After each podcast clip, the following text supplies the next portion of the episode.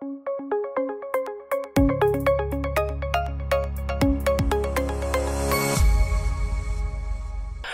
өндөд үзэгчтэй.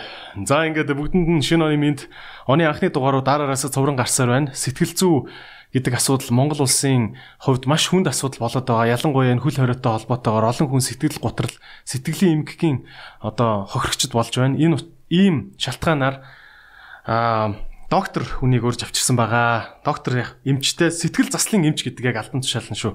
Тэгээд ашуус хөсүүд гих мэтийн нэр томьёог бүгдээр андахгүй илгүүдээ Монголын ангаах ухааны их сургуулийн багш ир инх төвшин гэдэг хүн ирсэн байна. Тэгээд өнөөдөр танаас ерөөхдөө манай подкастын гол өрөө бол хэрэгтэй юм буу халыг гэдэг өрөөтэй байгаа. Тийм учраас шууд хэрэгтэй хэрэгтэй асуултууд асууад явъя гэж бодож байна.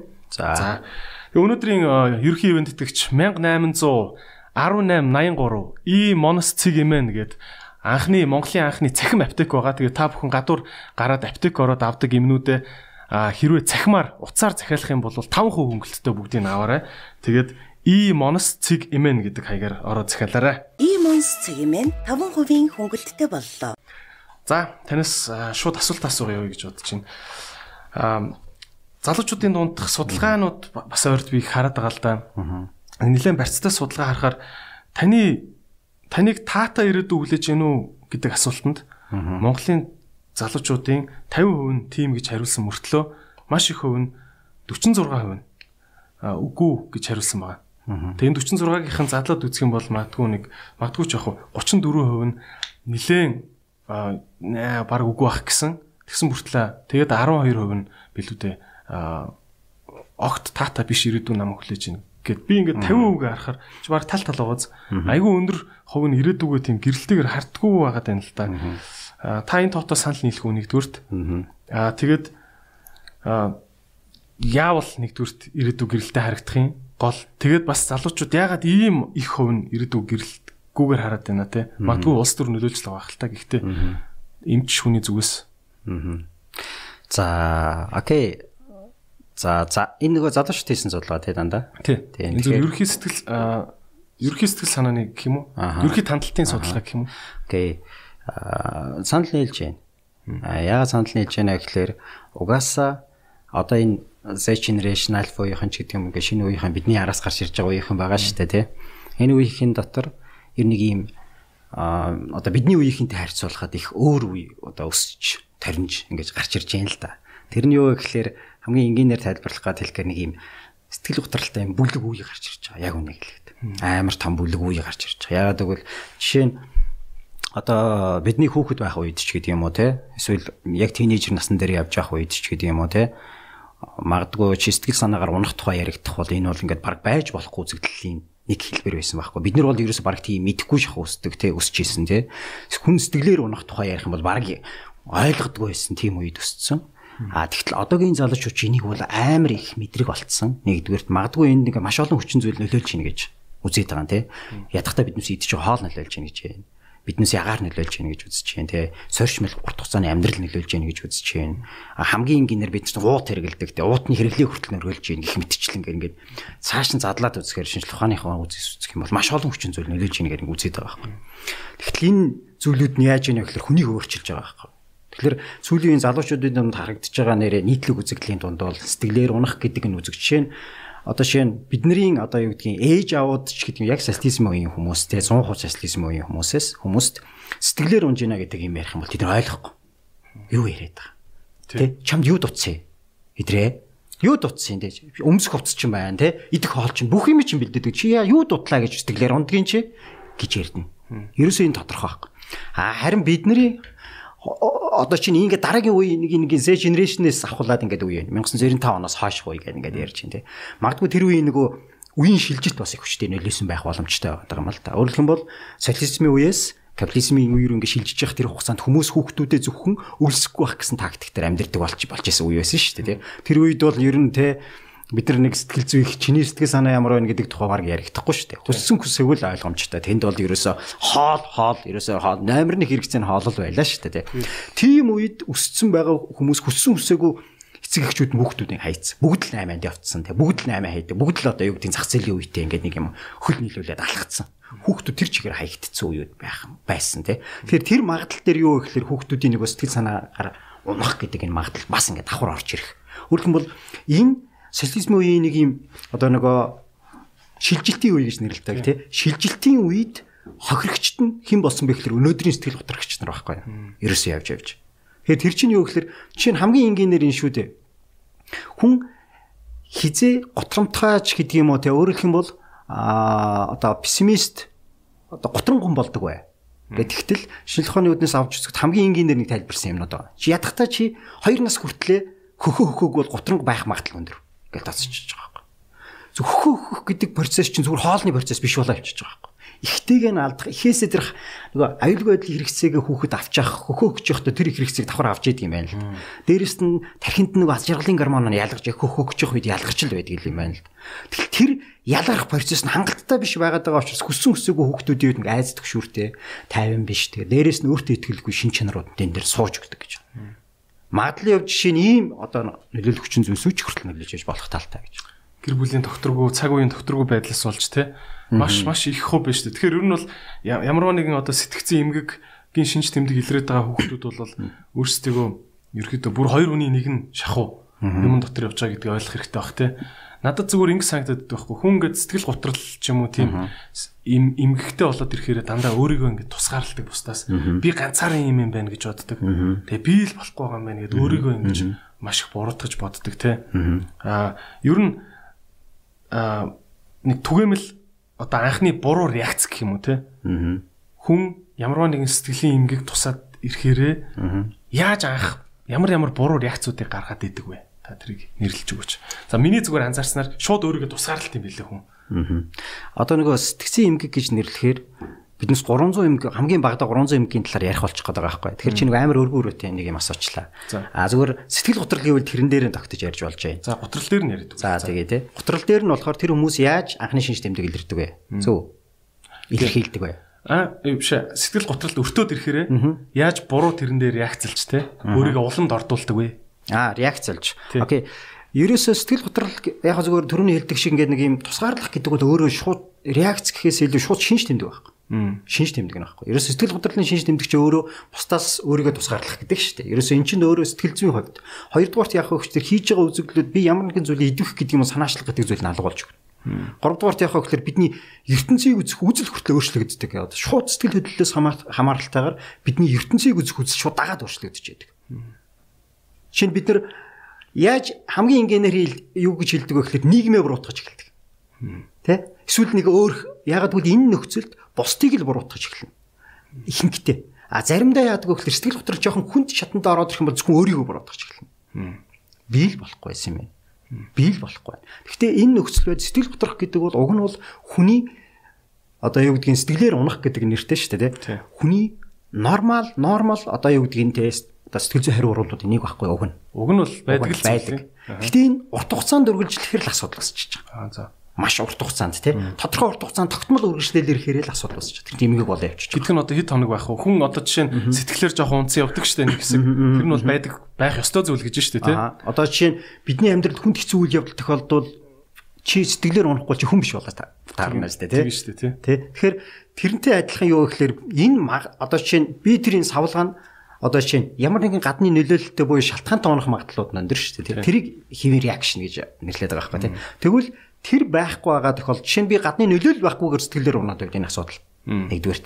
А эсвэл нөлөөлөл байгаа ч гэсэн би дасан зохицож чадахгүйгээр урт хугацаанд үргэлжлээд байвал асуудал. Жишээ нь 3 сараас дээш үргэлжлүүлчих гэдэг юм уу тийм. Бид нэр энэ нөхцөл байдал дээр окей энэ бол жоохон өөр энэ реакци өөр шалтгаантай байна. Өөрөөр хэлбэл энэ реакц хэвийн биш болоод байна. Жишээ нь хамгийн энгийнээр төрсний дараах сэтгэл готрол нийт төрсэн эмэгтэйчүүдийн 30% тохиолдож байгаа Монголд.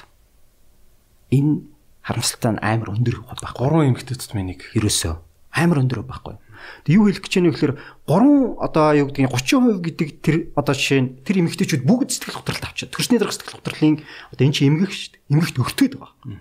Жишээ нь норматив одоо юу гэж байдгийг одоо физиологийн одоо төрсний дарга сэтгэл готрол гэж байдаг.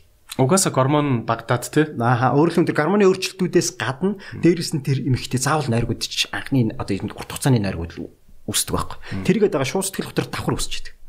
Жишээ нь тэрний юу вэ гэхээр 14 хоног үргэлжлээд өөрөө одоо физиологоор арилах хэрэгтэй. 14 хоног үргэлжлээд арилахгүй үргэлжилж байгаа бол энэ шууд сэтгэл одоо нөгөө төрсний дөрөх сэтгэл готролт өртөж ийн гэж үзэж байгаа. Тэр нь жил хүртэлх хугацаанд. Тэрийг ойлгохгүй тэгэл хадам хадам ээж нь энэ одоо өстой ямтай амтан бэ гэж үг хайл эхэлт юм шүү. Тий, одоо яг зөв тий тий тий. Одоо өөрөлдөх юм бол энийг яг үндэ хадам ээжээс илүү ойлгохгүй байгаа хүн нөхөр нь баг. Тийм, тий. Нөхрүүд бүр энийг бүр энэ талаар ямар ч ойлголт байх хамгийн гол асуудал. Энийг жишээ нь энэ үед яадаг вэ гэхээр эмэгтэйчүүд нэгдэт маш хит эмзэг болно. Хит мэдрэмт болно. Маш их ядарна. Тэр үед нь ингээд бид нар одоо сэтгэл зүйч нарын ч гэдэг юм уу те сэтгцэн эмч нарын зөвлөдөх гол зүйл юу байдаг вэ гэхээр эхнэрээ дөрөв дахин илүү хайрлаач. Арай илүү те илүү их чамаас те бид нар өссөн өсөөгний хэсэг богино хугацаанд челленж хийж одоо юу гэдэг өөрийгөө дайчлах шаардлага гарч л таарна гэсэн санаа л байна. Тийм. За одоо хоёул энийг сайхан дэлгэрүүлж ярих гэж бодож байна. Та хэллээ сэтгэл зүйн эмгэг ярихаар 300 юм байдаг гэдэг чинь тийм. Би бол 40 гэж л сонсч ирсэн. Аа хоёлаа нэг юм нэр томьёонуудаа цэгцлээ авчиг гэж бодод байна л та одоо та хэлж штэ сэтгэлийн сэтгэлийн эмгэг одоо өвчин өвчин яг хичнээн тийм том нэр томьёонууд яваад байна тий. Та бол одоо эн чинь сэтгэл заслын эмч гэдэг албан тушаалтай бод шүү дээ тий. Аа за. Тий. Аа Зүг зүг. Та яг юм том том нэр томьёонууд энэ энийг хүмүүс хольж утгаад байна гэдгээ нэг анханасаа хоёлоо нэр томьёогоо нэг згслээ авчиадгүй. Хамгийн их хольж утгадаг юм сэтгэл зүйч сэтгэл залч хоёрыг хольж хальдгийг. За. За сэтгэл зүйч гэдэг бол сэтгэл судлалын мэрэгчлэр сэтгэл судлалаар одоо сэтгэл судлалын чиглэлээр ихтэй сургуулиуд төгссөн. Тэр мэрэгчлэлт сэтгэл судлаач гэж нэрлэж байгаа. За уг нь бол сэтгэл зүйч гэдэг чинь одоо бид нар бол ингэдэг шүү дээ сэтгэл зүйн зөвлөгөө өгөх тухай ингээл яригд. Одоо чинь тэр нэг ихтэй сургуулийг 4 жил сураад сэтгэл судлалын ангиар гэсэн шүү дээ. Тэгээ 4 жил сураад тэр хүн сэтгэл зүйч сэтгэл судлаач болж байгаа. Судлаач гэдэг психологч тэгээд ингээд судлаач болчихж байгаа. Тийм. За гадны орнуудад яадаг вэ гэхээр энэ судлаач нь дахиж одоо юу гэдгийг тэгээ олон олон одоо нэг хэдэн мянга ч хэдэн 100 цагийн секшн хийж дадлага хийж ягаад дээрээс нь шалгалт өгөөд тэгээд сэтгэл зүйн зөвлөгөөх ирэх авдаг. Тэнгүүт манайхаар ус сэтгэл зүйч болох хэвээр юм. За. Одоо энэ нөө эрх зүйч байжгаад хуулийн яамныхаа шалгалтыг давхаараа хуульч болдог шиг болдог шиг юм. Болдог шиг уг нь тэгэх ёстой юм. За. А Монголд бол тийм байхгүй баг шудраг хэлээд. За. Сэтгэл зүйчнэр одоо шинэ сэтгэл судлаач нь 4 жил сурангуудаа шууд бүгд зөвлөгөөгөө эхэлждэг. А тэр нь бол одоогоор манайх өгсөн өсөөгүй нөгөө жам ясараа удахгүй лицензжүүлэл эхэлнэ л дээ ойлгомжтой. А сэтгэл засалч гэдэг бол эхлээд суур одоо шинжлэх ухаан арга ухаан байна. Арга ухаан өөрөлдөх бол арга хүний хэмжээр 6 жил сурна сурхна шүү дээ. Тэгээд дараа нь дахиад 2 жилээр резидент буюу сэтгцэн хэмжээ резидент хийн. Одоо тэр нь юу вэ гэхээр резидент гэхээр нарийн мэрэгжил шүү дээ. Бид нар чи хүний хэмжээр төгсөнгүүтээ дахиад нарийн мэрэгчлэр сэтгцэн хэмжээр сурах нь байна тий. Сэтгцэн хэмжээр сурчаад дахиад тэрэн дээрээ нэмэгдээд аа төрөлцсөн нарийн мэрэгжил нь сэтгэл заслын эмч гэж дахиад төрөлж байна. За. Тэгжиж одоо сэтгэл заслын эмч гэдэг юм одоо статус нь гарч ирж байгаа байхгүй.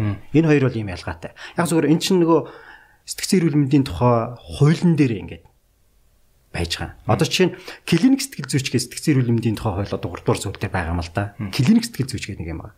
Эхлээд эмч болно, дараа нь сэтгцэн эмч болно, дараа нь клиник сэтгэл зүйгээр дахиад нарийнсан хүнийг клиник сэтгэл зүйч гэж уг нэрлэх хэрэгтэй юм. Одоо хуулиар авал.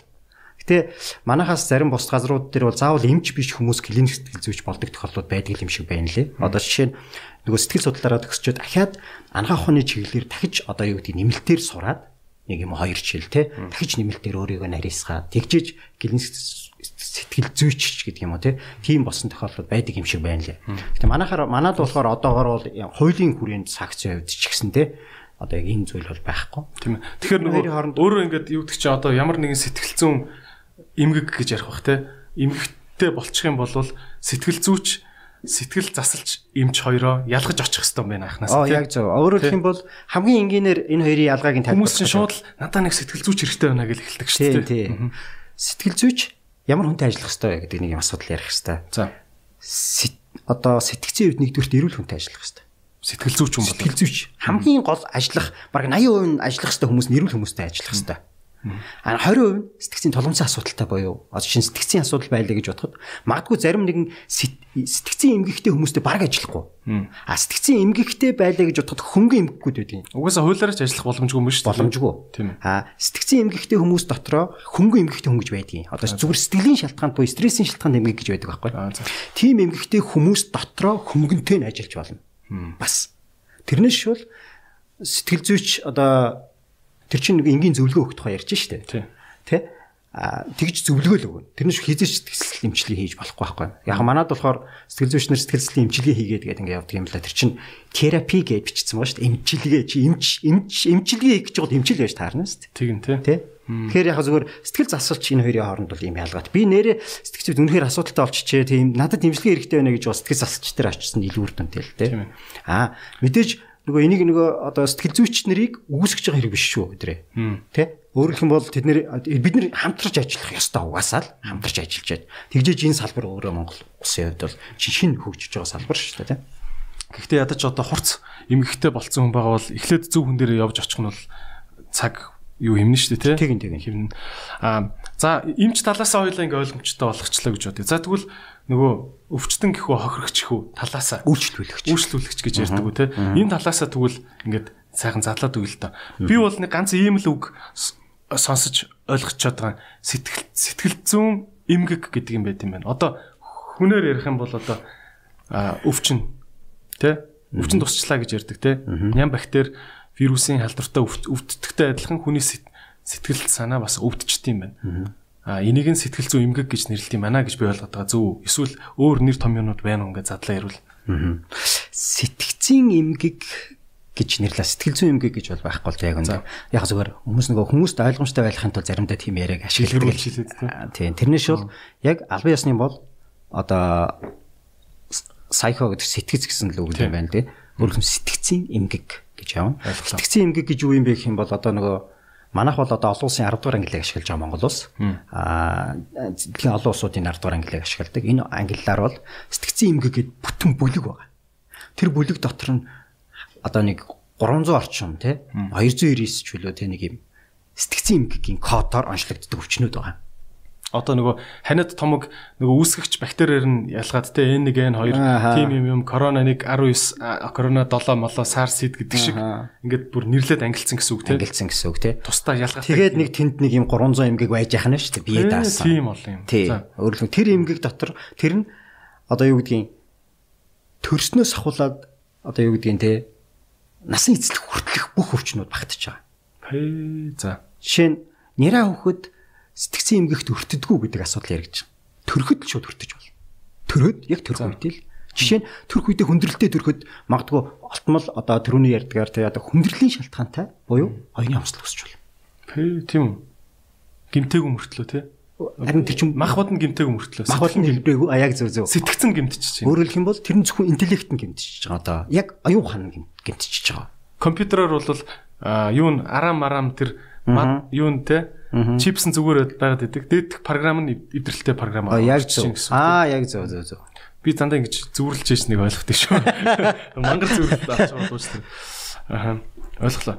За За одоо хэлээд тэгвэл энийг ийм том сэдв байгаа юм чинь нэг арай нэг жоохон тактиктэй ярэ гэж бодож байна. Тэгвэл битүүр яриа айгу ойлгомжгүй болчих واخ гэж бодож байна. За ерөөд бас нэг том ганц асуудлаас аа тантай зүгээр нэг зөв нийгмийн шинжтэй ганц хоёр асуултаа асуучих гэж бодож байна. Аа Ингэсэн байл да бас залуусын судалгаагаар Монгол улсын хамгийн том асуудлуудыг нэрлэх гэсэн чинь ерөөдөө ингээд 20 20-од юм байгаа хгүй жагсаж байгаа. Тэ? Тэн дээр хамгийн том асуудал авилгал биш ээ. Ажилгүйдэл шууд нийт залуучуудын баг 50 60% нь. За ингээд доошоо ингээд орсон чинь 25% нь араас нь авилгал орж ирж байгаа. Тэ? Тэгээд дараа нь юу байлаа да нэг юм бас нэг ажилгүй авшаа орлогогүй байдалч үлээ нэг тийм юм. Тэнгүүтээ яг дөрөвдөгт нь гэсэн боловсрал орж ирж байгаа байхгүй. Нийт залуусын 20% нь боловсрал бол маш том асуудал байна гэж үзэж байна. Аа тэгэхээр одоо нөгөө энэ сэтгцэн эмгэгийн боловсрал гэх үү одоо тий энэ боловсрал ер нь манай боловсролын систем дотор байд юм уу? Би л одоо одоо ингэ бодох нэ. Би л дунд сургууль төгсөхдөө нэгч ийм сэтгцийн талаар бүр ганц өдрийн ч лекц сонсоогүй. Тэрийг л лав санахгүй байна. Одоо яг байна уу манай боловсрал дотор энэ юм? Уг нь бол байдгийн. Тийм үү? Байдгийн бүр бүр одоо нөгөө хичээлийн эрүүл мэндийн хичээлийн програмд нь орцсон байдаг шүү дээ уг нь. Тийм үү. Тэгээ анхан шатны цэцлэмж үйлчлэгээ шиг гэдэг юм уу? Ядахтаа нөгөө стресс тайлах ингийн аргач гэдэг юм уу? Тиймэрхүү юм орцсон байдаг. Гэхдээ тэр нь орж байгаагүй. Ихэнх нь ордоггүй ч юм эсвэл орох юм бол дандаа нөгөө нэг ойлгомжгүй ордог ч гэдэг юм уу? Мэргэжлийн бис хүмүүс ордог ч гэдэг юм уу те? Магдгүй тэр орж байгаа хүмүүс магадгүй энэ талын мэдээлэл баг байдаг ч гэдэг юм уу? Яг үүндээ сэтгцэн эрүүл мэндийн асуудал эмчнэрийн дунд хүртэл хангалттай биш шүү дээ. Шударга хэлгээд. Жишээ нь одоо намайг анх эмч болохдоо эмч эмч болж төгсөөд тэгээд би сэтгцээр явах гэхэд одоо одоо миний иргэн тойронд байсан баг бүх хүний те эрүүн мултарч нүдэн бүлтэрч байсан те чи ч одоо мэдрэл мотой юм одоо насан туршдаа энд галзуу солиотой хүмүүст ажиллах гэж байгаа юм уу гэжсэн байхгүй. Одоо энэ чинь одоо одоо энэ хүмүүс чинь бүр шал өөр нүдээр хардаг болсон байгаа хэвээр. Энэ эрүүл мэнд амар чухал юм байна. Миний нөгөө баян хэлдэг нэг юм өгүүлбэр байдаг юм л да нэг юм яг зүгээр энэ бол идеал а гэхдээ сэтгэл бол эрхт. Сэтгэл гээд эрхтэн байгаа ш. Харагддаггүй. Харагдахгүй.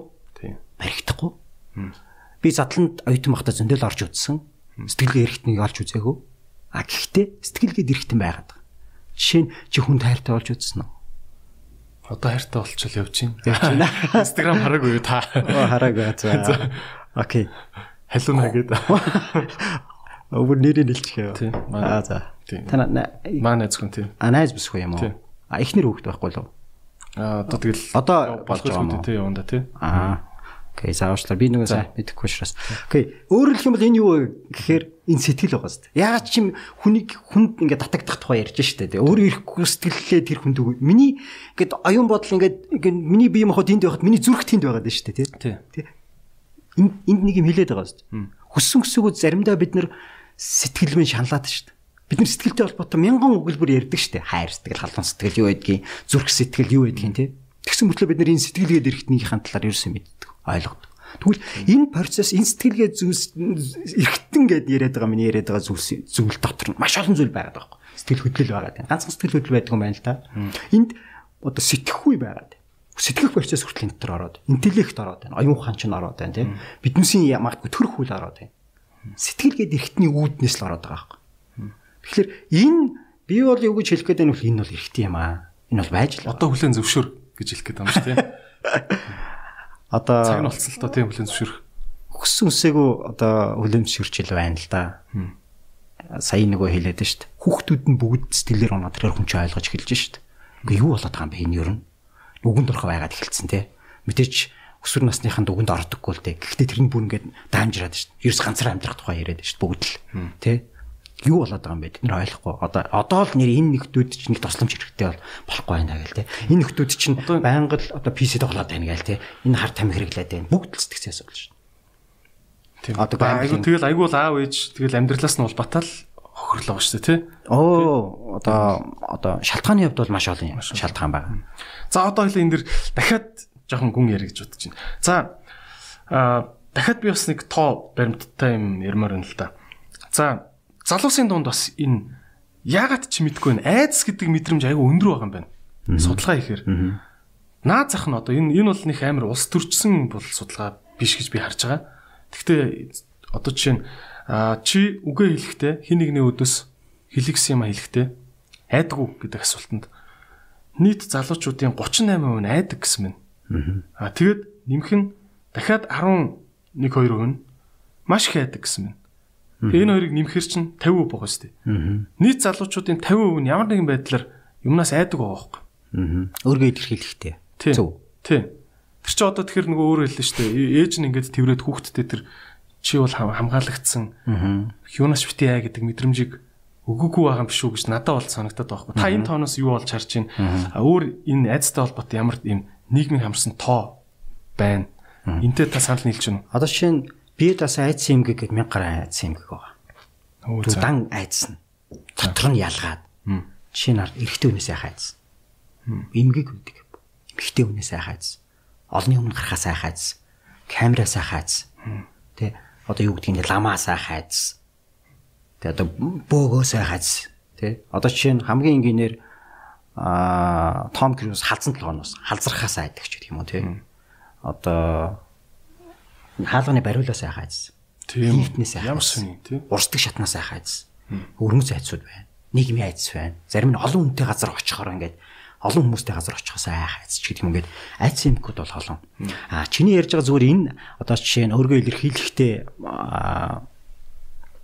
одоо чи айдгүй хүнтэй өөргөө илэрхийлэхдээ айдгүй гэдэг асуудал бол ихвчлэн хүмүүжлтэй холбоотой байх магадлал өндөр.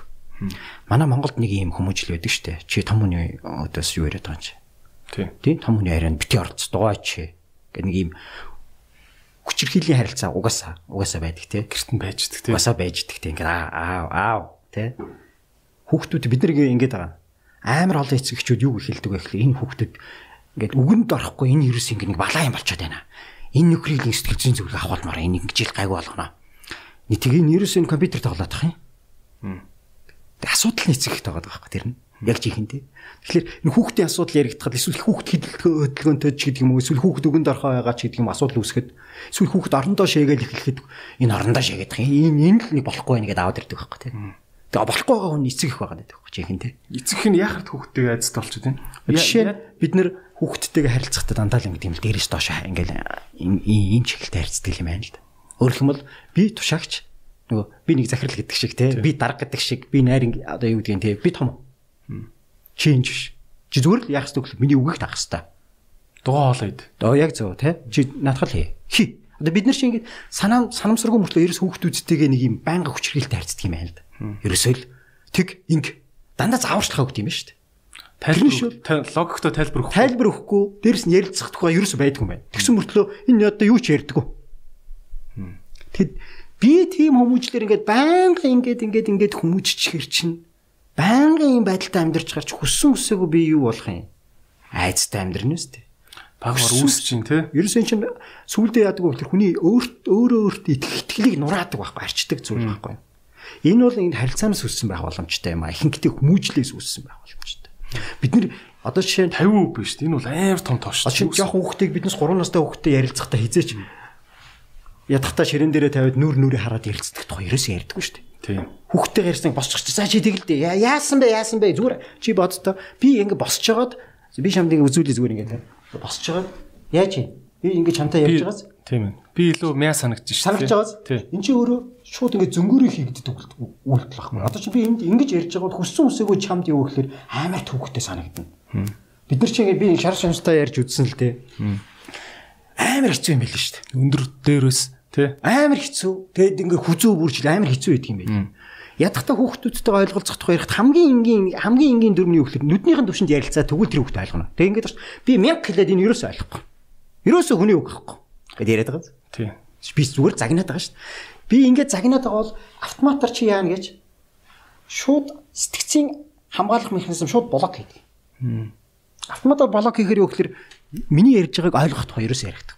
Яаж би айтайхан амьд зодуулахгүй үлдэхэл гэж бод. Ерөөсөө автоматар юу гэхээр зөнгөөр одоо хариу урвалууд нь дандаа зөнгийн хариу урвал юм уу? Автомат хариу урвал. Ухамсартай хариу урвал ерөөсөө өгөхгүй. Яг тэгвэл ухамсар тархинд блоклогдчихдог байхгүй. Шууд өөрийгөө блокт. Энд хамгаалах эгогийн хамгаалах метод шууд өөрийгөө блоклчихно. Тэгэхээр тэр хүүхд юм ойлгох тухай ерөөсөө ярихдаггүй байна. Тэгэхээр аав ээжтэйг ухамсараар анханаас холбогдохгүй л яваад юм. Шууд автоматар шууд сэтгэл хөдлөлөөр айцсаар холбогдоод дээ. Тэгэхээр тэр хүүхд чинь өөрөө л ихтэй ажил таарж байгаа зү ерөөсөө ойлгомжтой болчихж байгаа. Тийм. Тэгэхээр чин дараа нь яаж нийгэмд гараад өөрийгөө илэрхийлэхдээ айцгүй илэрхийлэх вэ? Окей. Тийм ээ. Наа чи айгүй чухал сонсогч чинь. Манай нөгөө UB comedy-гийн содоо бас нөгөө айгүй өндөр штэ. Метр 90 92 маяр ч үл өндөр штэ. Тийм. Тийм. Содоо ч надаа яг анх наатах ч ярьжсэн байхгүй. Найс нь ингээд охинтойгоо ярахтаа ингээд сууж өвдөх дээрээ сууж ингэж бүх хийж байгаад ингээд очиж охинтойгоо юм ярьдаг. Тэгээд би чи ингэж зогсооч надад хүртэл содоо чи ингэж нүд ингэж байгаа юм чи баяр те. Тэгэд би яг надад сонсч ямар ухаантай юу вэ гэд бодож ирсэн. Нэрэл хүмүүс мэдмээр юм те. Айгүй энгийн юм шиг хэрнээ. Айгүй үр дүнтэй харилцаа. Тийм ээ. Өөр юм харилцааны гоё тактикууд юу вэ? Хүүхд аав ээж нар хүүхдээ яаж ийм зүгээр энгийн зүн савнгийн хэмжээнд алдаа хийгээд байна те. Шинэ хүүхдтэй шүү дээ те. Одоо хоёр дахь зүйл том юм зүйл юу вэ гэхээр хүүхдээ бид нар алдах ёсгүй гэдэг юм шууд 100% хүчдэг. Болдоо. Минийхөө чи алдахгүй. Чи алдах гэсэн. Чи дандаа сайн сурах хэрэгтэй. Чи дандаа чи алд алдвал загнаад зодоод байдаг те. Эсвэл буруутгаад байдаг. За одоо зодох нь баг багассан л та. Тэгтэл буруутгаад байдаг те. Гэл чи алдаж л болохгүй. Харин тэр хүүхдэд алдах эрхийг олох хэрэгтэй шүү дээ. Бид нар алдах хэрэгтэй байж ч те. Алдсан ч аав нь ард нь байна гэх шүү дээ. Уг нь тийм тийм биз дээ. Би чи чиний арын ар штэ гэд ингэ байж ах шүү дээ те. Гэтэл бид нар хүүхдүүд алдах эрхгүй өсгдөг. Алдах хэрэггүй өсгөн гэдэг бол хүүхэд аимхаа өснө. Ерөөсөө л уушлаа. Тийм. Маш аимхаа өснө.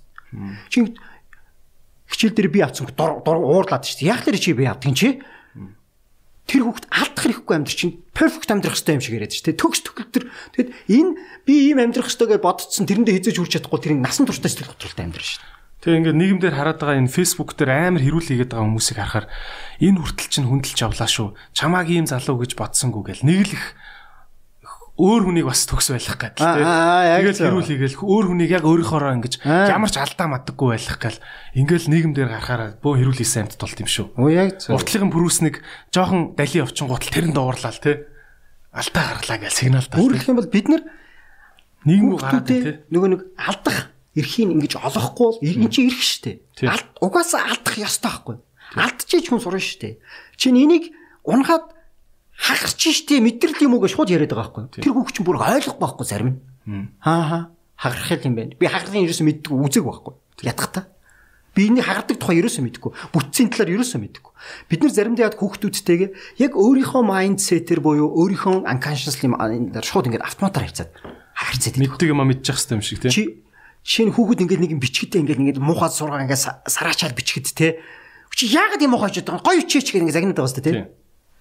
Тэгтэл хүүхэд муухай гэж харахгүй байгаа сте. Тэр бол ингээд хичээгээд бичээд байгаа байхгүй. Тэгвэл чи солоогаараа бичээд хэлдэг өөрөө. Чам чи бол бүр тэрийг бүр хідэн одоо мянган удаа бичсэн байгаа ш нэгдүгürt. Хоёрдугаар чи тэгтээ чи солоогаараа бичээд үзсэн. Тэгээ дараа нь хүүхдийнхаа яаж зовж байгааг ойлго те.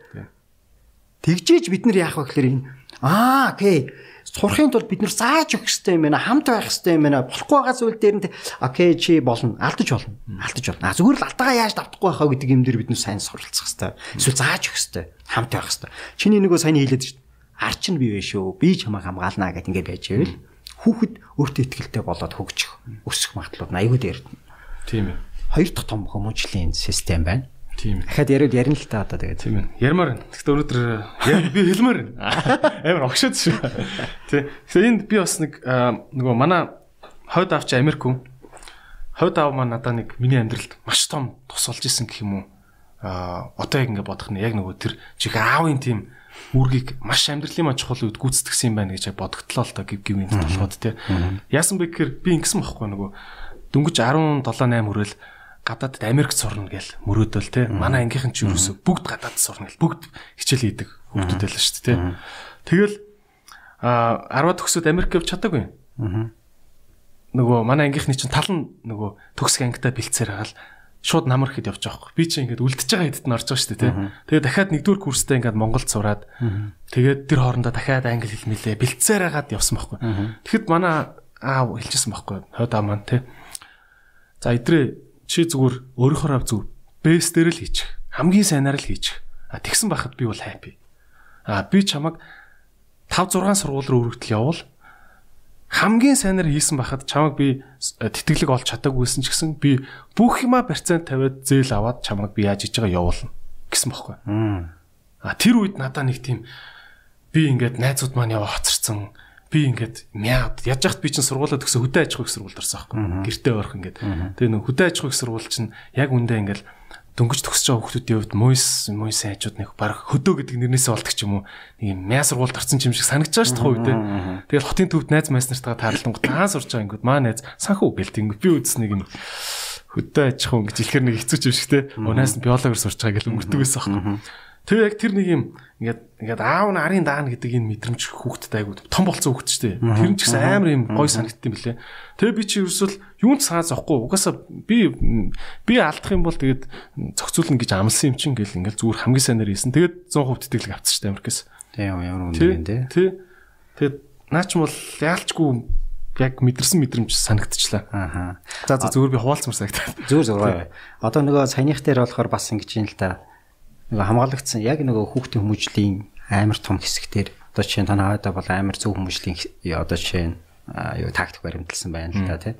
Бид нар хүүхдийг онц сурах тухай яриад байдаг. Хүүхд онц сурах ёсгүй шүү дээ. Хүүхэд нөгөө чи хамгийн сайнараа л Сайнараа л байхгүй. тий. Ерөөсөө л тэр чинь хамгийн том сургалт шүү дээ. Ягаад одоо сүүлийн үед хүүхдүүдийг дүн тавихгүй айлгаад байгаа юм. Шалтгаан тэр шүү дээ. Сайн сургууль хуучин бол сайн сургууль гэхээр яадаг гэхээр ингээд нүддэг математикаар нүддэг тий физикээр нүддэг сургуулийг химээр нүддэг сургуулийг сайн сургууль гэж нэрлэдэг байсан. Одоо болохоор хүний хүнч нэг хүнч чигээр нь хүлээж авч чаддаг сургуулийг сайн сургууль бол- болдог болцсон тий. Чи ялгуурлан гадуурлах гэдэг зүйлийг байхгүй болгох тухай. Одоо чинь нэг хэсэг ингээд нэг юм эцэг эхчүүдийн дунд нэг юм бүр ингээд өрсөлдөөн байлж хүүхдээ ингээд хүүхдээ л ингээд ингээд нэг өрсөлдүүлээл тий. Яг үүндээ жинхэнэ эцэг эхчүүд өөрсдөө өрсөлдөд байдаг байхгүй. Өөрсдөө өрсөлдөхийн тулд хүүхдээ багаж болгоо ашиглаад байдаг. Дутуугийн комплекстэй. Яг зөв. Чин би ингээд эйжен совлогч те. Би ханахт оршаадаг. Одоо чи л ханахт оргоо гэх. Ханахт ордог амар олон хүмүүсийг тий. Манад эмч байхгүй чи л эмч бол гэх. Өөрөлдөх юм бол бидний явахлаар чадаагүй зүйлийг хүүхдүүдээр миний хийж чадаагүй хүүхд хийх ёстой. Тэр хүүхдэд өөр ингэсэн мөрөөдөл хүсэл юу ч байхгүй болчихж байгаа ёстой. Хүчээр хийдэг чи хийх ёстой. Чи нэг л хий. Өөрөлдөх бид нар тийм ингээд ингээд тэр хүүхдийн амьдралаар ингээд хүчээр тоглоо хийцэн. Ийм байхаа одоо энийг бид нөр өөрчлөх ёстой шүү. Бид нэр хүүхдүүдийн майндсет жишээ нь зарим нэгэн хүмүүс хүүхдүүд ингэж математик нуугаа энэ нэст үнэхээр тэнийг толгойтой шүү гэдэг. Гэтэл тэр хүний хүүхдийнх нь баруун тарих нь магадгүй те нөгөө креатив сэтгэлийн бүр гайхамшигтай бол яах юм бэ? Амар дизайнер байсан бол яах юм. Яах юм те? Бид нар тэрийг нь л олж чадахгүй байгаа байхгүй зүгээр л. Бүх юмыг нөгөө нэг юм академик сургалтаар ч юм уу заримдаа хязгаарлцдаг. Тэ амар гой зураач байсан бол яах юм бэ? Амар гой дуучин бол яах юм бэ те? Тийм шүү дээ. Амарсан комедиан бол яах юм те? Тийм шүү дээ. За амар сан гэхдээ ингэсэн баярлаа. За юу. За аа дахиад нэг хитэн юуны одоо ойлоо жоохон юуны за нилээ сэтгэл хөдлөлчлөөр аа одоо ойлоо нэг жоохон яг шинжлэх ухааны талаас нь академик талаас нь хитэн юмнуудыг ярих гэж бодож байна. За та хэллээ Монголд 300 биш ер нь дэлхийд дээр 300 гаруй сэтгцэн им- имгэг байгаа гэдэг чинь тийм Яг нэг ICD-гээр ангилсан. DCM-ээр ангилсан гэдэг дахиад өөр байдаг. Америк ангил гэдэг байдаг. Тэр нь болохоор дахиад өөр ангиллуудаар дахиад өвчин нэмэгдэж болно шүү. Зүгээр манад бол одоо ICD гэдэг 10 дугаар ангил байгаа. ICT Тэрүүгээр гэдэг нь юу гэсэн үг? олон улсын 10 дугаар ангил гэж байдаг. Өвчний кодоор ангилдаг ангил байдаг байхгүй. Тэр дээр сэтгц зам үйл юм. 10 дугаар англи гэхээр нэгээс 10 хүртэл хүн дээр нь ангилдаг гэсэн үг юм уу эсвэл зүгээр тийм нэртэй юм уу? биш зүгээр тийм нэртэй л Аа за. Аа за. Окей. Тэгвэл одоо Монголд байгаа топ өвчлөл гэхээр шууд ингээл илэгний вирус уушгины ханиад э, амьсгалын замын өвчин гэж жагсдаг штеп. Та тэгвэл яг сэтгцийн эмгэгийг топ 10-ын шууд жагсаагаач гэвэл ямар ямар юм бэ? Одоо ингэдэг шүү дээ. хамгийн энгийнээр би нэг яа заяа. Уг нь бол сэтгэц зам үлийн эмгэг бол бүр нийгмийн толгомцсон асуудлын хэмжээнд очсон. За. Бүр очсон. Амьжигт очсон. Хамгийн энгийнээр тайлбарлая. Дэлхий дээр 40 секунд тутам нэг амиг өгдөг нас ордог байхгүй. Хөө за. 40 секунд тутам шүү. Жил болгоныг сая орчим амиг өгдөг нас ордог. Даахгүй тэгээд даахгүй тийм. Өөрөлдөх юм бол ихтэл Монголд хийдгээч. Монголд жил болгон 450-аас 550 хооронд. Хөө 3 сая 3 сая хүнд хүн амтаа шүү дээ бид нар. Өдөрт нэгээс хоёр хүн тэгж алдчих шүү дээ бид нар. Амийг өгдөгч нас орж байгаа. Тэр амийг өгдөгч нас орж байгаа хүмүүсийн насыг үзсэн чинь 90 90 90-ээс дээш хувийн өгөөч тэр амийг өгдөд нас орж байгаа хүмүүсийн 90-ээс дээш нь 15-аас 34 насных. тийм залуу юу? Бүр ингэ цэл залуу байгаа шүү дээ. Тийм шүү дээ. Залуучуудын нас уралт одоо чинь залуучуудын нас уралтын тэргүүлэх шалтгаан нэгд гимтэлтэй гимтэл аваар осолч юм уу ордог. Ингээд хоёрт нь баг юу ордог вэ гэхээр хоёр тийм гурав дахьт нь амийг өтгөл орж идэг.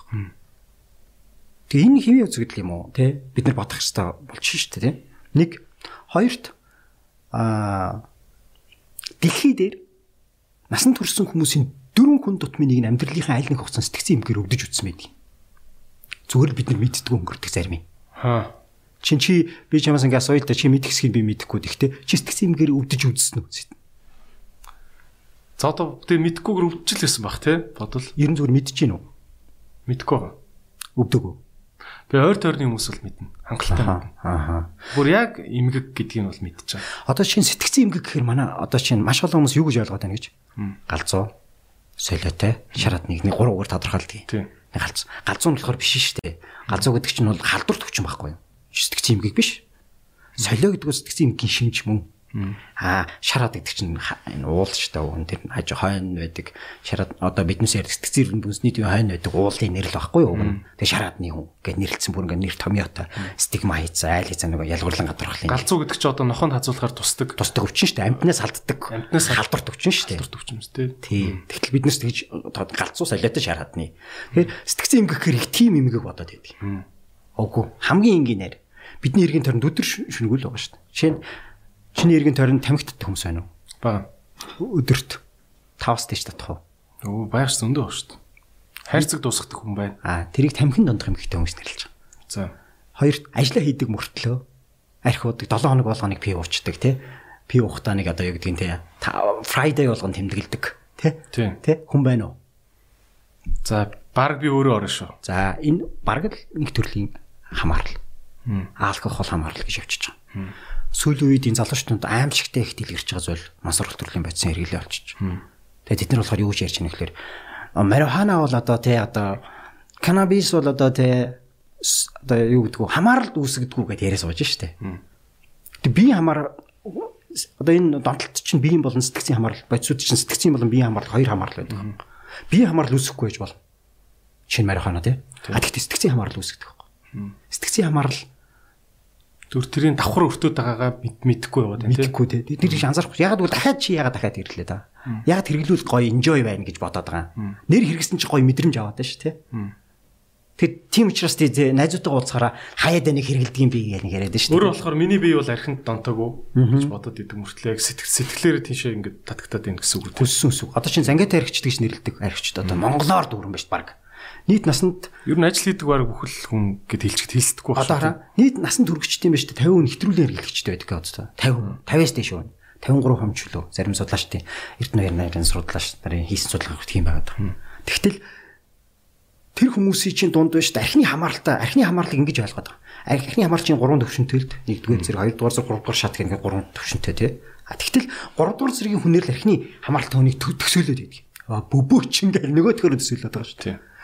Тэгтэл мөнгө бодтоо чи амар том ажил хийдэг амар том инженер амар том мундаг боловсралтай. Тэгсэн мөртлөө одоо юу гэдгийг аа юу гэдгийг дээ ростроороо ирэхтэй их тэр хугацаа баг ингээд оо жоо жоо жоо жоо жоо жоо жоо жоо жоо жоод би тэндээ өстө завгүй байд энд ирж байгаа л буудгийн ч гэдэг юм. Эсвэл тэндээ удаг ч гэдэг юм. Тэнд бол уух боломж байхгүй байлаа гэж бодоход тэндээ уугаал те. Окей 3 сартаа би ганцаар би уухгүй 3 сар байж чадсан шүү дээ.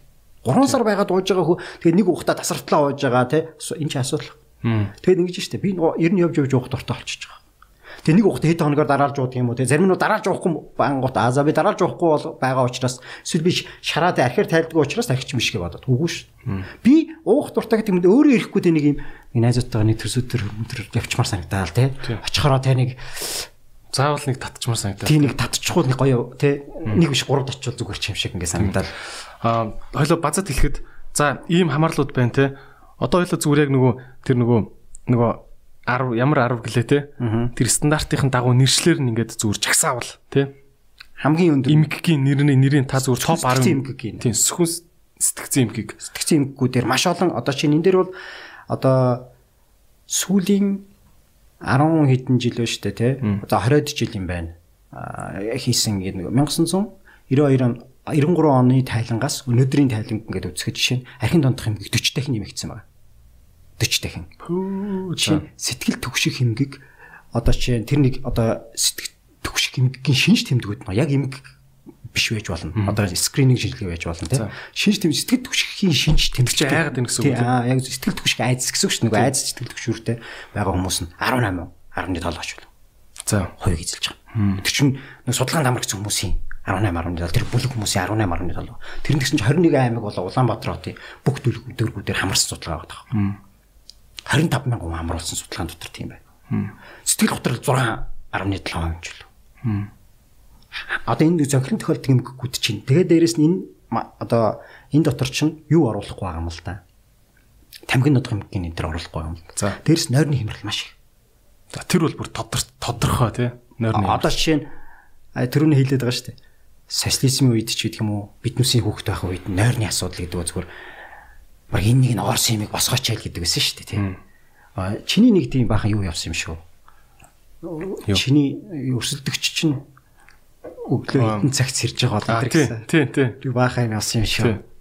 Өрсөлдөгч хичээлээ хийж яхад чи унтж гин гэдэг. Тий яхаа. Тэгээ одоо энэ залуучуудын хувьд бол э, яхаа би тэрэн дээр жоох эсрэг барьтаны гэхээр зүгээр унд. Чи тэгжээж тэгч хэрүүл. Ядахтаа чи 8 цаг унтдал та. Хангалттай нойроо авал та. Өрсөлдөгч чинь нөрөө алдсан байхад чи унтаж байна. Өөрөөр бахарах гэх юм уу? Тийм болохоор. Тэгэхээр нөгөө нойрны асуудал амар чухал шүү. Ягаад гэвэл нойр чухал байдаг вэ гэхээр нойр алдагдаад сэтгэл хөдлөл шууд салгаад ирдэг. Доктор болоод эхэлдэг. Ерөөс ойлгомжгүй болоод ирдэг байхгүй. Хүмүүс тэрийг анзаардаггүй. Зөвхөн нойртой холбоотой жишээ нь ингэдэг. Би 10 цаг унтаад байгаа мөртлөө гүн нойрондоо орч чадахгүй л байгаад deep sleep гэж нэрлэдэг шүү дээ. Гүн нойрондоо орч чадахгүй л байгаад байгаа бол би нойрны хямралтай шууд. Өглөө ингээ ядарсан зэрэг шүү дээ. Нэг л амраа. Нэг л онцгой зэрэг шүү дээ. Тэгвэл юу гэхээр нойрны хямрал болоо явчихж байгаа. Одоо жишээ нь хуучин харин тэр юу гэдгийг үздэг байсан хүмүүсийн дунд бол энэ нойрны хямрал бол маш бага байсан байхгүй. Тэ? Э, Гар утас байхгүйсэн болохоор гайгүй нөлөө багт байсан баг тий. амар хүчтэй нөлөөлж чинь яг зөв хоёр дэлгэцийн асуудал амар нөлөөлж чинь тий. Дэлгэц яаж нөлөөлж чинь гэж хүн нэг 10 цагаас шөнө 2 цагийн хооронд л ингэдэг юм л да ингээд гадаа харанхуй болоо хоол ингүүт нь нүдээр нөгөө нэг гэрэл дамжиж орж ирэхгүй болоод ирэхээр тарих яадаг гэхээр за за орой болж байна орой болж байна гэд өөрөөс мелатонин ялгаруулт юм байл да. Тэгээд тэр мелатонин тархины бүх хэсгүүд дээр очиж за за одоо амарцгаа амарцгаа гэд бүгдийг нь очиж амраад юм байл да. Тийм үйлчлэгээтэй байцсан ингээд нейротрансмиттер ялгардаг юм байна. Тэнгүүт биднес яг 10 цагт яадаг болохоор уцаа ингээд Facebook ухаас очиж ш тий. Нөгөө хөх гэрэл хөх Хөх гэрэл аа яг зөв. Хөхтөө яг гэхээр нүдээр дамжаа шууд тархинд юу гэхээр өдөр өдөр өдөр байна өдөр байна гэдэг мэдээлэл өгöd байдаг. Тархинд очоод. Тэгвэл тархич яах юм бол а өдөр юм чи мелатонин ялгаруулж чадахгүй байхгүй. Тийм үү. Ялгаруулмаар байдаг. Гэхдээ за за өдөр байна шүү дээ өдөр байна шүү дээ ялгаруулж чаддаг.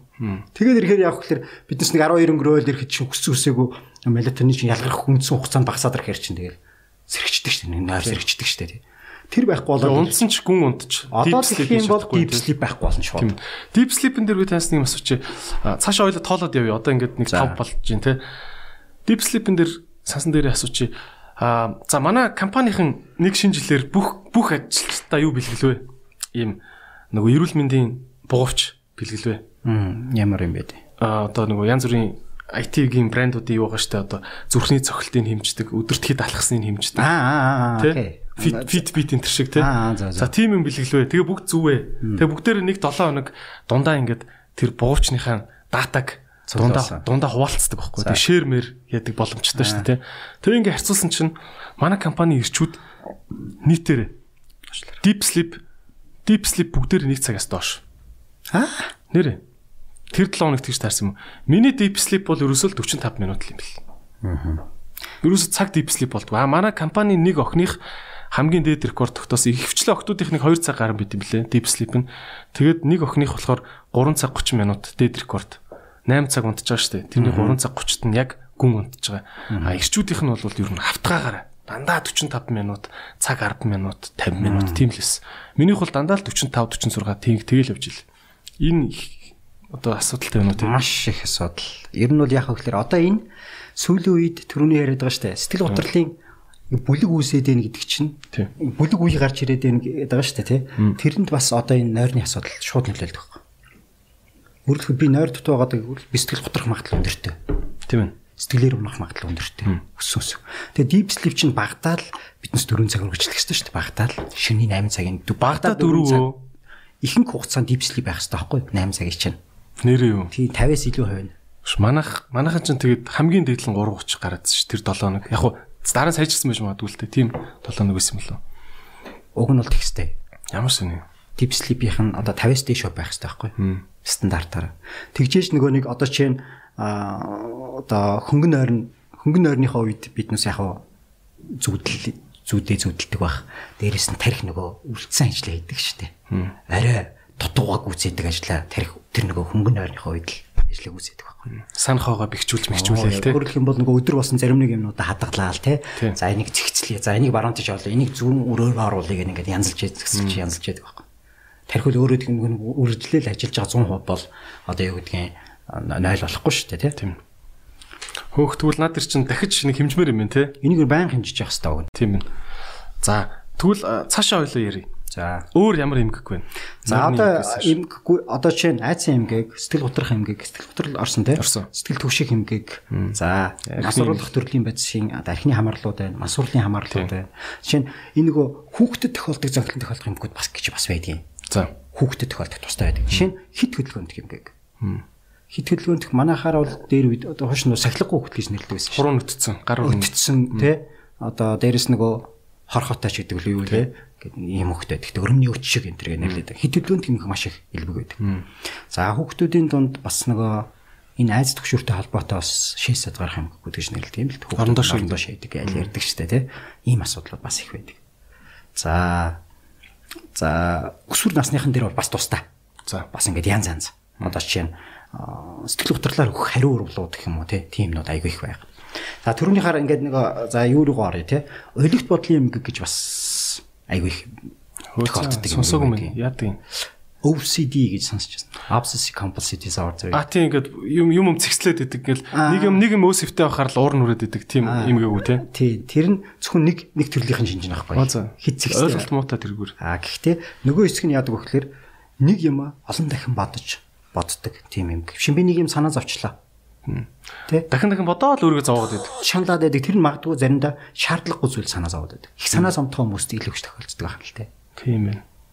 За яг үндэ Зарим хүмүүс бүр ээрцэн явж идэг ш нэг юм хоёрын хооронд юм дэр те. Оо яг зөв ингээд нөгөө хэлчихгүй байсан гэхээр үгүй харин гэл ингэц явж идэг те. өөр юм тийш нөгөө санаа ойлголт бодлоо юм гэх. Тэр нь заримдаа яадаг гэхээр тэр одоо гэдэг хүндрээд ирэхээр OCD одоо compulsive disorder одоо ойлголт үйлдэл юм гэх бол авчдаг. Чи нэг тоо тоолдог те. Тоо нэмж ясдаг хүмүүс байдаг шүү дээ ингээл. Заримдаа ингээд нэг слайдн дээр явж байгаа юм дээр нь бо гэс хүнүүдийн хайж олоод л жишээ юм уу те. Зөвхөн ингээд нэг юм тоон дээр анхаарал өнгөдөг өгдөг тийм. Нэг юм дээр хит ингээл анхаарал те. Нөгөө номер 23 гэдэг нэг кино үзчихсэн үү тэр дээр байдаг шүү дээ. Өөрөлдөх юм бол одоо энэ жишээ нь OCD гэх юм бол Майкл Джексон тий. OCD тий байсан. Өө тийм үү. Тийм, Одоо Дэвид Бекхэм OCD тий ч гэдэг юм уу. Уг нь бол энэ чинь ингээд дэлхийн нийтэд бол энэ чинь зүгээр одоо байдаг л кинонууд аяг их гардаг сте. Тий. Нөгөө миний цэвэрч залуу молоо гэдэг нэг. Юу лээ? Миний дурсан цэвэрч залуу. Жулия Робертсын нэг амар кино байдаг дээ. Яг тийм OCD-тэй дарангуулагч нөхөртэй. Аа. Арай гэж тэрнээсээ салдаг кино байдаг дээ. Амар хэцүү штэ. Тийм дараа нөгөө араас нь хөөччод герт нь очоод герт нь би герт чи ирсэн шүү гэдгийг яаж мэдгдсэн гэсэн чинь шүүгээ онгоолгосон чинь бүх юм өрөө тавьсан байдаг. Яа тэр бүр амар хэцүү. Аа тэр бол яг яг зүгээр OCD-тэй хүн дарангуулагч байдаг гэж хэлж гэж хэлж байгаа юм биш л те. Тэр хүн яг үндэ жихэнд өөрөө хамгийн их зовж яддаг хүн. Амар их шанал зов. Энэ бол эмгэг байхгүй айгүй хүн төвчин. Одоо жишээ нь хүн төвшээ одоо буруу шүү бүр. За энэ хэсгийг эсвэл хасчаарай. Энэ бол айгүй хэцүү. Хэцүү өвчин. Тэр хүндээ бол амар зовлонтой шаналгаатай байхгүй. Заримдаа бид нар яг бол энэ чинь ингээд зүгээр л хүн нэг зүгээр бодож байгаа зүгээр хэрэггүй юм л энэ хүн санаа зовоод байныг бодоод байгаа. Тэр хүн тэр майндсетээс гарч чадахгүй байгаа даа сте тийм. Яаж контролдоод яаж ч одоо тэрнээсээ өөрийгөө авч гарах гээд гарч чадахгүй байгаа даа тэр нэг төрлийн юм. Бас илүү их илбэг тохиолддог асуудал байна. За дараах. За аа одоо яг нөгөө сэтгцийн эмгэггүй дотроо бол одоо жоохон хүндөвтөрч гэдэг юм эмгэггүй дотроо бол оюуны хомсдол хамгийн их. Оюуны хомсдол. Оюун ухааны хомсдлууд хамгийн их тохиолдож байгаа юм л. Энгийн юм ярахаар ингээ ойлгох. Маа нэг багш найз бас сайхан хэлжсэн. Энэ сүүлийн үеийн жоох хүмүүс дотор айгүй их гараад байна ингээд. Ингээд маш их тайлбарлуулж яж ойлгодог. Ингээд маш удаан ойлгоцтой хүмүүс айгүй их таарлттай байна гэж ярьжсэн. Сүүлийн үед бишээ. Үгүй юу? Тэр чинь өмнө бүр их байсан. Өөрөөр хэлбэл бол жишээ нь а их хүүхдийн одоо тусламж үйлчилгээ одоо сул байх тусмаа энэ эмэгдэх магадлалууд өндөр байдаг байхгүй. Энийг цус ортолтой андуур андуураад байна уу? Эсвэл Эсвэл цус ордол байж болно. Цус ордолтой А сууж. гэхдээ цус ордолт бол бүр илт тодорхой байхгүй. А за. А ихэнх тохиолдолд нь тийм биш шүү дээ. Цус ордолтоос болоод угаасаа оюуны амсалтай хүүхэд гар. Гэхдээ тэр чинь маш цөөхөв байхгүй. А за. А оюуны амсалтай хүмүүс ихэнх нь яадаг вэ гэхээр Олдмол уу? хөвчлэн олдмол уус чинь төрхийн хүндрэл байхгүй. Маш хүндрэлтэй төрөх үед риски одоо юу гэхээр номер 1 риск нь юу гэхээр оюуны амсалтай төрөх магадлал. Жишээ нь тэр чинь биеийн хөгжлөн зүгээр яваад байгаа ш тэр хүүхдээ чинь. Яхаар тэгтээ. Төрж явахдаа ингээд айч чинь гэсэн үг үү? Бүтчихдэг байхгүй. Агаар гүдэд. Тий, нөгөө түдчихэн штэ. Тэгэхээр түдчихэр тархины одоо тодорхой эсүүд нөгөө оюуны одоо интеллект хариуцдаг мэдрэлийн эсүүд нь хөгжиж хөгжилж шууд цаадчихдаг байхгүй. Гэхдээ тэр нь их баг дунд ингээд янз янзаар байдаг. Яаж цаадахаас хамаарч. Тийм ээ. Оюуны амсгал бас маш их тохиолддог. За, bipolar эмгэгүүд бас их. А тий наа ч юм бол ёстой бүр амар их байгаа гэж би хувьдаа таагаад байгаа шүү дээ. Bipolar гэхэр нөгөө юу үстэй амар с- монголоор юу гэдэм бэ? Хоёр туйлд Хоёр төлөлт эмгэг. эмгэг. Тэгэхээр нэг баярлаад л нэг уярж хайлж ивэм нэг гэж өрөвдөөл нэг болохоор өстө үдсэн ядаж орилол тийм би тэрийг би bipolar гэж ойлгодог. Зөв. Биш, наа ч юм бол нөгөө сэтгэл хөдлөлийн докторгүй ах магадлал нь өндөртэй хүн байна. Аа зүгээр bipolar гэдэг нь нэг болохоор сэтгэл хөөрөх юм гэхгүй. Тэгвэл би bipolar-ыг холиод идэв юм тэрнтэй. Сэтгэл хөөрөх юм гэх нөгөөдг нь сэтгэл готрох гэдэг юм хоёр төрлийн эмгэг тухайн хүнд ээлжиж илэрдэг ч юм уу. Эсвэл заримдаа бүр холимог байдлаар илэрдэг тохиолдол ч байдгийг. Яг дагааг ойлгохгүй. Аа. Өөрөөр хэлбэл гэхдээ тэр хүн яадаг вэ гэхээр энэ сэтгэл хөдлөл энэ сэтгэл зүйн энэ одоо юу гэдгийг ойлгомжтойггүй энэ докторгүй байдлын тухайн хүний санаа зоригоос үл хамааралтайгаар хөвчлэн явж яддаг.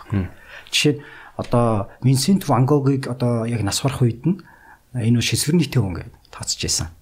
Юу та хүн? Шизофрения гэдэг юм байдаг шүү дээ. Шизотай ингэж ярьдаг тийм тэр. Шизофрени гэдэг чи одоо одоо сэтгцийн эмгэг дотроос хамгийн хүнд эмгэгүүд нь орж байгаа юм л да ер нь бол. Яг дотоо шалтгаантай. За шизофрентэй гэж оншилдаг байсан. Ягаад гэвэл Винсент Ван Гог гэж нөгөө алдартай зураг. Тэр чихээ ирчдэг зурагч юм дээ. Голландын тийм. Тийм тийм. Одод төгсөн тэнгэрийг зурдаг тийм. Яг зөв. Тэр тэр нөхөрч нь яаж яасан бэ гэхээр одоо тэгээд а нас орсныхан дараа нэгэ судлаачаа дахиж судлаад юу гэж тооцож ийн гэхээр биш энэ энэ хүн чинь bipolarтай байсан байна. Зөв солирлын шинжтэй bipolar байсан байна гэж тооцож байгаа байхгүй. Яагаад гэвэл а одоо баг нэг амьдралынхаа сүүлийн 2 жил нь жилдээ л баг сод 800 бүтээл бүтээсэн хүн шүү дээ тэр чинь. Өөрөлдөх юм юу сэтгэл хөдлөлийн байдал нь хит хай болоод ирцэн. Тэр хай дэвшинд урт хугацаанд байгаад байгаа байхгүй. Нэг болохоор хит нам ундаг нэг үеүүд нь тий. Тэр хай дэвшиндөө хийцсэн байгаа ах тэр бүтээлүүдийг Тэгэхээр яг зүгээр нэг юм сайн юм шиг юм яриад байна л да. Гэхдээ яг зүгээр би олонний олон олонний танил олон хүмүүс юм байдаг шүү гэдгийг л ойлгуулах гэж оролдоод байна. Bipolar ус сэтгэл хөдлөлийн юм хоёр туйл тийм хоёр туйл шүү дээ. Нэг нь бүр сэтгэл хөөрөх хай нөгөөх нь бүр доошогоо дип даун те одоо бүр сэтгэлээр унах гутрах гэсэн ийм шинж үүд. Ингээд хослож илэрдэг юм. Тэгээ тэр хүн яг сэтгэл нь хит хөөрцөн оргилцсан байгаагаа л урлаг болгоод гарах гаргачих хэмжээний одоо авьяастай байсан нь нэг бодлын азтай юм шиг. Гэхдээ нөгөө бодлын бас тэг хохирогчлаа биш төрхий тий. Тэгээд э, сүулдэ өөрийнхөө suicide хийгээд нас орсон байдаг шүү. Тийм ээ. За өнөөдөр зочноор маань сэтгэл заслын эмч ир инх төвшин гэдэг хүн оролцож байгаа. Тэгээд анагаах ухааны шинжилгээ ухааны сургуулийн багш хүн байгаа. Тэгээд өнөөдөр сэтгцийн эмгэгүүдийн талаар бас энэ заслын талаар маш том зургаар нь олон юм бит хоёр ярьж байна. За тэгээд сонсож байгаа хүмүүстээ дахин танилцуулж байгаа шүү. Тэгээ өнөөдрийн дугаарыг ерөхий ивент тэтгэгчээр а и моносциг юм орж байгаа Монголын анхны цахим эмийн сан гэж байгаа. Та бүхэн 1800 1883 гэдэг дугаар руу залгаад үн төлбөргүй дугаар байгаа шүү залгаар мөнгө ундаггүй. Тэгээ энэ дугаар руу залгаад имээ захиалаад аваараа маш хурдан чурхаа үүдэнд чинь авчираад ирэх болон зөвхөн эмч гэлтгүүдээ ер нь Монсын эмийн сангууд маш гоё тийм Японы дэлгүүрүүчиг бүх төрлийн гоо сайхан майхан бүх төрлийн юмнуудтай олцсон байлээ. Тэгээд та бүхэн и моносциг юм гэдэг сайтаар ороод худалдаа авалт хийх юм бол 5% хөнгөлөлттэй байгаа юм байна. Тэгээд гарч алхаж авч яснаас гэртээ юм худалдаж аваад тэгээ бүр 5% хөнгөлөлттэй юм аваарай гэж та бүхэнд захиа. Тэгээд Монголын анхны цахим имийн сан а өнөөдрийн ивент тэтгэж яриач чинь. Имонс цэгмэн 5% хөнгөлөлттэй боллоо. За а за одоо хоёлоо нөгөө имгэхгүйдээ ерөөхдөө топ 10-ыгаа бол ингээд цааш нэрээ явж байна те. Одоо за нэг 2 нэг 2 үлдчих шүү болоо те. Өөр ямар имгэг байна? За Мэдээж bipolar. Одоо энэ bipolar дотор чинь юу гэхээр сэтгэл хөөрөх эмгэгэн тустай бас тахаа. Сэтгэл готрох эмгэгэн тустай бас байж байгаа. Бас энэ төрлийн эмгэгүүд байдаг. Одоо сэтгэлийн одоо хүнд стрессийн хариу оруулууд гэж эмгэгүүд байдаг. Жишээ нь хүн миний амьдрал тохиолдож байгаа хүнд үйл явдлуудаас болоод хүн сэтгэл зүйн буруу хариу оруулах өгснөөсөө болоод эсвэл нэг айц төгшүүрээр маш олон төрлөөр хариу оруулах гэдэг юм байна л да. Тэр хариу оруулах өгснөөсөө болоод бид нар яадаг вэ гэхээр бас сэтгцийн нэг төрлийн юм гэдэг өртдөг юм байна. Оо за. Жишээ нь юу гэхээр хамгийн энгийн бид нар хайртай дотны хүний алдах үед энэ хариу ургал өгч болно.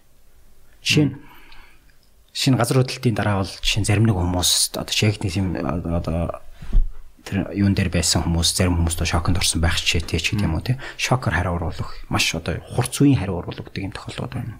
Пост травматик стресс диsorder гэж юм байдаг. Тэрний юу гэхээр ямар нэгэн сэтгэлийн гэмтэл тохиолдсон. Нь би ингээд энэ сэтгэлийн гэмтэл төрч маш олон зүйл орж байгаа юм л да. Тэгтэл одоо шин сэтгэлийн гэмтэл тохиолдоход тэр гэмтэл нь одоо хүртэл арилаг байдаг. 20 жил хадгалагдсан хүмүүс явж байдаг.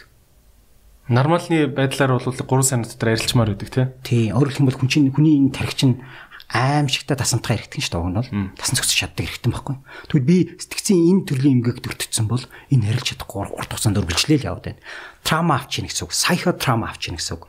Өөрөөр хэлбэл энэ сэтгэлийн гэмтэл гэж нэрлэдэг байгаа тийм сэтгэлийн гэмтэл авах үед тэрийг тэрнээсээ гарч чадахгүй байгаа. Эсвэл тэр нь хэсэг хугацааны дараа дахиж гарч ирэхийг хэлж байгаа.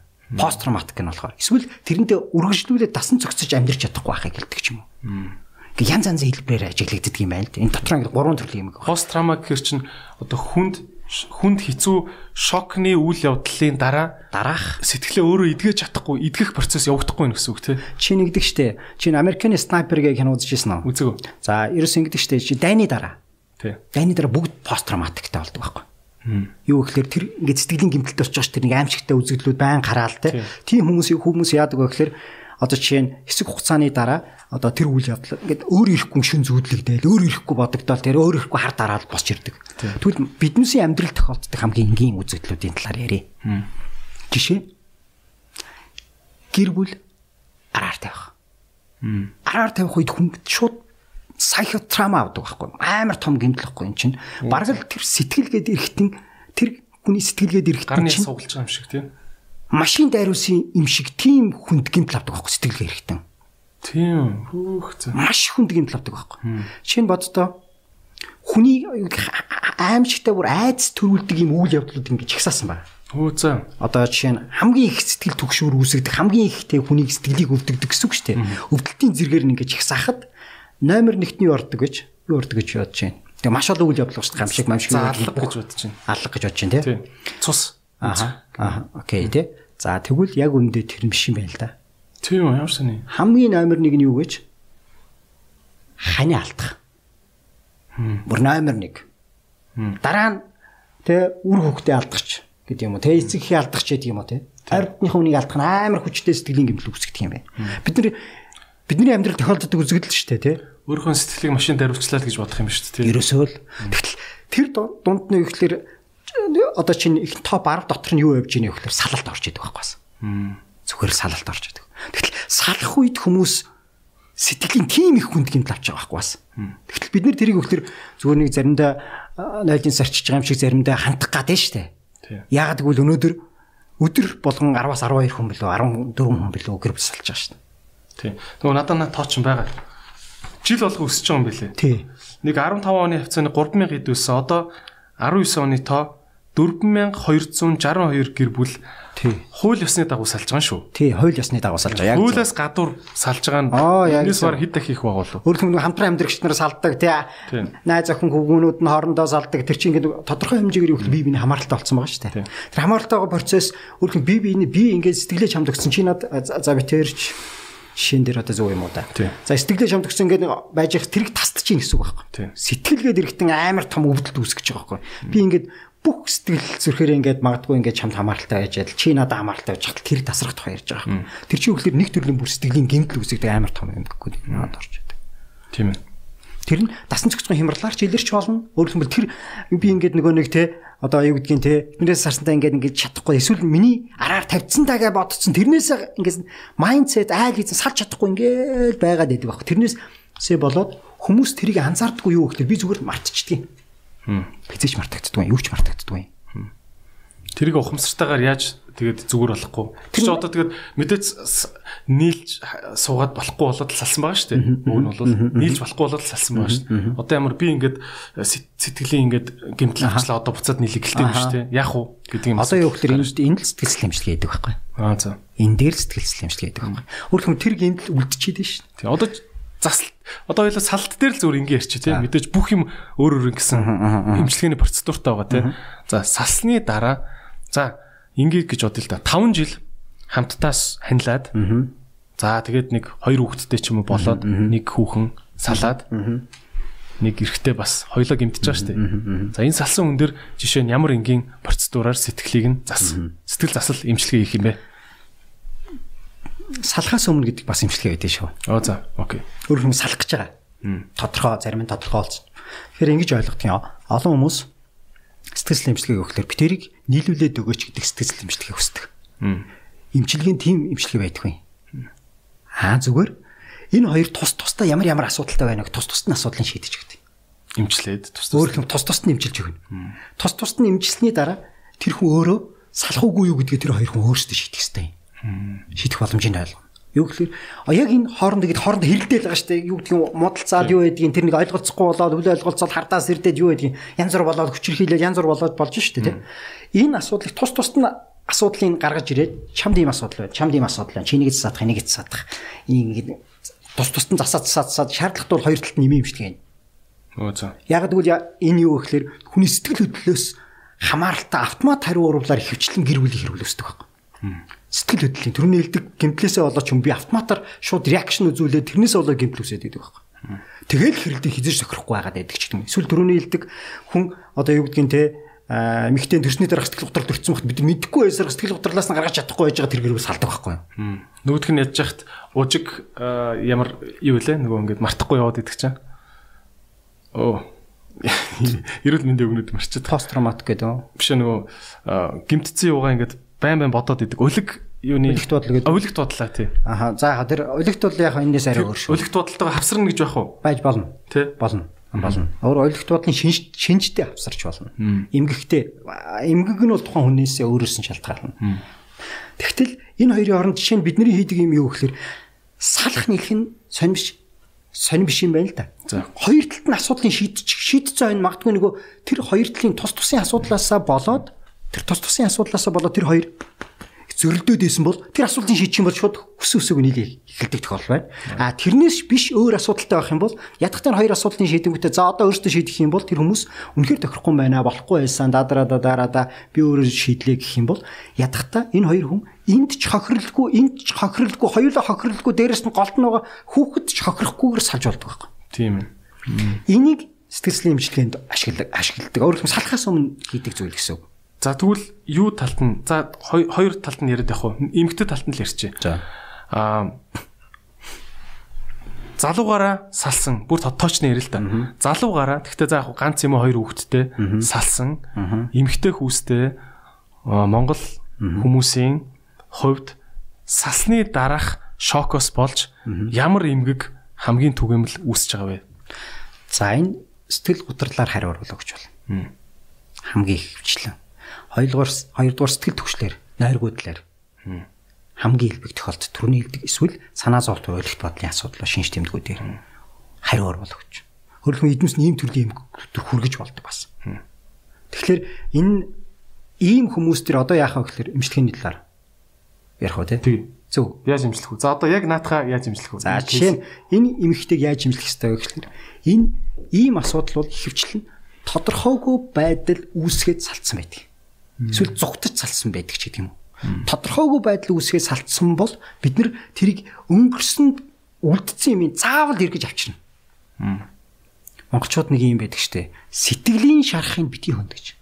Сэтгэл сэтгэл заслын имчилгээ сэтгэлийн шарахыг хөндөж имчилдэг байхгүй. Тэр нуугаад тагилцсан байгаа хаалга чинь бид нар онгоолж ич тэр төрхийг ариутгадаг байхгүй.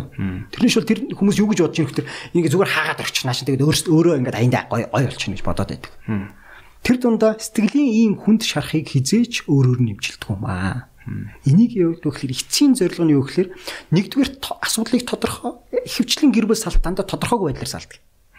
Чи нэг яг яагаад сасна ойлгомжгүй заяа. Яг ингэ шалтгаан нь биш. Ихэвчлэн сэтгэл хөдлөлөөр хариу уруулдаг чи тэгсэн учраас те идрээ. Чи намайг тэгсэн учраас би чамаа саллаа гэж яваад өгч байгаа байхгүй. Тэгэсвэл битээр ийм учраас салж ийн гэдэг. Тэр нь яг жинхэнэ жинхэнэ шалтгаан биш байдаг юм. Тий. Тэг хүнд чинь нөгөө салсны дараах шокноос болоод аль болох бусдыг буруутгах юу хариу уруулууд хариу уруулууд нь шууд ам дээр нь гараад ирсэн баа шүү дээ. Өсөөл чинь ингээд магадгүй ингээд бүр хадгалагдаж байгаа шүү дээ. Хоёр тал салж яхад чи нэгдэг шүү дээ. Гэр бүлийн зөвлөгөө өгч явах тийм сонин шүү дээ. Эхнэр нь орж ирээл ингээл за ярьж илээ гэж бодоход. Нэрээ ингээд тэр эхнэрийн үгээр ингээд сонсох юм бол бид мэрэгжлийн биш хүнээр ингээд сонсох юм бол энэ нөхөр яасан хогийн шаар вэ? Идрээ яасан муухай хөгийн залуу байсан бэ? Ямар муухай хүн бэ энэ гэж бодогдно идрээ хурж ирээд бас ярина. Тэ? Тэгнь. Тэгэхээр би юу гэж бодохгүй энэ эхнэр нь бас асуудал байсан юм байна шүү. Энэ асуудалт энэ эхнэр нь асуудалт байсан юм шүү гэж бодогдно. Тэг мэрэгжлийн хүн бол хоёр талд нь савлаад шүү дээ. Мэрэгжлийн биш хүн. Одоо болохоор бид нар юу гэхээр а энд ийм асуудал байна. Мэрэгжлийн бол одоо яг гэхээр энд ийм асуудал байсан байна. Ийм ийм ийм ийм. Хизээч гэр бүл салахад хизээч нэг талаас гардаг тохиол байдаггүй байхгүй. Хоёр тал хоёуланд нь л асуудал байж аж. Шинэ бид нар шинэ гэр бүлийн нийлэгч ингэдэг штэ. Чин зарим эмэгтэйчүүд яадаг хөх тэр манай нөхөр юу энэ нөхрийг ч гэдэггүй. Гогддаг байхгүй. Тэгвэл яг ингээм амьдрал болох гэдэг. Энэ нөхрийг нөгөөдх нь баримттай нөгөө нэг арх арх уудаг мэтийн нэг тийм баримттай юм нүдэнд харагддаг алтаануудтай байдаг. Эмэгтэй болохоор нүдэнд харагддаггүй алтаанууд гаргаад идэг тий. За за окей зөв зөв зөв тий. Тэгтэл нөгөө энэ хүнийг л имчилмээр санагдаад байдаг. Яг үндэ хоёулын имчилэх шаардлагатай. Нь саяны эмэгтэйг жишээ нь ингээд салцсан байлаа гэж бодоход бид нар яг хөөхлөр эхлээд энэ зарим их эмэгтэйчүүд энэ салтыг хүлэн зөвшөөрч амжаагүй салцсан байдаг. Сэтгэл зүй. Жишээ нэг энийг сонсоод мэдчихлээ. Мэдэх нэг өөр. За ойлгочлаа. Ойлгох нэг өөр. Тэрийг хүлээн зөвшөөрн зөвшөөрж ээж гэмээн энэ салт бүр нь явагддаг байхгүй. Чинь би салтаа зөвшөөргөө байгуул миний энэ салт 20 жил үргэлжлэх 30 жил насан туршдаа шүрүүлж магадгүй би хүлэмжшэрх хэрэгтэй шүү дээ. Ядахтаа ингэж хүмүүс нэг яриад байдаг шүү дээ. Анхны хаар хизээч мартагддаг энэ төр гэл нэг юм яриад. Зүгээр л нэгт тэр анхны мэдрэмж байдаг. Хоёрдугаар тэр нь хүлийн зөвшөөрлгүйгээр те ямар нэгэн байдлаар тэр асуудлыг те шийдэж дуусаагүй учраас тэр хүмүүст асуудал өсөж байгаа байхгүй.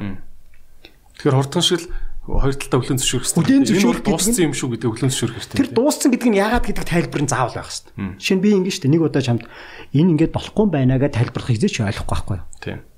Тэр хүлээж авахгүй байхгүй шууд амархнаар. За за. Аа за за за. Ингээл болцсон байсан юм. За за дгүүд гэж ойлгохгүй байхгүй. Яг дгүүд энэ дээр юу байдаг вэ? Сэтгэл хөдлөл энэ дандаа реакшн үзүүлж яадаг. Өөрөөр хэлбэл энэ сэтгэл хөдлөл яд хүний сэтгэл хөдлөлийг ийм хоёр хуваадаг юм байна л да. Сойр сэтгэл хөдлөл, өнгө сэтгэл хөдлөл гэдэг. Суур сэтгэл хөдлөл нэг юм тухайн хүний ингээд опшиг аваад явж опши одоо тэг аваад явж идэг бахан л тэ ерөнхийдөө би хутранга тийм нэг бол одоо нэг оптимист би арай өдрөг аз жаргалтай нэг нэг юм суур сэтгэл хөдлөл өнгө сэтгэл хөдлөл төр одоо ийм тохиолдолд өнгө сэтгэл хөдлөл ингээд яг гэр бүл ингээд салгаж байгаа юм тохиол мохол төр ингээд савлж идэг байхгүй ойлгомжгүй. Яг нэг сэтгэлээр унаалтай нэг ойлгомжгүй болго хашгирчлаа докторгүй болоо докторгүй үжнэрлэлт юм л та тийм. Сэтгэл хөдлөлийн би бүр амар хүчтэй савлгаа явж идэг. Гэтэл ийм савлгаатай үед нь шүү дээ бид нар аа за за за за за тэгвэл чи одоо юу гэдгийг те энэ савлгаат аа окей. Одоо тэгвэл одоо ингэ ингэсэн зүв юм байна гэдгийг хийж тайлбар хийж болохгүй эмчилгээ яаж явдаг вэ? Эхлээд энэ өнгөц савлаад байгаа сэтгэл хөдлөлийг доктортой болгоно. Савлаад доктортой болгоод нэг нормал болгоод авчих нь шүү дээ. Тийм. Магадгүй суур сэтгэл хөдлөн сэтгэл готролтой ч юм юм бол дээшээ авчирна. Энэ хоёрыг нормал болгох чингуудаа одоо яг хөөг бид нэр ухамсарт тарих руу орж ажилддаг юм. Дараа. Шууд сургаал айлдаад иж болохгүй юм байна шүү дээ. Хизээ сэтгэл хөдлөмжлэгэнд зөвлөгөө шууд өгдөг байхгүй. Дандаа оншилгоо хийж явдаг байхгүй. Дандаа сонсч оншилгоо явна оншлоод Тэ? Тэгээд шууд хэлэхэд тэр хүн ойлгож хүлээж авч чадахгүй. Тэгэхээр ядахтаа бид нэр одоогийн сэтгэл зүйн байдал сэтгэл зүйн байдал чинь савлгаатай шүү. Шаардлагатай үед бид имийн хвшлийг хийж энэ савлгыг бууруул. Доктортой олгодог байна ш. Магадгүй шаардлагатай үед хүчээр одоо гормоныг нь өөрчилж чинь гэсэн үг те биенийх нь. Ийм гэдэг чинь гормоныг өөрчлөлт байгаа юм. Гормон ч өөрчлөх за яг нейротрансмиттерүүдийн одоо юунд дэмжлэг үзүүлж чинь гэсэн үг. Норматив байдал руу аваачхал дэмжлэг үзүүлж чинь гэсэн санаа хүчээр биш хүчээр заахад хүчээр гэхээс илүүтэй хэвийн биш болцсон зүйлийг хэвийн рүү наваачиж чинь гэсэн үг байхгүй. Цэцлэг готорч үний чинь нормал байлгаж ээж энэ савлаад байгаа юмыг доктортой болгож ээж сая биднес явах хэлээр одоо лог руу нь ажилтдаг байхгүй. Аа за. Одоо тэр үед чиний харж исэн өнцөг байгаа штэ. Би сэтгэл готролтой докторгүй байгаа үедээ би жишээ нь энэ хүүг энэ ямар муухай хөгийн царайт хүүтэн царайт хүүхэд вэ гэж харж иж магадгүй шин. Тийм биз? Тэ? Тэгтэл энэ ингээ доктортой оцсон юу яасан? Арай өөрч байсан юм уу? Уу яг өөр хэмээн энд нэг сорвтол байсан юм байна. Байсан юм байна гэж бод. Арай өөрөөр хүлээж авч. Ягаад гэвэл хүн норматив сэтгэл хөдлөлтөй байхдаа хүн ухамсартай зөв шийдвэр гаргадаг байхгүй. Юу хэлэх гэж яах вэ гэхээр сэтгэл хөдлөл энэ жилүүр дээр заяа. Айсан хүнд аргал хөдлөн гэдэг чинь наадах юм байна. Аа яг зөв. Сэтгэл хөдлөл энэ жилүүр дээр заяа. Энд ухамсарт рашнал сэтгэлгээ ухамсарт тарих. Энэ хоёрын аль нь хүчтэй гэж? Аль нь хүчтэй? Аа за жоохон эвгүй асуулт байна те. Сэтгэл хөдлөл хүчтэй юм болов уу? Бүр ингэ шууд амар хүчтэй. Сэтгэл хөдлөлөөрөө ягаад гэвэл бид нэр өдөрт 80 мянган одоо юу гэдэг нэг 60 мянган орчим шийдвэр гаргадаг гинэ. Гэтэ тэрнийхэн 80-аас дээш хувийг нь автомат хариу уруулаар өгдөг. Автомат хариулж дандаа сэтгэл хөдлөлөөр гэсэн санаа шүү дээ. Хүн хумсартаа боддог тухай ярьдаг байхгүй. Одоо сүүлийн үед бол бүх хүмүүс ихэнх хүмүүс хумсартаа бодох тухай биш. Их амархан юм хүсдэг болсон шүү дээ, тий. Тэг ингээл ойлгомжтой гяс гяс гяс гяс гэдэг амархан тэг ингээ нэг гоё enjoy байх гал ингээ төр зүр амрах гал гिचээл байгаа шүү дээ тэг ингээ гоё л байх гэдэг байгаа шүү. Тэр шиг хумцартай бодох хумцартай стресстэй л те ядраал те өөрөлдөө бид нар ч өөрсдөө тийм стресстэй нийгэмд амьдарч. Яг үндэ шүү дээ сэтгэл хөдлөл чинь докторгүй байгаа үед чинь би сэтгэл готролтой байгаа үед хичнээн мундаг тэг ингээд хичээгээд тэ одоо юу гэдгийг те хумцар тархиа рашнал ингээ хариу уруулах гэж хичээгээд хичээгээд чи би хумцарт хариулахгүй байхгүй. Тийм учраас одоо юу гэдгийг те а одоо энэ юун дээр сток сток дээр тоглож байгаа хүмүүс тоглох ч үгүй юм одоо сток дээр ажиллаж байгаа хүмүүс сэтгэл хөдлөлөд амгаалаад дандаа алддаг байхгүй. биткойн биткойн лөө сэтгэлээрээ байраа зарж ороод. А тий.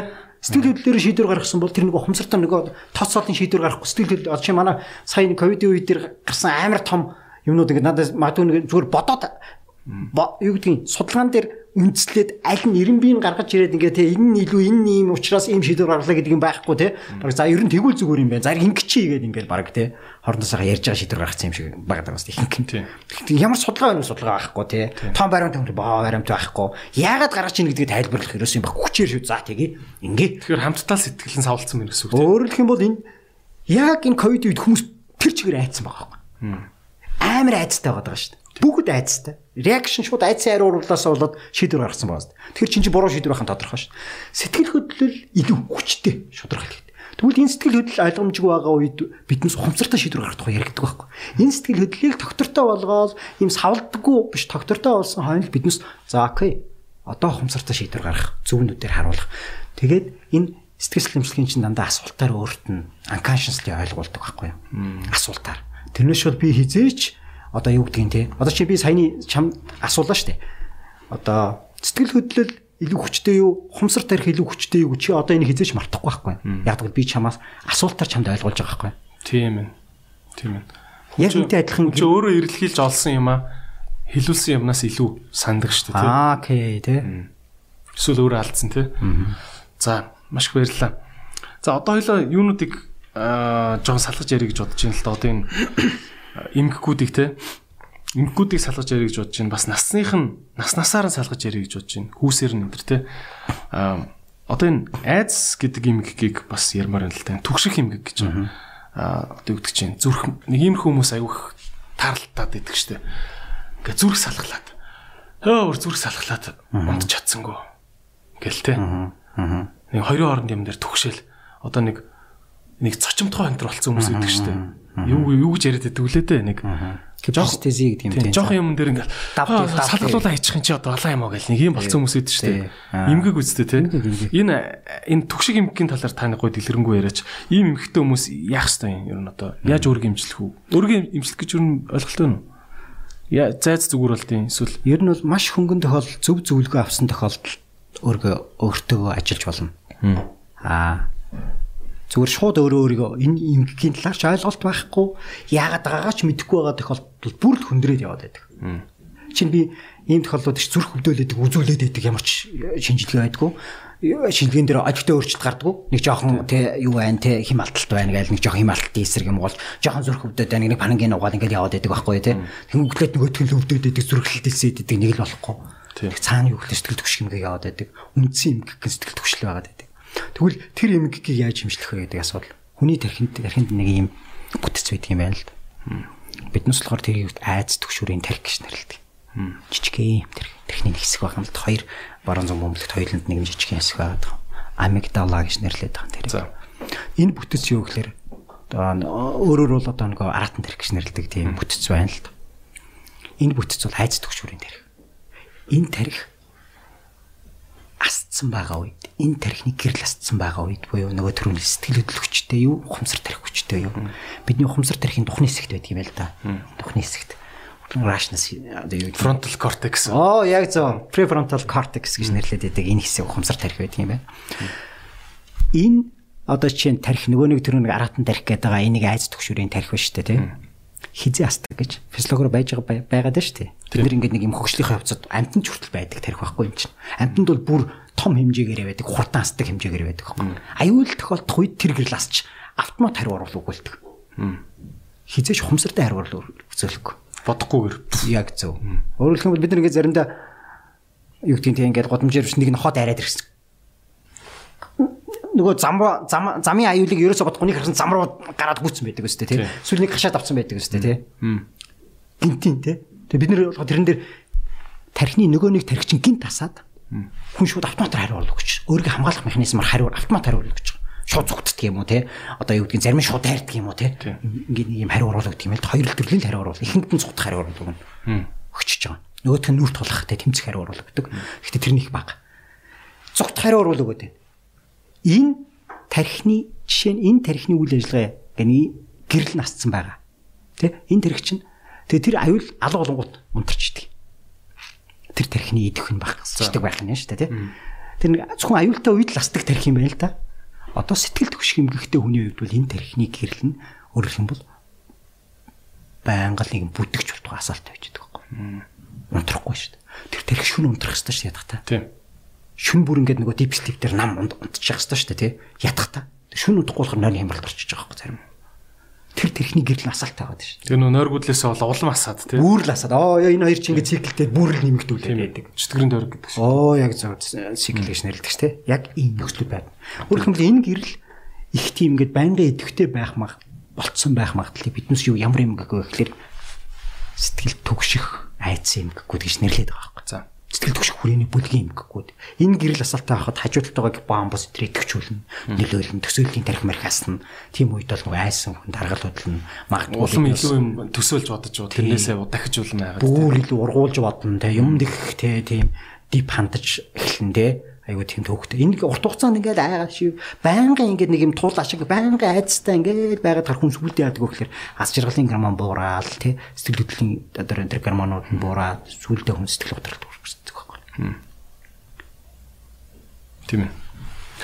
Тэгэхээр а, одоо нэг хүн болгон мэдээж одоо тань шиг докторууд та өөрөө хэллээ шүү дээ. Манай эмчнэр хүртэл одоо ингээд а, юугаа те сэтгцэн эмгэгийн талаар ингээд ойлголт муутай үе байсан. Одоо ч гэсэн тийм эмчнэр олон л байгаах гэж байна. А, хүн болгонд ингээд нэг ойрхоо ингээд өрхийн имлэг рүүгээ ороод даралтны юм авдаг шигэ ийм сэтг сэтгцэн сэтгэл сэтгэл засал те. Сэтгэл засалч эмчнэр олдоц муутай штэ. Тэ? Тэгэхээр ихэнх хүмүүс одоо одоо сая хоёлаа харлаа штэ. Ингээд нийт залуучуудын 50% нь юм айдас ямар нэгэн байдлаар дотор нь үүссэн байдаг. Гэр бүлээсээ гэж харлаа. Та санал нийлж байна тэгэд ийм олон хүмүүс сэтгцэн баг зэрэг эмгэгийн одоо төвшин нийгмиг ч юм уу байж байгаа штэ. Тэгэд эмч олдохгүй штэ энэ үед яах юм гэдэг нэг асуудал байгаа шүү дээ. Одоо эмчнэр бол за үнэхээр өстой ханиад үрчүүл эмч олдохгүй л ядаж витамин С-гээ уугаад шингэн юм 2 литр уугаад бие дулаахан байлгаараа гэд нэг юм өрхийн жор бичээд өгдөг төө. Та тэр шиг өрхийн ямар жор бичиж өгөх вэ? Ер нь одоо ямарваа нэгэн төрлийн эмгэг ингээд ажиглагтаад байгаа хүнд. Мэдээж хүн болгондоо өөр өөр. Хамгийн гол юм бол юу гэхээр ерөөсөө чи хамгийн сайн унтах ёстой. Сэтгцийн эрүүл мэнд чинь норматив байхыг хүсэж байгаа бол 8 цагтай унт. 8 цаг хангалттай унт тий. За бол. Тий. Хоёрдугаарт энэ дэлгэцийн асуудал тэр тэгжээж л тэр чинь нойрч өөр хангалттай шүү дээ. Тэр одоо нойрон дотор багада 50% deep sleep чинь байх ёстой гэдэг дээр аягүй сайн анхаар. Энийг сайн байлгахын тулд бид нар яах вэ гэхээр заавал хөдөлгөөн байна. Тийм байна. Заавал хөдөлгөөн байна. Жишээ нь хөнгөн сэтгэл готрлын шинж тэмдгийн реакшн үед одоо сэтгэл готрлын хариу уруулын үед хөнгөн хариу уруулын үед хүн дасгал хийгээд тэр готрлоос гардаг шин. Үүзэ. Яг бол одоо нэг хөлсөө гартал ингээд дасгал хийдэг шүү дээ. Хөлс гарах дасгал хийх үед хүний тархинд серотонин ялгардаг байхгүй. Серотонин гэдэг нь яа вэ? Над шаргалын гормон уу? Тий, ядаа шаргалын гормон, сэтгэл хөдлөлийг хариуцдаг тэр гормонууд байдаг байх юм шүү дээ. Серотонин буруу сэтгэл готролд орчдөг юм байна л да. Серотонин норматив байвал сэтгэл санааны хувьд бол өдөр байгаад байна. Тийм. Тэр бодисуд байдаг юм. Тэр нейротрансмиттер гэдэг энэ тархинд л байж байгаа нейротрансмиттер байдаг юм байна л. Жохон тэгээд өөрчлөгдөхөд л хүний сэтгэл хөдлөл ингээс авч яадаг юм шиг. Пэх. Ерөөсөө л. За ерөөсөө л ямар ч үсэн хөлөр өдөр болгон хөлөр те. Хэлэх юм бол тэр нөгөө нэг яагаад фитнес их чухал байгаа даа тий. Яагаад хөдөлгөөн чухал байгаа даа гэдэг чинь үгээр тэр хичээж биднес тэр юмнаас заримдаа гардаг байхгүй. Хөдөлгөөн тий. Хоёрдугаар төрөний хэлдэг нойр маш чухал байх хэвээр. Нойрон дээр маш сайн анхаар. Гуравдугаарт биднес тоглох хэвээр. Тоглох хэвээр. Тоглох гэдгийг юу гэж ойлгож байна гэхээр ажил амьдралын балансыг хадгалдаг, тэнцвэржүүлдэг, голдон зогсоод тэнцвэржүүлдэг зүйл бол тоглоом байхгүй. Аа за. Компьютер тоглоом орох уу тэрэнд? Аа компьютер тоглоом арай орж болохгүй байна л да. Тэр дэлгэснээс хордчихвол тийм. Дэлгэснээс хамааралтай болчиход байгаа. Тийм ээ. Тоглох гэдэг дотор нь юу гэхээр уг нь мэдээж эн чинь хязгаартаа тоглох тухай ярьж байвал болж байна тийм. Ясан төрсөн өөрийгөө хязгаарлах тухай ярьж байна тийм. Аа тэгтэл би энэ компьютеророо тий одоо юу гэдгийг дэлхийн авраг болно гэдээ яваад байвал чөөр асуудал шүү дээ тийм. Тий. Хязгаартай байх хэрэгтэй. Тэгээ хязгаарт одоо тоглох гэхээр одоо энийг сонсчоор олон нөхрүүд юу гэдэг вэ гэхээр тэр их төшөөш тэгж л одоо намайг тоглол гэсэн. Тэгээ би өдөр болгоныг 2 цаг тоглож чийгүүл энэ асуудал шүү дээ. Энэ биш бол биш болж. Чиний тоглоом хоорондоо тоглоно гэсэн үг тийм. Хэлэх юм бол яг зөв. Хэлэх юм бол хүн сэтгцэн амраа хамгийн сайн одоо юу гэдгийг тактикгүй тоглох байхгүй юу? Хүүхдүүдтэйгээ тоглох. Юу гэдгийг найзуудтайгаа тоглох тий заал аваа тоглох тухай яриад байгаа байхгүй тий хайдаа нэг тий одоо юу гэдгийг хөзөр тоглох даалгаваа настачууд нь даалгаваа тоглох ч гэдэг юм уу тий нь ороод байгаа. Тэгэхээр бас нэг юм нийгмийн хантай мэдрэмж авдаг л тий. Өөрөөр хэлбэл бид нэр ганцаар бид нэр хүссэн хүсээгүй бид нар юу вэ гэхээр юм хүнтэй харилцчиж хүнээрээ үлддэг юм байл. Ерөөсөө л энэ асуудал. Ерөөс хүний сэтгэц эрүүл байх хамгийн гол юм гэхээр хүнтэй харилцах байхгүй. Түрүүн бас дурдсан эмчийн хүрэлцээний асуудал гэдэг юм байна шүү дээ. Ер нь энэ хэр байгаа юм бэ? Ер нь танаас албарт те. Хаанаас хүмүүс хаанаас сэтгэл засалж эмч болох юм? Одоо бол ер нь сэтгэлслийн эмч бол төвлөрсөн газар ганц газар нь сэтгцэн эрүүл мэндийн үндэсний төвлөл байна. Аа бусдаар сэтгэл хоороо хийж байгаа хүмүүс бол их жоохон цөөхөн байна. Аа яг зүгээр төвлөрөөд ажиллаж байгаа газар нь сэтгцэн эрүүл мэндийн үндэсний төв Аа зүгээр сэтгэл зүйчнэр бол зөндөө байгаа шүү дээ. Гадуур бол. Тий. Гэхдээ та чинь эмгэгтэй бол сэтгэл засалч дээр очих хэвээр. Аа тий тий тий. Сэтгэл зүйч дээр бол хөнгөн биш гэж хэлсэн шүү дээ. Үнэхээр хөнгөн биш бол. За та түрүүн бас хэллээ нэг юм аа хамгийн түрүүнд авч болох хэмжээ бол нойроо маш их хэсэг маш сайн унд гэсэн шүү дээ тий. Гэтэл эсэргээр нойр гүдэлтэй хүмүүс маш их байгаа тий. Нойр гүдэлтэй хүмүүс За дасгал хийгээд бас нойр өрөхгүй байл яах вэ гэдэг асуудал шүү дээ. Ядраад байгаа мөртлөө унтахгүй байна гэдэг хүмүүс байдаг шүү дээ. Тэр хүмүүс яад юм бэ? Тэгэхээр ингэдэг яах вэ? Уг нь сэтгэлч дээр очивол илүү өөр дөм дээр бах. Нэгдүгээр яг тэгэхээр нойргуудад байгаа шалтгааныг хайж заавал олох хэрэгтэй. Яг бол нойргууд зүгээр ямар шалтгаангүйгээр нойргууд их тохиолдол их ховор анхдагч нойргууд гэж юм байдаг юм л да. Их ховор. Гэтэ ямар нэгэн шалтгаантай төрөний хэлдэг магадгүй сэтгэлийн гэмтэл тэнд байгаад байгаа мó 20 жилийн бөхсөн юм байгаад байгаа мó тэ эсвэл надад задуулдаг байсан ч байсан тэ хуучин трама байгаад байгаа мó ч гэдэг юм гээд өнгөрсөн юмнууд нь байж магадгүй байх. Гэтэ тэрийг зүгээр ширийн доогоор нууц unconscious mind руу зүгээр хийц. Тэр шийдэг өгсөн шүү дээ тэ. Тийм бол тэр шалтгааныг олно. Тэр шалтгааныг шийднэ. Тэгжээж сая үнсэн асуудлыг одоо юу гэдэг одоо энэ нойргуулч юм бол зүгээр гадаад илэрлэн шүү дээ. Тийм Тэрнээс бол наргууд бол бие даасан өвчин байх магадлалууд нь ихвчлэн цаана юу гэхээр ямар нэгэн сэтгэл зүйн шалтгаан л байгаа байхгүй. Зарим нь бүр органик шалтгаан байна. Жишээ нь тархины гэмтэлтэй хүмүүс байж болно те. Шүн ингээд байнга майжортой хүмүүс байгаад байгаа бол тэр чинь майжаа сагтнаад байгаа бол тэр чинь одоо хөссөөсээгүүл нуруу нүвдөд байгаа хүн бол шүн хөссөөсээгүүл өвдөө төрвөөгöd байгаа хүн чинь харны хямралд орно шүү дээ. Тэгэхээр анхдагч юм заавал имжилж хардаг байна. Окей та түрүүн бас энэ имчилгээ ярьж байхдаа им гэдэг үгийг нилээд цухалцуулж ин л та. Зүгээр миний л хувийн бодол шүү. Аль болох юмыг эмгүүгээр имчлүүл яасан гэдэг. Европт бас би нэг хэсэг амьдарч исэн. Европт бол ерөөсө хүүхэд нь ханаа дүрсэн ч юм өгдгүү, халуурж исэн ч юм өгдгүү юм билээ шүү дээ. Халуурж ийн гэдэг чинь өөрөө биеийн температур ихсээд тэр вирустай алдчихж байгаа л гэсэн үг болохоос биш. Амар амар муу зүйл бас биш гэдэм билээ. Тэгэл ийм витамины үрэл гээл юм жижиг үрэл гаргаж ирэл ургамлын гаралтай үрлэл өгöd дим лээ. Тэгээ аль болох юмыг Америк болохоор яг эсрэгээр Холливуудын кино ч зүгээр нэг сандрахаар орж ирэл шар хайрцагтай шар завтай юм гаргаж ирэл талныхаа өмнө стаканта ус уугаал ингээл амар им им талтай байдаг шүү дээ Америк те. Та энэ тал дээр ямар бодолтой байдгүй те. Одоо ингэдэг уг нь бол сэтгэл хэмжлэгийг урт хугацаанд явуулж болно. Гол нь тэр нь заримдаа хэдэн жилээр үргэлжлэх гэдэг байхгүй а эми имчилгээ авсарсан тохиолдолд цаг хугацааг богиносгоно. Хэдэн сар руу оруулах байхгүй.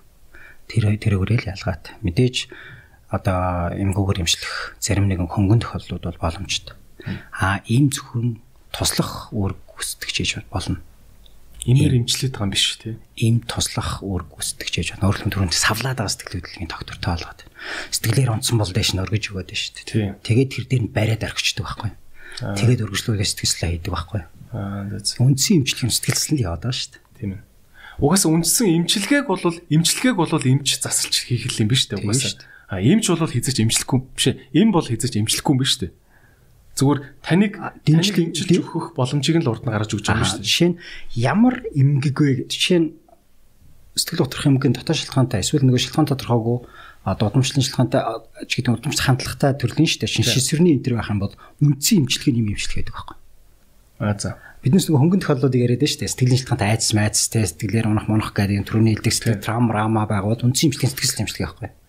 Шизофрени бол жишээ нь үндсэн имчилгээ нь ямар юу гэнэ шизофрения гэдэг эмгэгөө шүү дээ. Үндсэн имчилгээ нь эмээл имчилгээ дээ. Сэтгэл готрол нь хүн тохиолдлогууд юм имчилгээ үндсэн имчилгээ нэмэлтээр заав сэтгэл имчилгээ авсарна. Харилцан адилгүй байдаг. Эмгэгээс хамаарна гэсэн. Тийм ээ.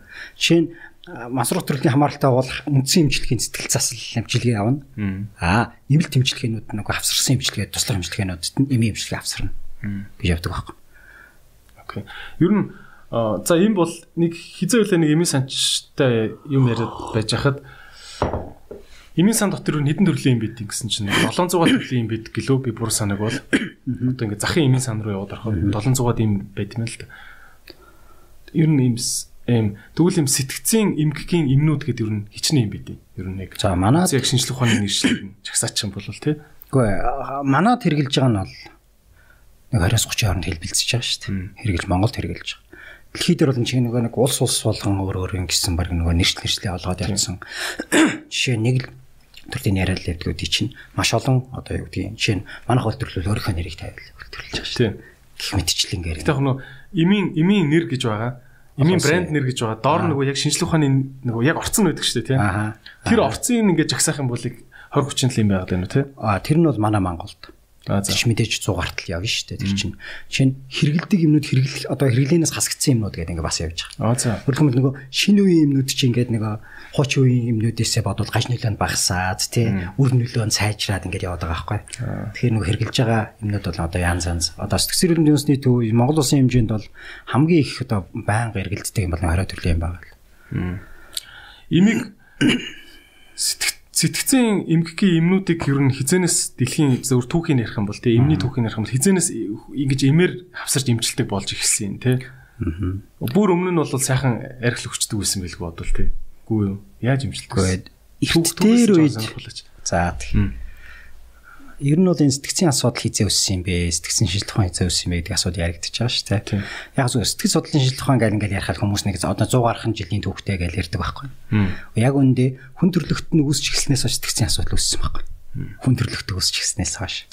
Яг үндэ зүгээр энэний зүгээр имчилгээний асуудал анх бол сэтгцийн асуудал сэтгцийн эмгэгтэй хүмүүсийг жишээ нь манай эртний өмнөх 500 оноос одоо өмнө тий 500 одоо 5 дугаар зуунаас өмнөх тий үед бол одоо нэг эртний одоо хуучин тийм одоо үеүүдэд яадаг байсан бэ гэхэл сэтгцэн эмгийг нэг юмар л тодорхойлдог байсан баг. За. Тэрний юу гэхээр энэ бол одоо бурхан чөтгөртэй холбоо. Бурхантай холбоотой, чөтгөртэй холбоотой, домогтой холбоотой тайлбарлалт байсан баг. Манайхаар бол одоо нөгөө ад шүглсэн. Тий ад шүглэх, мөглөх. Одоо монголоор бол одоо нөгөө юу лээ? Нөгөө бөөмөрглүүд чинь янз янз юм ярьдаг да. Тийм тоолбож тайлбарладаг л байсан байхгүй. Тэр чинь бүр эртний үе байна шүү дээ. Тэгээ дараа нэг грек Роми үеуд орж ирж байгаа. Одоо нөгөө яг нөгөө эртний сэтгэгчдийн Гиппократ те Галенж гэдэг юм те энэ сэтгэгчдийн үеийн ороод ирсэн чи эн чи нэрээ өвчин юм биш үү сэтгэл төвш гэдэг өвчин байдгийн байна хүний сэтгэлийн сэтгэл өөрчлөгдөх те сэтгэл ингээ янз бүр болдог өвчин байдгийн байна гэж тайлбарлаж эхлэв. Тэгээ сүүлд нь эн чинь юу гэхээр эмчилгээ болоод явж байна. Хамгийн өсрөнгөө одоо юу гэдгийг сэтгцийн одоо энэ сэтгэл зүйн салбарын энэ хөгжил Sigmund Freud-с эхэлсэн байхгүй. За, Герман. Окей. Одоо мэг юм. Одоо Герман сонсогдоод. Энэ Sigmund Freud гэдэг психоанализ гэдэг анх онолыг нээсэн. Аа за. Тэгэд энэ онол дээр юу вэ гэхээр хүний сэтгэл хөдлөл сэтгэл зүйн процесс яаж явагдаад байдаг юм бэ гэдэг анх удаага одоо юу гэдгийг шинжлэх ухаанч дээр тайлбарлсан байхгүй. Аа за. Зүүдийг хүртэл тайлбарлсан байхгүй. Энэ одоо биднээс ярьдаг ингээд өсрөнгөө хөгжил рүү одоо энэ сэтгцийн салбарыг өсрөнгөө хөгжил рүү юм сэтгэл заслын салбарыг бүр тэр дундаа тий зөвхөн сэтгцийн салбар шүү сэтгц гэдэг бол дээр үед бүр эмчилгээ нь бол зөвхөн хүчээр эмчилдэг байсан шүү дээ одоо зүгээр тэр хүнийг нөгөө одоо гаруул юм шийт гэж өө за шийт гэж имчилдэг байсан. Дээр үед чинь бол одоо бүр заримдаа техникийн зарим хэсгийг бүр ингээд эктоми хийгээд авчдаг байсан байхгүй. Ой тийм үү. Тэнэглэлд оруулж ийн гэсэн үг шүү дээ. Хүчээр тэнэглэлд оруулж имчилдэг байсан үе байдаг байхгүй. Зарим нь бол бүр мөчилж өцлөөл зарим нь бүрэн цодлоо. Нөгөө нэг юм гар нь ханцуутай хоёр ханцууг ингээ хойно уйчдаг нэг юм цонх цонх сүртэй өмсүүлсэн биз дээ тий. байдаг байсан тий. Одоо Монголд бол одоо 1900 Одоо тийм сам зарим өмсүүлэхгүй л гэдэг чинь. Байх байхгүй. Тэр чинь одоо хэрэглэхгүй болоод 21 жил болж штэ. Монгол хэрэглэхээ байгаад. Тэгтэл за одоо ингээд өсрөнгөө хөгжлийн сэтгэл заслын үеийнх нь өсрөнгөө хөгжлөн Sigmund Freud-с эхэлсэн юм байна. Аа дараагийнх нь тэр эмийн эмчилгээ бол Оросос эхэлж байгаа байхгүй. Амнезин гэдэг юм анх 1900 за миний санаж 52 он баха. За 50 50 онд те анх амнезин гэдэг юм өссөн байдаг. За Амнезин гэдэг юм үүсгэхэд хуучин одоо энэ нэг ташгиралтай ч юм уу сэтгцийн хүн дэмгэгтэй нөгөө ухамсар тухааны алдагдaltaа өөрийгөө хэн чадахгүй те нийгэм аюултай бол өөртөө аюултай үйлдэл хийх магадaltaй хүмүүс байгаа шүү дээ. Бронкшэ тэр бол хөнгөн шүү дээ. Бүр нөгөө сэтгцийн эмгэгтэй ташгирал гэж нэрлээд байл та уусамжтай тийм хүмүүс байгаа юм л та. Чин сэтгцийн эмгэг чинь хүндрэхээрээ зарим эмгэгч чинь тийм асуудалтай.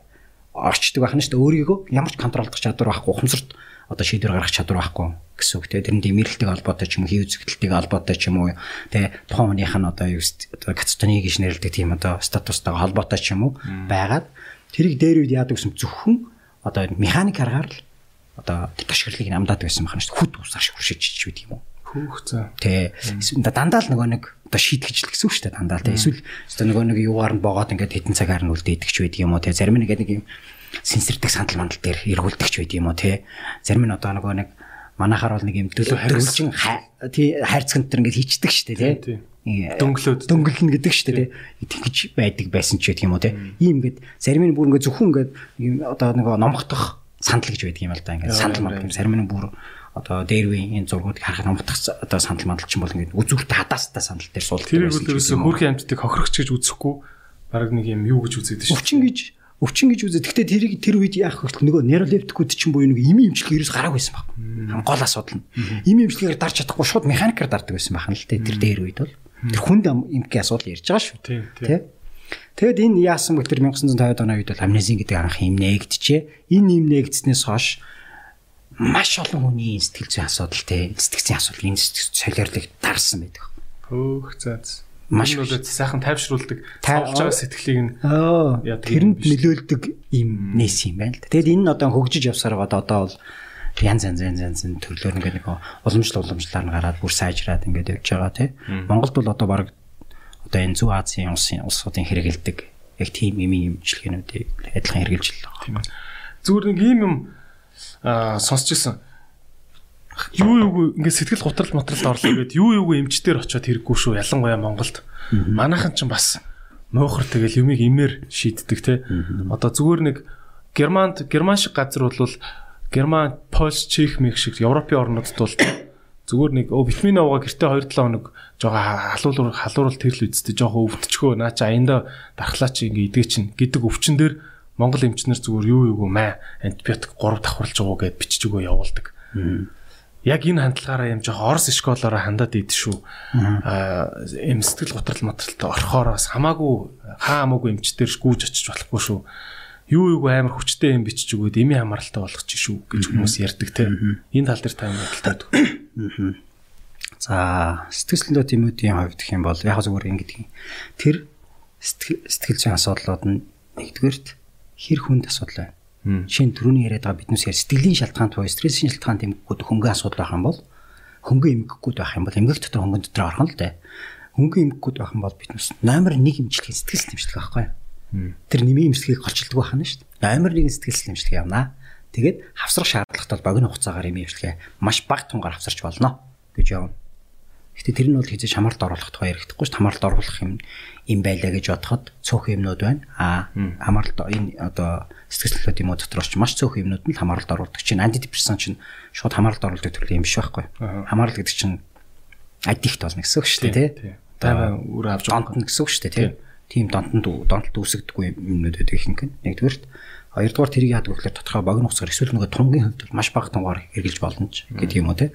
3 дугаартай яхаа гэхээр мэдээж үндсэн имчилгээ хөнгөн байгаа үе заавал тэр нэг шаардлагагүй үед дэмий имчилгээ санал болгохгүй шүү дээ. Шаардлагатай үед чинь дундаас дээш байгаа үед л тий Сими имчилгээ санал болгоно шүү. Тэр хөнгөн байгаа үед нь за чи ими имчилгээ заавал хэрэглэхгүй байхгүй. Данс тэслээрээ яваал. Тийм ээ. Юу та нэр донтуулдаг юм гэснээс залуучууд ялангуяа айгүй хөвдөж чинь гэж юм те. Аа судалгаагүйгээр сайн сайн уншиж гуглдахгүйгээр эмчээс асуухгүйгээр янз бүрийн юм аваад очихгүй гэж санаа зовоод байгаа байхгүй юу. Тэ тэр нь тэгсэн чинь нөгөө таны хэлдгэр нэг цөөхөн хідэн донтуултыг юм аваад амдаа ичгүй. Аа юу юугүй эмчээс та нэг ингэ нэрлэч энэ нэмнүүд дээр одоо дүүнраа болгоомжтой байгаарай. Энийг нэрийг хэлж болох хамаагүй авч. А тийм үү. Хамаагүй аваад уучваа гэдэг. Нэрийг хэлж болохгүй нэг. За. Хоёрдугаар яхаа хөөхлөөр энийг заавал сэтгцэн эмч бичиж өгдөг энэ юмнуудыг. Шууд эмийн сангуудаар байж идэх юм уу те? Эмийн санга байж байгаа ч тэр жоргуугаар олохгүй давхар тамхтай жоргуугаар орлохгүй байхгүй. эмний талаар тийм байж эмнэлгийн талаар бас танаас асууя л да. Одоо ингээд Монголын эмнэлгүүд ерөөхдөө стандарт нь маш өндөр зэрэглэлийн болж эхэлж байна те. А хүмүүс бол та түр хэлсэн шар хадны эмнэлэг гэхэр л одоо яг л нэг юм татарын клип байт юм да бүр дээр үе нэг юм яг өстө нөө ханцун мэнцүг нь хүлдэг юм хувцастай те. Эдгүр зуны зэрлэг бүтүүлэг довц байсан те. Тэрийг өмсцэн ингээд галзуугийн эмнэлэг гэхэр нэг тим юм төсөөлөгдсөн шүү дээ. Нөгөөх нь ингээд ойрлж ашгарсан. Нэг юм юм шилэн шилээр ингээм эмчт нь харчаа явцдаг нэг юм өрөөнүүд байт юм болов гэж бодогддөг шүү дээ. Тэ. Одоо сэтгцийн сэтгцийн эмнэлгийн стандарт юу нь ямар байх хэвтэй юм? Манай эмнэлгүүд ямар байна? Тэ? Юун дутуу байна? Та нэг хэлээч. Манай эмнэлэгт бол орны хөрөлцөө яг үнийг хэлэх дутуу. За. За яагаад тэр дутуу байна гэхээр жишээ нь заримдаа нөгөө архаг тас гэдэг юм л да. Архаг тасгууд дээр болохоор ингээд 30 орт татсаг байна. Тэгтэл 40 хүн заримд явцж идэг байхгүй. Тэгээ 10 авахаас өөр арга байхгүй. За. Яг л тэр чинь нийгэм даялалтаа солиорлт үйлдэл хийгээд шүү дээ. Тэр тэр хүмүүсийг авахаас өөр арга байхгүй. Тэгэхээр тэднес чинь ядахтаа бид нар олон улсын стандартаар бол жишээ нь анхаарах хороо гэж нэрлэдэг юм л да. Анхаарах хороо бол яг зүгээр кинон дээр гардаг шиг нэг тийм bütün бүгдийн цаашлаад гэх нэг юм төмөр цаашаар цаашлаад дөрвөн хаалгаар хараад тийм бол байхгүй зүгээр нээлттэй л дээ. Бүгд нь open open door байхгүй одоо бүх хаалга нээлттэй байдаг байхгүй а тэрнээс зүгээр тасгаас гарч болохгүй тасгаас гарах юм бол тэр хүмүүс өөртөө шөмжлөх юм чинь бүгд гараад одоо юу гэдгийг зүгтаад ч гэдэм өөртөө бол нийгэмд аюултай үйлдэл хийн штэ тийм учраас тэрнээс сэргийлж шууд алба дэмжлэг тэгддэг хүмүүс байна гэсэн үг байна тэгэхээр ийм нөхцөлд юу гэхээр яг зүгээр анхаарах хэмжлэгээ бол уг нь бол олон улсын стандартн дээр бол нэг анхаарах хэмжлэгийн өрөөнд нэг л хөвчлөлөгч байх хэрэгтэй Манайх одоо 30 л байгаа юм. Нэг анхаарах өрөөнд зарим нь одоо 4 5 10 хүртэл байж байдаг тохиолдол байдаг байхгүй. Нэг л өрөөнд шүү дээ тий. Аа мэдээж зарим одоо жишээ нь а шин э, нэгдсэн тасгууд масгууд тэр нь бол гайгүй да анх хэвдэг чинь сакс мас гэдэг байдаг. Тэгээ тэднээс нь бол гайгүй. Одоо чинь анхаарах өрөөнд нь бол яг 4 орто 4 үнэтэй ч гэдэг юм уу тий. Стандартаараа явж байна. Аа зүгээр зарим нэг архаг тасгууд маань бол жоохон хэцүү. Тиймэрхүү талууд байна. Мэдээж тэр чинь нөгөө барилгын асуудал яригдана тий. Нөгөө эдийн засгийн асуудал яригдана За одоо манай сэтгэлчин бол хөрөхгүй л стандарт бол хэцүү л байгаа юм шүү дээ тий. Ер нь бол дотуул байгаа шүү дээ угаасаа. Жишээ нь хамгийн энгийнээр сэтгцэн эрүүл мэндийн асуудал амар чухал асуудал гэдгийг бид мэддэг мөртлөө жишээ нь нийт эрүүл мэндийн салбар одоо юу гэдгийг санхүүжүүлж байгаа санхүүжилтийн баг 2-оос 3% нь сэтгцэн эрүүл мэндийн салбарт очдог байхгүй юу? Тийм баг уу? Тийм баг байдаг. Тэг юу хэлгэж яах вэ? Энд чи өөрөө хөрөнгө оруулалт явууч гэсэн амар том асуудал. Зүгээр нэг юм нөгөө шараад нь тэр хүмүүс хөөрх юм. Яг тэгээд байж л байдгийг гэдэг одоо энэ үзэл байдлууд ажиглагдаад байна шүү дээ. Гэхдээ яг бид нэр сүүлийн үед одоо сэтгцэр хөрөнгөний онцны төв дээр одоо шинэ барилга барьсан тий.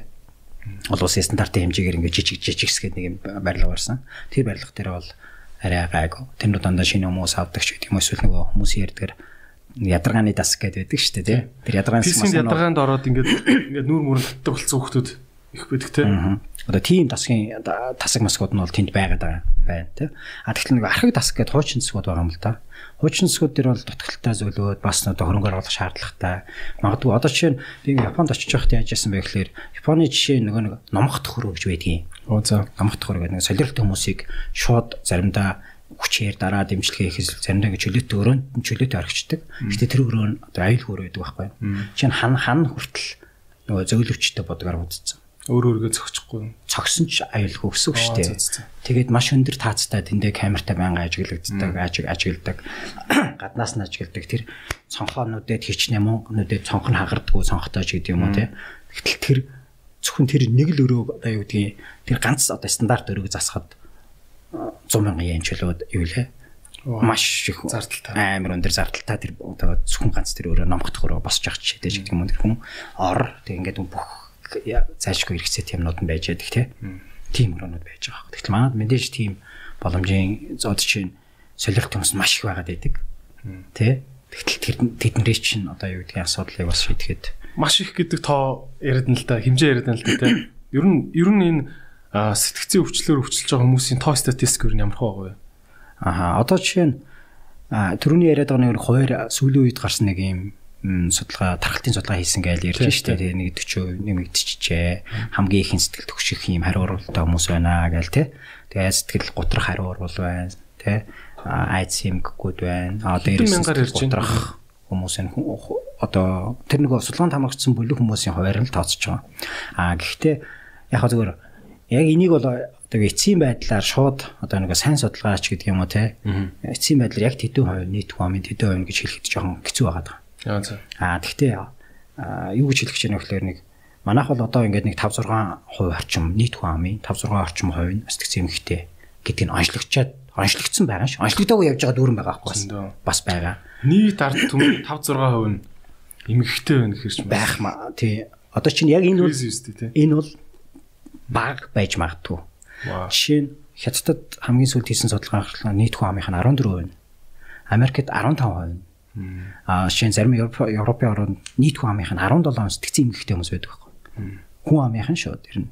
Тэ жишээ нь энэ одоо чи нийт өвчнүүдийг одоо ингээд харьцуулаад үзэх юм бол нийт өвчлөлийн нэг тий одоо 18 19% нь зөвхөн сэтгцэн эмгэг бие даасан эмгэг ингээд нөгөө нэг гурван зөндрөл эмгүүд чинь л төвтөр явж явах чий тийж гэх. Тэгээ бид нар болохоор бос эмгүүд дээр илүү хашаал бүл биеийн өвчнүүдээр хашаал харагддаг болохоор хашаал бүл өгöd байгаа шүү дээ. Тэгтэл психо соматик эмгэгүүд гэж бас байдаг. Чиний нэмлэгүүдээр явж байгаа хүмүүсийн 30% нь психо соматикуд байна гэж байгаа байхгүй. Тэрний үг гэхээр сэтгэлийн сэтгэлийн буюу сэтгцийн шалтгаантай сэтгцийн шалтгаантай бие өвчнүүд гэж байдаг. Өө за. Жишээ нь артерийн даралт ихсэх өвчин чинь их гэдэг психо соматик өвчин байна. Явж явж явж артерийн даралтын цаана стресс байдаг шүү дээ. Тэ. Явж явж стресс ч үгүй хөөхөр тэр нөөр нэг сэтгцийн эмгэг шалтгаантай. Тэр нь л одоо тэр одоо чинь тэр стрессийн шалтгаан сэтгцийн эмгэг стресс нь өөрөө эмгэгийн шалтгаан болчихж байгаа байхгүй юу? Аа за за за. Тэр нэг гэмтлэн ч байдаг юм уу те?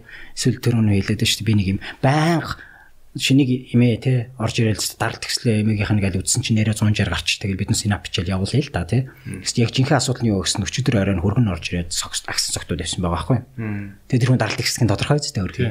Тэгэл тэр чинь соматик өөрчлөлт байгаа байхгүй юу? Шинэ ходоод өгдөг. Ходоодны ихэнх хөрвслүүд ч юм уу сөргөөч гэдэг юм уу? Ходоодны өрөвслүүд шархлаач гэдэг юм уу? Стрессийн шалтгаантай үүсдэг.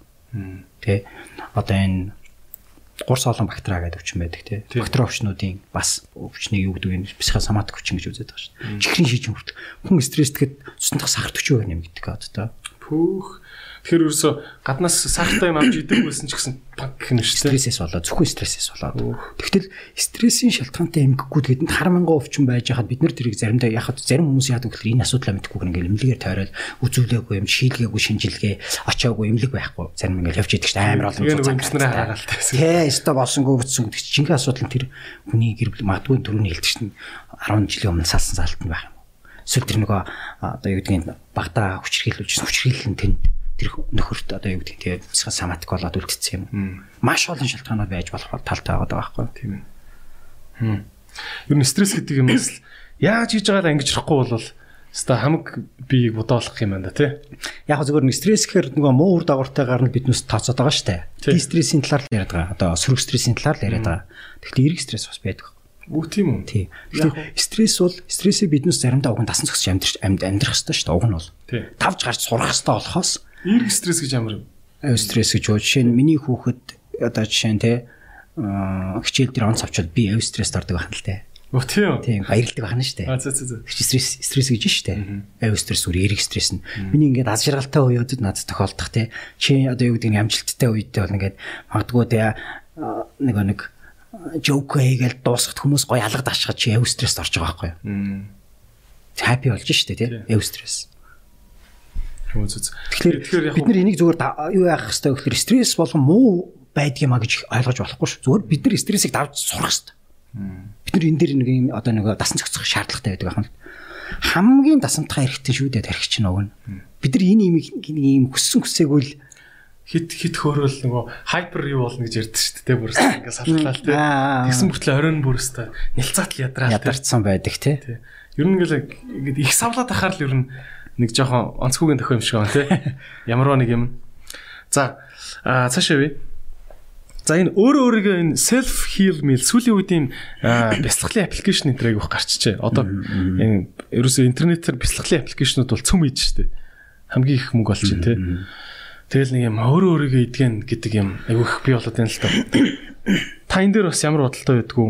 Хүн өөрийгөө өөр нэмжлэх боломж байд юм уу? Боломжтой штэ.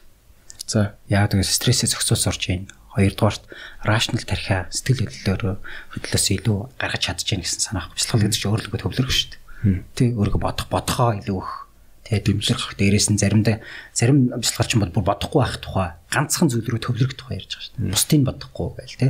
Тэр чинь юу гэхээр яах вэ? Өөрийгөө контролж сурах тухай ярьж байгаа юм л.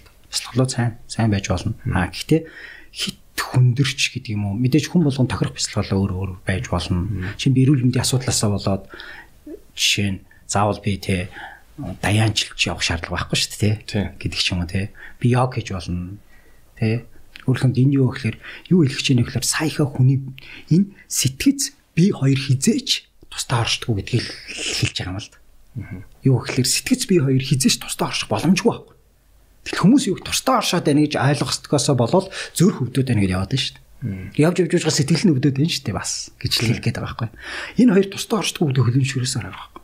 Яг тэгвэл одоо жишээ нь нөгөө намайг 14 13 4 жилийн өмнө одоо юу гэдгийг те сэтгцэн юмч боллоо гэж яхад нөгөө нэг чи ямар тэнэг амтан бэ гэж исэн хүмүүс ч одоо заримдаа те чи өөр юмч болооч те эндээ багшаа болоо шууд үлдээч гэдэг ингэж исэн хүмүүс ч одоо те аа гэ чи амар зөв зөв сонгосон байж шүү. Тэгээ одоо чамд одоо гэдэг эрсдүүлэн зөвшөөрсөн мэн те. Тий. Одоо чамд хөвгтэй үзүүлээ те. Одоо чамд тэрийгэ үзүүлмээр байна гэдээ явж штэ те. Бид нар ингээд цаг үе өөрчлөгдсөн те. Тийм. Та бас ингээд сэтгцэн эмгэгийг ярих юм юм баг үе дээрээ бол хүнд үе дээрээ бол гээд ингээ хуваагаад байна л та тийм. Ер нь хідэн үе байдیں۔ Одоо ханиад бол нэг 3 үе байдаг гэдэг. Нэг 4 мөр бах уу. Имгэг болгон өөр өөр өөр. За ер нь тус мөр. Ер нь дунджаар хідэн үе байдаг. Харин имгэг болгон өөр өөр. Тийм үү. Тийм жишээ нь архин дондох эмгэг гэх юм бол дотор 3 шаттай, нэг дөрөв шаттай. Архин дондох эмгийн нэг дөрөв шат, хоёр дөрөв шат, гурав дөрөв шат. Гэтэ энэ доотлолт нь хэтрүүлэр хэрэглэгчд гэдэг юм янд явж байгаа. За гэдэг ч юм тийм. Сэтгэл готрол бол биднес бол нөгөө нэг хөнгөн сэтгэл готрол тий. За дунд сэтгэл готрол хүн сэтгэл готролч гэдэг юм уу тий. Шаардлагат бол гүнзгий сэтгэл урт хугацааны байнгын сэтгэл готрол хэд хүрчлэх амиаг төгөллүүд нь давтагтаад ирдэг. Риск нэмэгдээд ирдэг ч гэдэг юм уу. Иймэрхүү асуудлууд яригдчихэв. За сэтгэл төгших эмгэг бол бас одоо шин 3 шатаар явж чинь дунд дунд ч гэдэг юм уу тий. Аа трама одоо жишээ нь масурлын хамаарлууд ч байдаг юм уу те эсвэл шисвэрний ч байдаг юм уу дотроо бол бас өөр зүгээр хэлбэр хэлбэрээр ямар хэлбэрээрс нь хамааруулаад жишээ нь те одоо ингээд нэг юм параной хэлбэрийн те кацутаны хэлбэрийн гих мэтчлэн ингээд дотор нь ангилждаг те хэлбэрээс хамаараад өөр өөр. Тэгтээ үе шатын хувьд гэх юм бол бид нэр зүгээр хамгийн энгийнээр хүмүүст ойлгуулахын тулд л хөнгөн донд хүн тийм аа гэж л тайлбарлах гэдэг байхгүй юм болгон дээр. Ер нь бүр ингээд 10 үе шат туваагддаг тийм юу байна уу? Сэтгцэн юм байгаа юу? Үе шат гэх юм бол тэгж болох боломжгүй байна. Үе шат гэдэг гэдэг утгаараа бол зөв хэлбэр гэх юм бол олон байна. Олон хэлбэр. Хэлбэр. Одоо явцаар нь ч юм ангилж болдог шүү дээ. Бүр явц нь өөр өөр байдаг байхгүй бас. Тэр өөрөө өөрчлөгдөж. Одоо жишээ нь за тэгвэл хоёлаа айдас тэр төгших эмгэгийг л дээ. Төгших эмгэг хичнээн одоо хэлбэртэй байх уу? Сэтгэл төгших эмгэг бол бие даасан сэтгэл төгших эмгэг гэж байна. Сэтгэл паник атак гэж нэрлэдэг. Сэтгэл төгших эмгэгийн нэг хэлбэр сэтгэл түвшний хүрээний эмгэг. Anxiety attack. Anxiety anxiety чинь anxiety чинь бол одоо яг нөгөө нэг э, одоо одоо одоо ерөнхий түгэм сэтгэл түвших гээд нэг юм anxiety байж байгаа юм тийм. Anxiety disorder дотор ч амар олон эмгэг явж байгаа. Бөөлж мүлждэг тийм. Бүр ингээд гівгэн чокнд орж мараад. Ямар ч хариу болж болно. Ямар ч хариу болж. Тэрний үгээр сэтгэл түвших эмгэг гэж болно. Айдас эмгэг гэж болно. Нөгөөх нь panic attack гэж нэрлэдэг байгаа. Тэрний үгээр сэтгэл түвшлийн attack шүү дээ. Яг anxiety attack мөн. Гэхдээ panic attack гэж нэрлэгдэг. Сандрах эмгэг гэж нэрлэдэг. Монголоор бол одоо panic эн чинь энэ төрлийн эмгэгүүдийн нэг байна. За цаашаа нөгөө phobia гэж нэрлэдэг. Сая айдас эмгийн талаар ярьж фоби нэг олон төрлийн. Тэр нь social phobia байж болно, agoraphobia байж болно. А өрмөц одоо өндрөөс айдаг байдаг. Өндрөөс айх ч одоо яг нэг өрмөц айц дотор ордог байхгүй. Мянган төрлийн айц байна гэж би яриад байна шүү дээ. Тий. Багтаа мянган төрлийн айц гараад ирсэн байна. Одоо энэ чинь бүр хөгжөөд шүү дээ. Бүр ингээд дэлхийн өөрчлөгдсөн гэдэг бүгд өөрчлөгдөд хөгжөөд байна. За дараа нь олигт бодлын юм гэж байна. Тий. Олигт үйлдэлийн юм гэж. Энэ anxiety юм дотор бас багтчих. Одоо сэтгэл хөдлөлийн юм дотор багтчих явж байна. Өөрөө яаж вэ гэхээр энэ дотор нөгөө хүчтэй стресс хариуруул юмгүүдээ ярьж ирсэн нөгөө хүн зочирлын шокийн хариуруулууд өгөөдсөн. Эсвэл нөгөө пост травматик юм гэгүүд. Тэгвэл төгөлстө зүрх салхалаад пэлбэгнээд байна гэвэл нилээн сайн яахгүй бол бүр ингээ ерхийлж бол болохгүй юм тий. Нилээн сайн тодорхойлох хэрэгтэй юм тий. Хэлэх юм бол бүгднгийн нарийн одоо энэ сэтгэл хөдлөлийн чинь чинь ягаад төрөлцсөн нарийн мэрэгэл биднээс багтаа 8 жил сурч иж энэ мэрэгжлийг бишээ 8 бишээ 10-аад жил баг сурч иж энэ мэрэгжлийг авдаг байна шүү дээ. Одоо би яг энэ чиглэлээр одоо 19 жилдээ сурч юм л да тий. Тэгтэл багтаа 10 жил сурч сэтгэлч болох нь шүү дээ нэг 9-10 жил сурч иж л тий.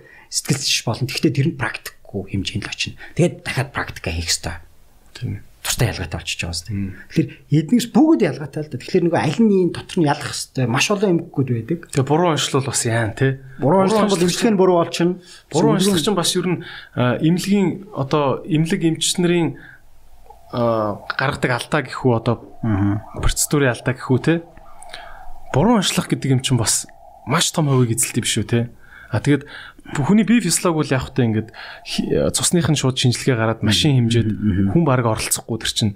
Цуснд чинь шууд тийм миллиграмтай тэдэн юм байна гэ гараад ирж байгаа юм чинь те тэгэхээр нөгөө сэтгцэн эмгэг төр онцлогооны алдаа хэрэг хэдэн өвтэй байдیں۔ те За их тийм судалгаа бол байхгүй байна. Аа. Ер нь зөв таны баримжаагаар за ер нь нэг 100 хүн ажиллахад тэд дээр нь алдах магадлал амар өндөр шүү гэдэг юм байдгүй. Тэр чи одоо харах барих юу ч байхгүй зү. Одоо тэр нь сэтгцэн эмгийг онцлохдоо хизээч одоо юу гэдгийг те а хоёр төрлийн онцлогоо байна. Статусын онцлогоо гэж нэг юм байдаг. Аа за. Тэгээ үндсэн онцлогоо гэж нэг юм байна. Хоёр төрлийн онцлогоо гэдэг нь шүү дээ. Статусын гэдэг нь яг одоо чи битээр ингээд ярьж байгаа чиний одоогийн сэтгцэн байдал дээр нэг онцлог явж болдог. За тэрний статус хам шинжээ хаш тавьдаг. Шинж тэмдэг юм уу хам шинжээ хаш тавьдаг гэсэн үг. Тэгэхээр ойлгож байна уу? За ойлгох хэлчихэж байна. За тэрний үхээр яг одоо өнөөдрийн байдлаар л бид нар PCR хийгээд өнөөдрийн байдлаар би ковидгүй байна гэж байгаа шүү дээ. Тэрнтэй адилхан чи өнөөдрийн байдлаар тийм байна. Далд хэлбэртэй байгаа мó үгүй мó мэдэхгүй шүү дээ. Мэдэхгүй зүгээр л чи өнөөдрийн байдлаар сэтгэл готрол шинж тэмдэг шамдал ирчих. Чи сэтгэл готролтой яваад байна чи. За гэдгийг статусын хаш одоогийн байдлаар буюу яг одоогийн байгаа байдалд нь сэтгэл зүйн хувьд энэ хүн ийм асуудал байгаад тахш өөрчлөсөн байл. Тэр нь зүгээр сэжүүр гэж болно. Тэр сэжүүрээс одоо юу гэдгийг тийм маш олон эмгэг тарж болно. Аль нь ч хийж магадгүй. Тэгэхээр тэр олон эмгэгийнх нь аль нэг нь явсаар байгаа явсаар байгаа олон удаагийн уулзалт клиник үзэлгүүд байнгын одоо юу гэдгийг зөвлөгөө явж явж явж явж байгаа. За энд байна. Энэ зарим нь хавсардаг. Жишээ нь саяны anxiety disorder-ууд хизээч юу гэдгийг нэг нь бие дааж илэрх тохиолдлууд нэг ховор. Дандаа хавсарч идэг сэтгэл төвшил айцтайгаа авсардаг ч гэдэг юм уу тий. Жишээ сэтгэл төвшөнд паниктайгаа авсардаг, айцт нь паниктайгаа авсардаг ч гэдэг юм уу. Дал сэтгэл готрол нь давхар заавал сэтгэл готрлын хариу уруулын давхар заавал явж идэг ч гэдэг юм уу тий. Эсвэл тэр нь өлегт баталтайгаа авсардаг авсарч байдаг ч гэдэг юм уу тий. Хин янз бүр байдаг байхгүй. Тэгэхээр тэрийг нь яг хөөхлөөр дараагийн онцлогоонуудаар өөрөлдөх юм бол сэтгцэн эмгийн эцсийн онш бол заримдаа 1 жил 2 жилийн дарааж тавигдчих болно. Эцсийн онш. Шууд тавихад одоо юу гэдэг нь тийм яарах шаардлага байдаг. Хм тэр ёстой барьцгүй маа те таны зүгээр баримжаагаар та нэг тоо хэлээч гэвэл за мэдээж энэ зүгээр албан ёсны бос юу шүү? Телевизийн айхтар нэвтрүүлэг биш шүү дээ. Аа баримжаагаар 100 хүн онцлоход хэддээр нь ер нь эмчнэр алдаж онцлох бол? Аа статусын онц дээр бол нэг алдахгүй хаа за. Аа эцсийн онц дээр бол нэг 10% байж болох юм. 10 10% гэдэг нь? Одоо юу гэдэг юм тэр нь? Тэр тодорхой тэр нэг юм богино хугацаагаар л тайлбарлана шүү дээ. Чи би 21 хоногт тэр хүнийг оншин тавьж байгаа бол Аа тэр нь цаашаа ачаад 3 сар болох юм бол энэ хойно багасаад бүр 99 руу орно ч гэдэг юм. Тийм ээ. Их урт хугацаа тэр үйлчлүүлэгчтэйгээ урт хугацаанд байх тусмаа байх тусмаа онш тодорно. Тийм ээ. Хүмүүс бол ихтэй айгу хурдан өмсдөг штэ. Аа. Чи нас нэг газ нэг юм сэтгэл засалчтай уулзаад нэг 2 удаа уулзчлаа уулзлаа нэг 30 30 минут уулзсан. Намайг тэгээд ерөөхдөө тийм гүн готралтай юм шиг байна гэсэн гэд ингэдэж штэ. Тэгэхээр бас ер нь хамгийн багтаа ер нь одоо тань шиг эмчтэй хид уулзж ээж ер нь тэ нэг 10-аас 90% биш ээ 100-аас 90% одоо оновчтой онцлуулахад хангалттай байдیں۔ Багтаа 3 уулзах хэвээр. Нэг уулзалтаа хэдэн минут уулзах вэ? За багтаа 2-аас 4 цаг уулзна. Хм. Нэг уулзалт. Пүүх. Тэгжээж угаасаа бид нар чинь тэгжээж онц тагтруулна. Аа давхрын яадаг өгөхлөр шинжилгээ хийдэг байхгүй энэ дээр. Сэтгцийн чинь чинь манад бол нэг мана мана MRI гэдэг бадаг баг нэг эмгэгдэх судлалын шинжилгээ бас. Эмгэгдэх судлалын эмгэг сэтгэц судлалын шинжилгээ гэж бас нэг юм тусдаа шинжилгээ гэдэг юм л да. Одоо нэг тестөө сорилууд бүглүүлээл те. Шаардлагатай үед жишээ нь чи ингэсүгт би ингээд клиник өсөж явж байгаа. Окей шаардлагатай үед би ч юм уу сэтгэл хөдлөлийн сорил бүглүүлж болж байна.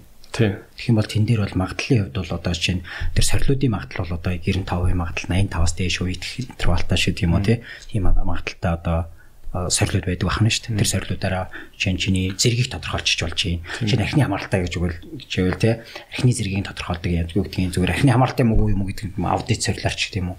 Ийм сорилын басамжууд гэдэг юм уу те. Бас олон байж байдаг. Тэгэхээр клиник хүслэгийг сэтгцийн онцлогоонд бол клиник хүслэгийг хизээч харах гэж болохгүй. Клиник хүслэг байхгүйгээр хизээч онц тогтрохгүй. Клиник үзлэх гэдэг нь яа гэдэг. Одоо бол нөгөө үзлэх хийх нь ш нөгөө үнтэйгээ ярилцах, асуух, нөгөө дөрөв цаг ярилцаа суух нь ш. Надаа нэг клиник гэдэг үг сонсохоор нэг юм цус мусны шинжилгээ, шээсний шинжилгээ шууд бодогдоод биш. байхгүй. Тэгэхээр тийм одоо сэтгцэн эмхтэй хүнээс давхар цусны шинжилгээ, шээсний шинжилгээ авах авч болно ш. Аваа ш угаасаа бүх ямар бодис нөлөөлөд байна гэдгийг харах юм биш үү? Ингээ тэрний юу гэхээр органик шалтгаантай юм сэтгцэн эмгүүд маш олон байдаг байхгүй. Аа. Зүгээр л нэг даавар дутаалав. Биш органик Яг уу. Даварч үйж болно. Давраас ч үйж болно. Хоёрдугаарт шинэ гинтлээс үйж болно. Аа.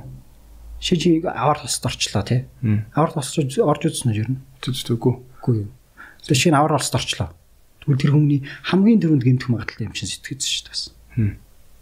Тэгээ бид нэр ингэдэг шүү дээ. Оо би ингээд аа 2 3 удаа тий маринас унсан тий яг зүгээр л явчих юм гээл тий. Нэг хавиргаа угалж исэн гэж явж шүү дээ. Тэгээ Хурдан морины хөвгт байсан гээл. Тий, тэгээл нөгөө машин дээр нэг 3 4 ирэхсэндээ нөгөө тэгээ нэг харсан чарин би имлэгт байсан. Байл ингээл Хүн ярьж гэдэг чинь бас л бүх юм бэл шүү. Тэр гэж ярьдаг тий.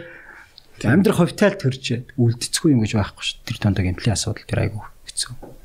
Тэг ер нь бол биеийн хүнд гимтэл авсан хүмүүс хүн болвол бие эмчилж дуусчаад дараа нь бол заавал сэтгэл заслын эмчт бол давхар үзүүлмээр л юм байна тий. Сэтгцэн эмчэд магадгүй шаардлагатай бол тэр дундаа гэмтлүүд нь тархины гэмтлүүд хавсарч байгаа шүү. Тийм ээ. тий. Тархины гэмтэл. Яг л сэтгц өөрөө ерөөсө тэр чигээр хэрэгтэй холбоотой хэрэгтэй. Тийм ээ. Би ч нэрээ жоохон бахта гараа угалж исэн юм шиг бододсон чинь. Унаад. Бас тэндээс юм яаж мэддэг те. Одоо юу а та сорилууд бүгэлдэг гэж штэ те. А нэг Facebook дээр нэг иймэрхүү юмнууд явж лээсэн л та. Энэ 20 асуултанд хариулчих. Тэгэх юм бол чи архины хамааралтай байна уугүй юу гэдэг чинь эмч яа тодорхойлоод үгүй энэ төр гэл те. Хүн Google-с ч юм уу ингээ хайгаад өөрийгөө бас нэлээд хөөрхөн ямар хэмжээний сэтгэл готролтой байгаа ямар төрлийн готролтой байгаа ингээд гуглээр сорил бүглөөд олчих болох Байна шүү. тиймэрхүү юм дээр гайгүй их усрүүд бий юу байна одоо гайгүй вебсайт ч юм уу? яг оо интернетээр дүүрэн байна зүгээр л би шинэ depression аншлаа диагностик хийя гэх юм бол шууд depression diagnostic гэх юм бол тестүүд depression test гэдэг хичгэл гараад ирчих төмөн тест гарч ирнэ. Тэгээ тэр нэг ит- итгэх одоо нөгөө өрөмс чанарууд гэж байдаг байхгүй тэр тестийн нөгөө онцлох үнэн зөв онцлох магадлал нь 90% тай 85% тай 95% тай гэдэг янз янз байдаг. Тэгээ тэр э, сорилуудыг нэг биш 2 3 гэж бүгэлчж болно шүү дээ. олон юм бүглөөд ингээд хооронд бас ингээд явчих жолно Cross check хийгээд, тий. Эдинбург ч гэдэг юм ингээд янз янзын сорилууд байна. Одоо ши Спилберг ханины сорилго сэтгэл хөдлөлийн сорилууч байдаг юм уу? Өөр өөр шин дайсын шинжилгээч гэдэг юм ингээд тэр скринингүүд байж болно. Аа тэгтээ тэр зарим одоо 40 50 асуулттай юм байвал арай нөгөө про сорилууд ахна шүү дээ тий. багтаа хэдэн асуулттай байд ерөн сорилууд? Харилцаа адил уу? Юунаас хамааруулаад. Чинь скрининг сорилуу? Аа яг одоо нөгөө онцлогооны сорилуу гэж хоёр өөр сорил байдаг байхгүй. скрининг чи юу болчлаа Скрининг гэдэгт урьдчилсан байдлаар хамаглах богино хугацааны сорил гэсэн. аа за Скрининг. Тий. Ер нь бол зүгээр хар ухаанаар бодох нэ надаас 5хан асуулт асууснаа л намайг оншлно гэж бол байхгүй баймир тий. Тий. Ядаж нэг юм 20 талаас 20 өөр асуулт сууж иж нэг юм юм гармаар та тий. Тэгэхээр Тэгэхээр нөгөө онцлогооны сорилууд нь болохоор багада 20-оос 40 асуулттай байж их жишээ тий, тий. Аа, скрининг сорилууд нь 10 хүртэлх асуулттай байж идэх ч гэдэм үү байж болдог байхгүй. Тэгээд энэ энэ скрининг асуултаа бол энэ энэ асуумж бүглээрээ. тийм. Энэ асуудлыг бүглөөд асуултаа гарчвал одоо чи мэрэгжлийн өн дээр очаарай гэдэг байхгүй. Тэр шиг энэгээр онцлж за эмчлээ гэдэг өөр юм байхгүй шүү дээ. Би ерөөсөө өөр юм. Заавал мэрэгжлийн өнөр давхар очиж онцлуулна. Ягаад нэг удаа үзэхдээ 4 цаг үзчихэд те нэг удаа үз тэгээд тэр чинь 3 4 удаа дахин дахин давтан үзэж байгаа зөвхөн статусын тодорхойлогч статусын шиг олж иж болно шүү дээ. Тийм. Ягаад гэж яах гэхээр тэр олон цаг үзээд нь шүү дээ. Тэр хүн дээр баг те за 3 удаа үзлээ гэж бодоход за барыг хамгийн багадаа 10 цаг зар- зарцуулах гэдэг шүү дээ тэр хүнд чинь. Зөвхөн онцлогоонд 10 цаг зарцуулах гэдэг шүү дээ. Багтаа. Тантай одоо ингэ ярихаар нэг бодлын ингээд э, ойлголттой болоод сайхан баярлж байгаа ч гэсэн нөгөө бодлын нэг зүйл над намайг айгу яаж юм л та одоо санаа зовоож юм л та. Юу вэ гэхээр энэ энэ эмчийн хүрэлцээ гэдэг юм чинь бүр асар юу юм шүү. Дутагдaltaй юм шүү, тэ? Одоо тань тань тань дээр ингээд бүр 3 4 уулзж иж нэг дөнгөж оншоо ингэж тодорхойлуулж ийн Аа. гэхэр чин цаана ингээ мянган хүн өвдсөн байгаа тэд нар ч одоо яах юм бэ гэдэг асуудал биш үү? Таны цаг чи хүрэлцэхгүй шүү дээ. Тэгэхээр яах вэ одоо тэр хүмүүс? Уг нь бол одоо яхаа зүгээр нэг юм байгаа. Уг нь сэтгэл эмчнэрийн э, ч юм уу сэтгцэн эмчнэрийн хүрэлцээ гэх юм бол уг нь бол Монгол улсын хэмжээндээ бол одоо энэ 150 60 байдаг билүү ингээд байгаад байгаа. Тэгээ яхаа зүгээр энэ тоогоор хүн хүн амынхаа одоо нужилсан тоогоор бол хангалттай байна. Аа тэндний юу гэхээр Уг нь сэтгэл зүйч сэтгэлсийнхаа амж болон сэтгэлслийн амжтай хамтарч ажиллаж явах хэрэгтэй байдаг юм л да. Жишээ нь Солонгост яадаг вэ гэхээр ингээ мянган ортой эмнэлэгт хүчээ хүчээ нэгтгэж ажиллаж шүү дээ. Одоо чинь мянган ортой эмнэлэг байлаа гэж бодоход клиник сэтгэл зүйчдийг аваад ажиллуулж байгаа. Тэрний өглөө тэр мянган ортой эмнэлэгт хамгийн багадаа 20 сэтгэл зүйч ажиллаж байдаг. Аа за. Тэгээ тэрийг нь одоо юу гэдгийг те үндсэн чиглэл өгч яадаг нэг психиатри байж байдаг. Нэг сэтгцэн эмчдээр нь ажиллаж байдаг. Бүгдийг нь өдөртөө за өнөөдрийн үед ингэдэг асуудлыг шийдэж тэр эмчийнх нь одоо юу гэдгийг те яг хар ажлыг очиж хийж өгч гин гэсэн үг шүү дээ. Өөрөөр хэлбэл тийм профешнл одоо юу гэдгийг анхлагаа юмнуудыг олох сэтгцэн эмч нь бүгдийг нь гаргаж яддаг ч гэдэг юм уу те мэдээж тэр нь одоо нэг одоо юу шөнө байгаа зүжиж жирэмчийн асуудал яригдчихэж байгаа шүү дээ. Тэр нь шул мянган хонд ганцаараа явахгүй шүү дээ. Тоор нь ажиллаж байгаа хүмүүс гэж байдаг байхгүй жишээ. Сэтгэл зүйч нартай бид нар жишээ ингэж ажиллаж иж болох боломжтой байхгүй. Тийм ээ. Тэгээ яг зүгээр одоогор бол манад бол нэг тийм ихвчлэн жоохон дандаа хувийн хувийн амби жоохон амбишн байгаад байгаа шүү дээ тий. А яг улсын хэмжээний гэдэг юм бол яг дөрвүүд дээр бас сэтгэл зүйч албан ёсны сэтгэл зүйч ажиллаж байна. Эндийг анх бол одоо баян зүрх дээр би бас санаачлаг гаргаж иж тэнд одоо дүүрэгт анх удаа сэтгцийн одоо сэтгэл зүйн төсөлмж үйлчлэхээс авал дүүргүүд дээр завхар байж байгаа. Ганц сэтгцийн эмч биш те. Тэр наркологи эмч хоёр байдаг байсан те. Сэтгэл зүйч заавал байх хэрэгтэй гэдэг юмыг оруулж тэрийг хэмжээж илүү тусалж өгч штэ те. Ажил дээр. Одоо жишээ нь энэ бол яг хөө тэр тэр хүн чинь бол илүү клиникч нь штэ. Яг л эмнэлэгт тойрч байгаа учраас. Тийм ээ. Илүү клиникч боломж нэ гэдэг чинь. Дандаа ямар хүмүүстэй амьднаш ажиллахгүй байх нь штэ. Гэтэ энэ одоо юу гэдэг хүмүүстэй ажиллах бол тийм амархан биш яг үнэхээр яг сэтгэл зүйн үед бол одоо юу гэдгийг би сайн хамгаалт хийж сайн одоо юу гэдгийг те протоколоо сайн хөтөлж протоколоо сайн барьж явахгүй бол жишээ нь би өдөрт идэлэн та өөрөө бас автчих магадгүй шүү дээ. Тэр нөлөөлнө шүү дээ. Би өдөр чинь 4 цагаас илүү хүнсж болохгүй байхгүй юу? Тэр чинь бас сэтгэл хэмжлэхийг бол.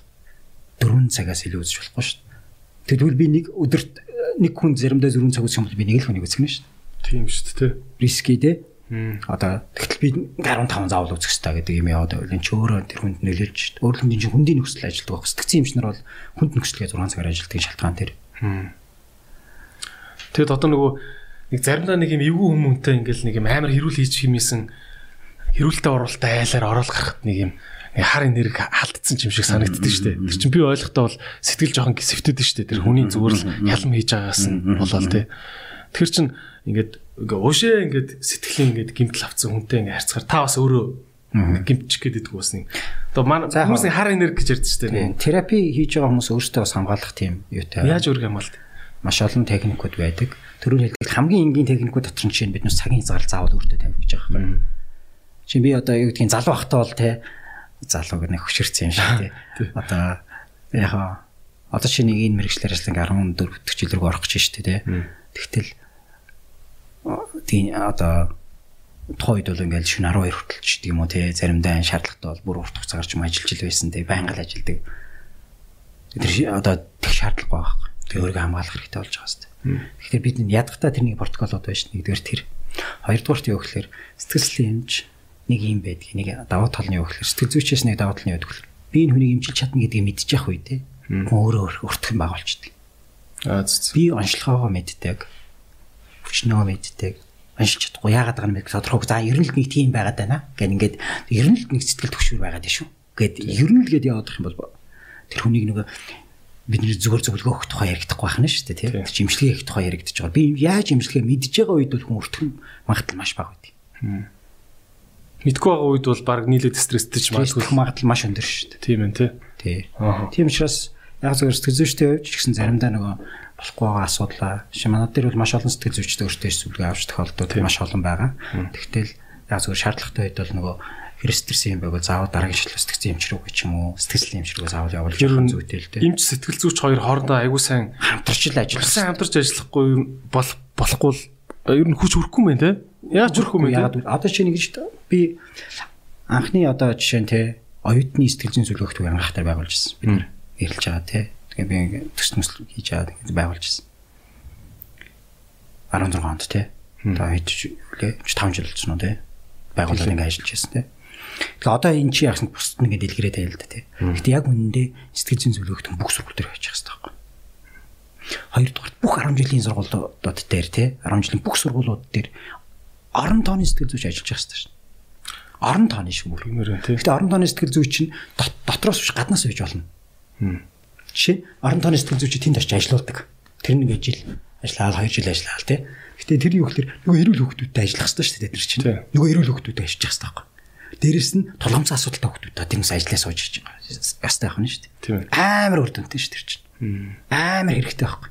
Тэгээ бид нар одоо ийм систем энэ төр одоо манад хэрэгтэй байгаа даа шүү дээ.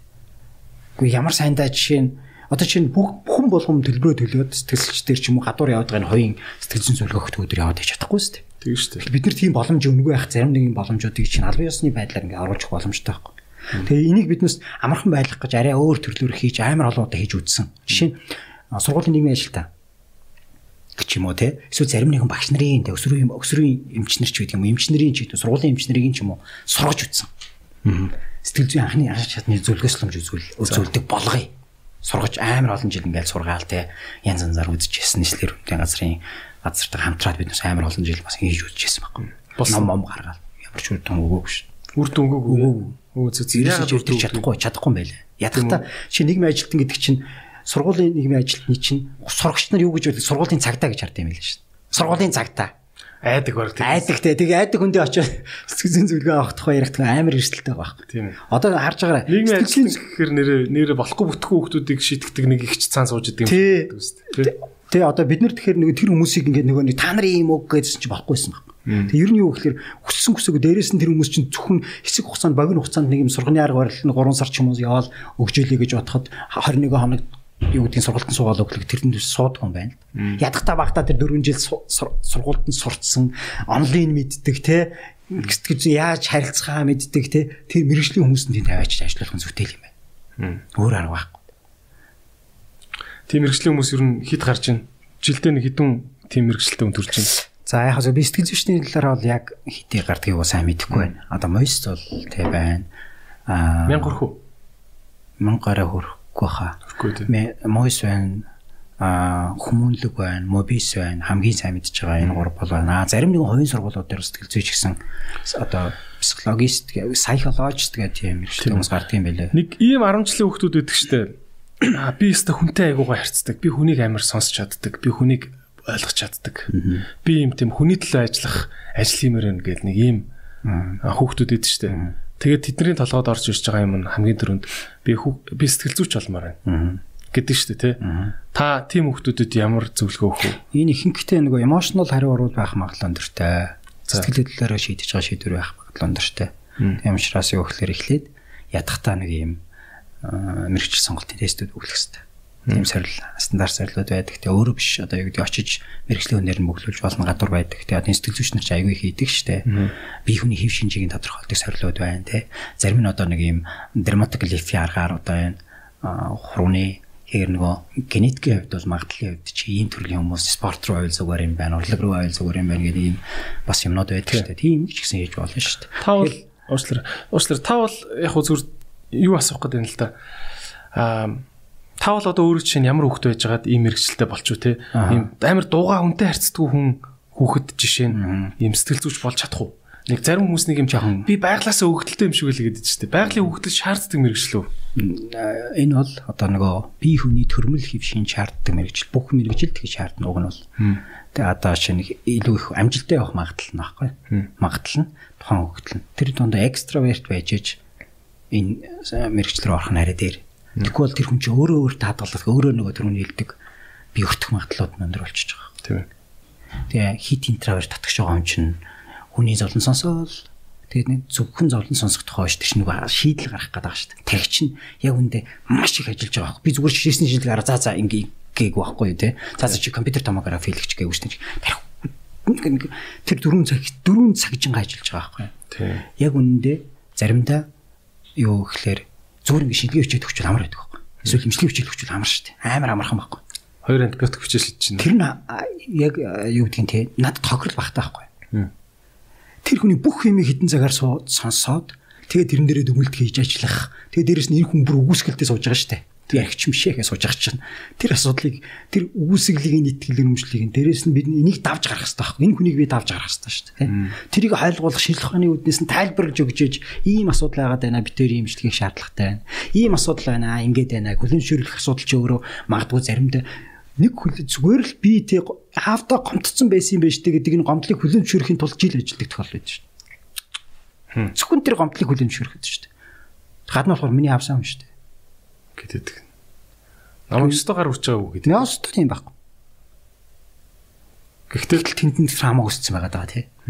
Тэгэлж боддоо жишээ нь хүчрхийллийн золиосоос хүмүүс хизээч тэр хүчрхийлээ ухамсар тархиндаа ч юм уу хадгалдаг байхгүй. Яг үл тэр чинь хадгалагд ухамсартай ингээд нэг санагдаал ингээд байгаад хүн амар их төгшөөрт ор тэр сэтгцэн имгэг болж шít. Тэгэхээр автоматар шууд нуудаг байхгүй. Ширийн доогоороо unconscious mind руугаа хийдэг. Биднээс ярих нэг үл ухамсарлах үе гэж нэрлэдэг тий.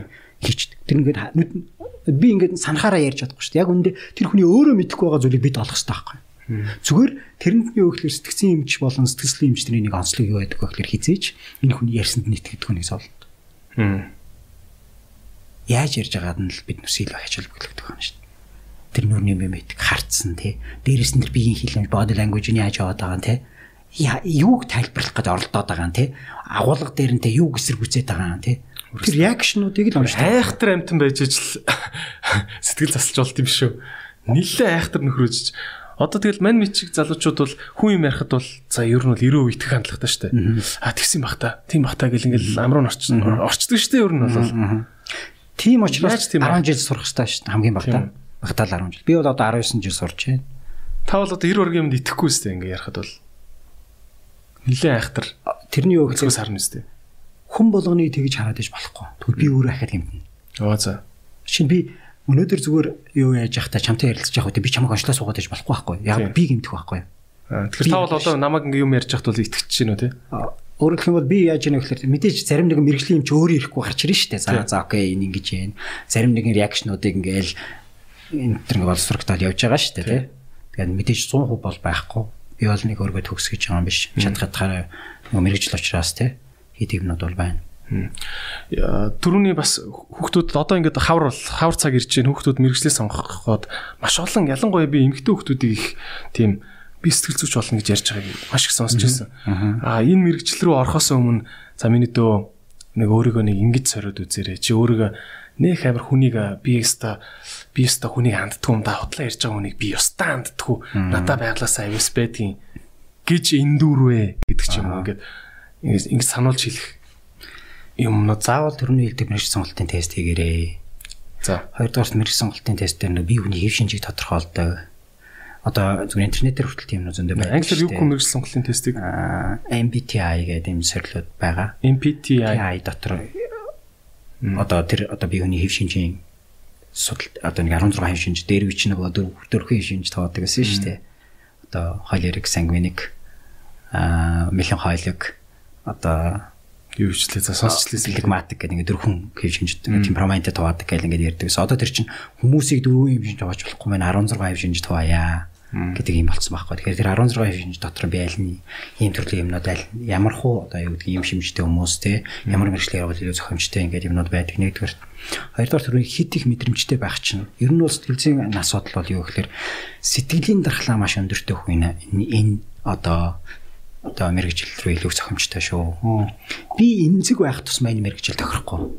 Би мэдрэмтгий байх тусам хит мэдрэмтгий байх тусмаа энэ мэдрэм одоо мэрэгжил тохирохгүй. Хоёрдугаарт миний emotional intelligence сайн байж иж би энэ мэрэгжил рүү орно. Тийм. Ядахта би хүмүүний хүний сэтгэлд хүлээж би ингээд нэг хариу оруулах өгтөө хүртэл би нэг нүүрний меметикээрээ зөв хариу оруулах өгч чадчихэж энэ хүнийг ойлгодог. Тэгээ заримдаа би болохгүй байгаа зүйлийн зөвхөн нүдэрээ хэлнэ шүү дээ чи буруу ойлгоод байгаа зүйлийг чинь би зөвхөнөдөрөө л хэлнэ ш. Тэрнэш бол заавал заримдаа бүгдийг нь хэлэх албагүй байхгүй. Тийм. Тэгэхээр биднес emotional intelligence би нэг юм сайтай байх, төрмөлийн сайн байх. Энд чи өөрөө хэлэх юм бол 50% төрдөг байхгүй. Хм. Чи нөгөөгддөг, өгөгдөл байхгүй. Дээрэс нь 3 дугаар төрөний хэлдэг, 4 дугаарт юу гэхээр нэг экстраверт байх хэрэгтэй бас. Тийм. Тэгжээж би өөрийгөө хамгаалдаг бас. Тийм. Ер нь та хэллээ шүү дээ хүн 16 төрөл хуваадаг гэж байна те. Та жишээ нь ямар төрлийн хүн бэ? За би тэрийг хэлэхгүй байж болох уу? За. Окей. А ер нь ямар төрлийн хүмүүс илүү юу байх магадaltaй одоо сангвиник энтер гэлэрлээ шүү дээ. Ямар төрлийн хүмүүс а юу байх магадaltaй илүү сайн сэтгэл засалж болох магадaltaй. Харин сая хэлсэн ингээд шинж тэмдгүүд би яриад шүү дээ. Экстраверт явах хэвээр. Хоёрдугаар тэр хүн нэлээд логиктэй байх хэвээр. Хит их нөгөө зүүн совиндоо итгэдэг ш логикт итгэдэг хүмүүс нь илүү сайн байдаг. Тийм үү. Ийм дотор нөгөө зүүн совингоо дагдаг логикоо дагдаг хүмүүс байдаг байхгүй бас. Тэр чинь нөгөө нэг автомат үлүүдийнх нь 50% нь автомат өгөгдөл байдаг байхгүй. Тэ.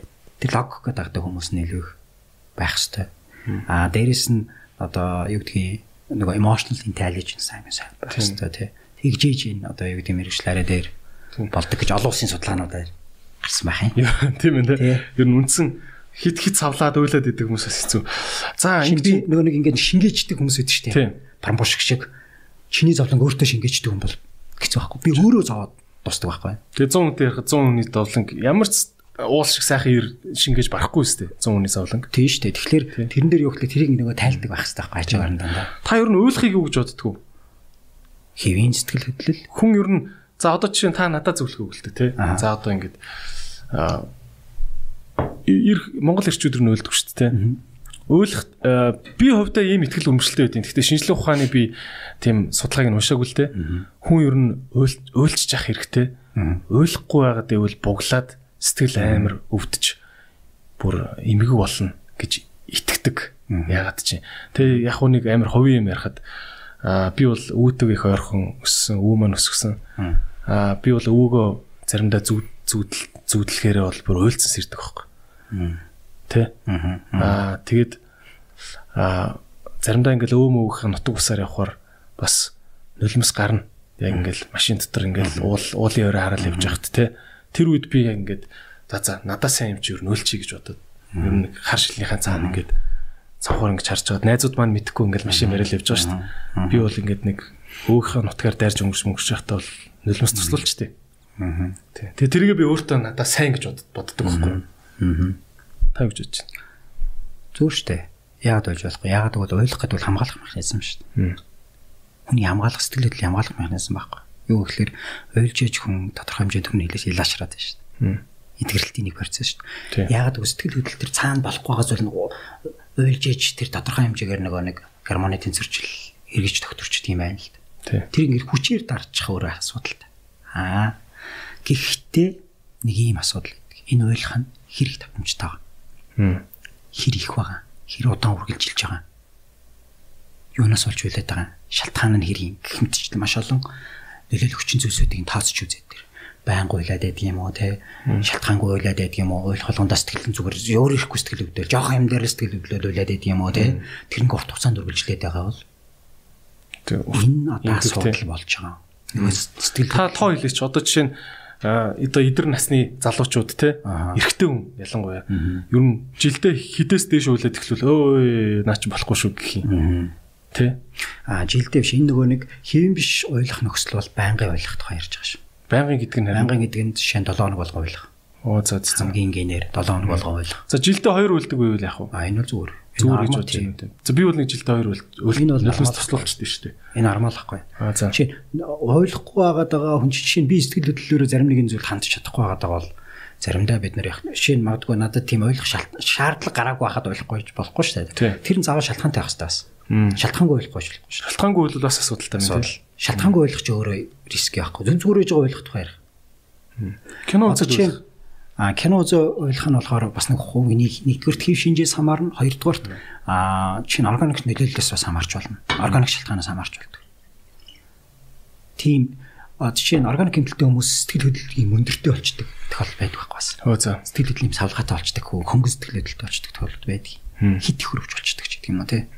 Тохиолдол байна. Гэтэ тэр чинь нэг тийм зайлшгүй нэг эмгэг хэмжээнд бол биш л тий. За зарим нь эмгэг хэмжээнд байна сэтгэл хөдлөлийн эмгэг гэж байдгийн. Гэтэ одоо нэг ярихаар амар том юм яриад болохоор би болохоор аль болох нэг галтгооны нов хаавал асуучих гээд байна л та. Аа за. Танд нэг ингэ хэлчих хэлчих юм байна уу? Нэг за залуучууд ер нь бол нэг уйлралтаа нэг үйлчлэх зүгээр шүү. Сартаа нэг нүлмэс туслуулцдаг байгаараа ч юм уу. Тэгж хэлэх тийм тоо байдаг байхгүй. Баггүй тий. Зөвөр энэ шалтгаан л хэрэгтэй. Чин чи хүн л юм бол чиний сэтгэл хөдлөлөөс авлаа шүү дээ. Би золон тохиолдож байгаад ойлгохгүй байгаа чи хайр татны үний халчод ойлгохгүй байгаа гэвэл энэ асуудал байхгүй. Тэгэхээр харж нэг ажил явдал болж байхад нэг нэг уйлаал гар тэр хүмүүст хүмүүс санаа зовол нэг ойлгохгүй л байгаа даа шүү дээ тийм. Энэ ч гайгүй юм байна гэж ойлгохгүй байгаа хүн асуудал таахгүй одоо. Яг энэ үед бол тэр уйлаад байгаа хүн идгэрч байгаа байхгүй шудраг хэлгээд. Хамаг юм агаргаад яриад шүү дээ. Яасан би нэг хайртай хүмүүс маань ингэж л дадраа. Уйлаад байгаа хүн сайн идгэрч байгаа нэг. Уйлж. Гэхдээ манай хаж нэг уйлж байгааг харахаар нэг сэтгэл нүдэд битгий уйл гэж байдаг шүү дээ бид нар болохоор ойлаа. Сайн уйлж. Барууных нь бол эсрэгээр үүд юм бэлээ. Сайн уйлчих. Одоо сайхан уйлаад ав. Хизэж харин ч нөгөө нөгөө миний мөрөн дээр уйл энэ төр гэлээ. Дуу мөн шүү дээ. If you wanna cry, cry on my shoulder тэгэл дуу байдаг шүү дээ. Тэр чинь нөгөө сайхан үйлдэл авал гэл дэмжиж идэм билээ шүү дээ тий. Итгэрл واخгүй. Аа. Чиний хилээд байгаа итгэрл واخгүй. Сайн зүйл واخгүй бас. Түр харин яг энэ үед нөгөө нэг юм энэ юм хат устгал дээр суулгахгүй шүү гэж бол харин би тэр тэр хүмүүс тэр хүн дээр жинхэнэ сэтгэлзэн зөвлөх хэрэгтэй. Тэр хоёр татных нь байгаад шүү дээ. Охин нь байгаад шүү тий. Тэгэхээр тэр хүн сэтгэл нь бас тэр ингээд насан туршдаа гэмтлээд ингээд шаналал өвдөд үйлээд ах магадлал өндөртэй шүү дээ. Тий. Бид тэр зүгээр санах тухай яригдах. Мэдээж тэр чинь миний амьдралын нэг хэсэг амар том хэсэг маань алга болчихж байгаа юм чи. тий. Хүс үсэг хүмүүс тэр хариу бол илэрхэн тодорхой. А тэрнээс шүүл тоо хэлэх боломж байхгүй. Тийм ээ. За танаас бас нэг тоото асуулт асууя. За өсвөр насны хүүхдүүдийн 95% нь өөрийнхөө нууцыг зөвхөн найз нөхдөдтэй ярьдаг гэж байна. Тийм. Энэ үе үед л байсаар ирсэн зүгээр юм юм уу эсвэл ямарваа нэг юм болох байлчээд байна уу? Энэ бол хүмүүжлийн алдаа шүү дээ. Ерөөс тэр чигээрээ. За Ерөөс ягд нөгөө нэг ярьдаг. Бид нар захирангуй харьцдаг тий. Хизээч- хэдүүхтэй байвал зүгээр болох уу? Нийгэм гайгүй ирүүлэн гэж үзэх үү? Яа за энийг энэ энэ энэ хуваар нь тооцох боломж байхгүй За. Гэхдээ энэ бол асуудал нэг хамгийн энгийнээр тайлбарлах гэж болтой. Энэ нь нууц гэдэг нь маш чухал нууцын талаар ярьдаг ярьсан судалгаа л да энийг өсвөр хүний тунд хийсэн би өөрөө энэ судалгаанд оролцож байсан учраас мэдээд байгаа. Тий. Тэр өсвөр хүний 10 жил сургуулиудаар хийсэн авсан судалгаа л да. Тэгэнгүүт нь 15 настай хүүхэд амар хүнд хэцүү асуудал тохиолдсон гот нь 15 настай найзтай тэр нууцаа ярьж байгаа. Мм. Тэгээд 15 настай найз нь 15 настай хүүхдийн зөвлөө өгнө. Амар том асуудал байгаа. Тийм ээ. Зарим нь 12 настай шүү дээ, тий. Тий. Тэгтэл бид нар эцэгчүүд яадаг вэ гэхээр зүгээр хүчээр мундаг болох гэдэг. Хүчээр чи давж гар. Нөгөө сэтгэлийн тэнхээ хүчээр бий болох гэдэг. Сэтгэлийн тэнхээ хаанаас бий болдог вэ гэхээр эдгэрчээж бий болдог шүү дээ.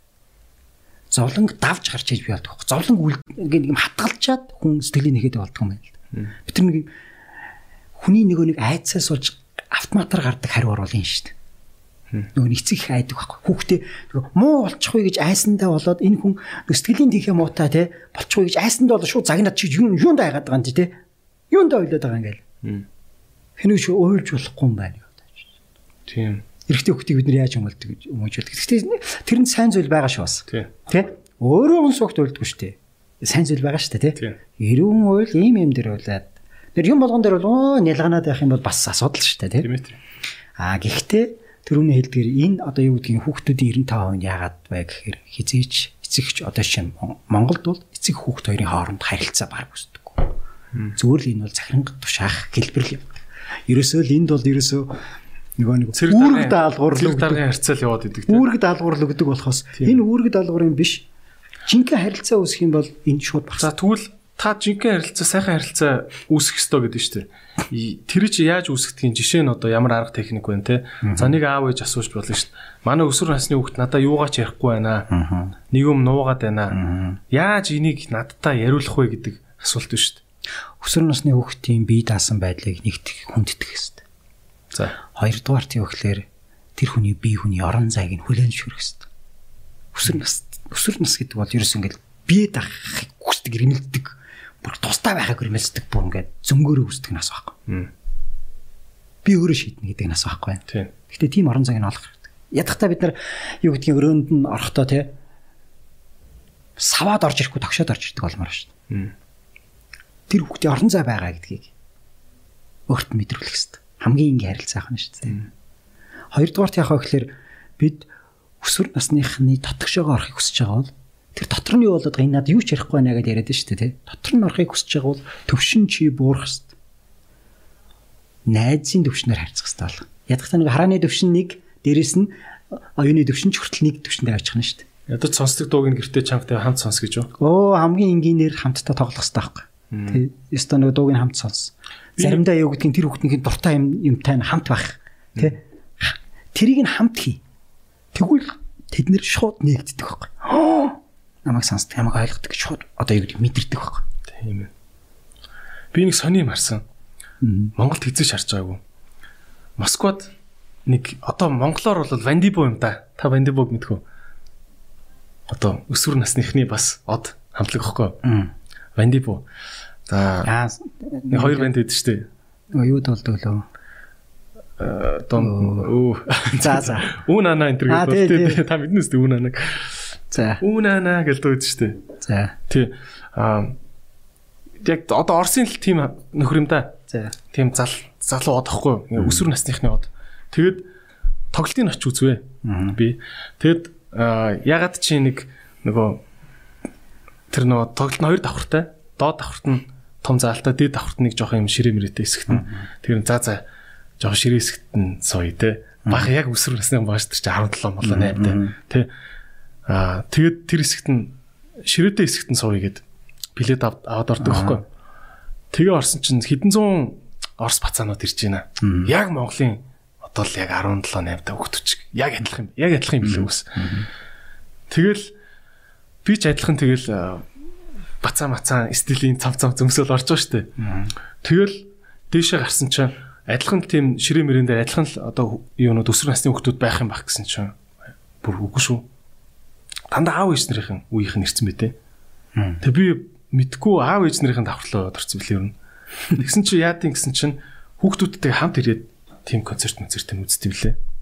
Аа тэр нь тэр дооргоо хүүхдүүдийн эцэгчүүд юм. Эцэгчүүд нь тийм. Тэгээд хүүхдүүд нь тэр доор нь ингээд. юм уу? Аа. Тийм. Тэгээд дандаа аав ээж нар нэг адилхан дуу муугийн сонсоод хип хоп дуу муу сонсцсон тийм орс аав ээж нар аюу хэрт юм блэ. Тэгэд би бас бодож ирсэн энэ яад нэрэ Монголд ингээд хүүхдүүд нь ингээд явж тоглолт үзлэх гэхэд аав ээж нар яа хамт авчдгүй юм. Тэгэл яг хуу нэг дунд нь ор- орох ормороо биш байгаа бол VIP хэсэгт нь тэгэл ширээ аваад үзэлтэй тий. Ядаж тэр хүүхдийнхаа сонсож байгаа тэр концертыг ингээд хамт үзэж шít. Надад тэр аим таалагдсан байхгүй. Аа. Тий. Аа. Зүгээр л хэлмээр санагдсан. Тий. Би бол бас тэгж бодсон нэрээ. Тэг хэрэгтэй байна да. Ер нь бол одоо өөрөө тэгээд яванда аав ээж бол болоод ирэхээр ер нь бол тоглолт моголтонд нь хамт явчихвал хэрэгтэй байна те. Тэгэл яг хуу VIP хэсэгчэнд орчин үстэй те. Ядахтаа тэр чинь баг нөгөө нээлттэй хараа юм л таахгүй. Тийм дээ. Тэ? Хүүхдээ янж байгаа. Тэ. Гэхдээ бас ойлгож байгаа те. Би тийгээд би чиний ард чинь байгаа чи өснээ. Тий. Шүмжлэхгүй. जैन. Тий. Окей. Тэгдэм байлээ. Айгуу сан. За, ийм байна. Амиа орлох орлого маш их гарч байна. Тэгээд Монгол бол маш дээгүүр байгаа. Тэр дундаа эмгтээчүүд хоёр дахин их байдаг топ баримт гэдэг юм те. Аа. Энэ яагаад байна? Яг юм хүүсэн юм бэ? Үнэхээр юм дандаа хасаагүй юм ялгаа байд юм уу? Бид нар эсвэл эмгтээчүүд дээр юм алдаад байна уу? Түрүүн та бас нөхрийн алдаануудыг бас ярьсан те. Тэрнээс нэмж хэлэх юм байна уу? Одоо энэ аа, тог наа чи нөгөө миний судалгааны тоол явж байгаа шиг байна л да. Жишээ нь энэ тог хүмүүс арай өөрөөр ойлгодог шүү. Жишээ нь наа чи амийн үтх оролдлого шүү. Оролдлогын тоо шүү. За. Аа за. Амийн игүтгэл гэж нэг төгс игүтгэл нэг юм ба шүү. Хм. Амийн игүтгэл хийгээд нэг нь одоо юу гэдэг нь төгс болцсон нөгөөх нь орлон бүтлгүүцсэн хоёрыг л нэг нь а- а- одоо suicide нэг нь suicide attempt гэдэг ингээд хоёр хоочж байгаа шүү дээ тий. Тэгтэл юу хэлэх гээд байна вэ гэхээр жишээ нь Монголд бол амийн игүтгэд нас орж байгаа хүмүүс нь бол эрчүүд нь 80% байдаг байхгүй юу? Нас ороод Амжилтаа хийчихэд байна те. хийчээд байгаа нас нас ороод байгаа нь эрчүүд нь 80% 80 юу? их байдаг байхгүй юу? Одоо жишээ нь надаас ч өөр байгааз Тийм ээ. А оролдлого нь бол энэ одоо юу гэдэг амээгүй тэглээс оролдлого нь 10-аас 20 дахин илүү байдгийн. Олоосын одоо дембийн судалгаан дээр юу гэж гэдэг вэ гэхээр ерөөсөө 10-аас 20 дахин илүү байдаг гэж тооцож байгаа. Манад болохоор ингэ чинь нэг нэг 3 4 дахин илүү их байгаад байгаа тий оролдлого нь. А гэхдээ энэ манад байгаа энэ оролдлогоодын тоонд юу гэхээр ихэнх хувийг нь угаасаа оролдлогын ихэнх хувийг байхгүй. Оролдлого юм.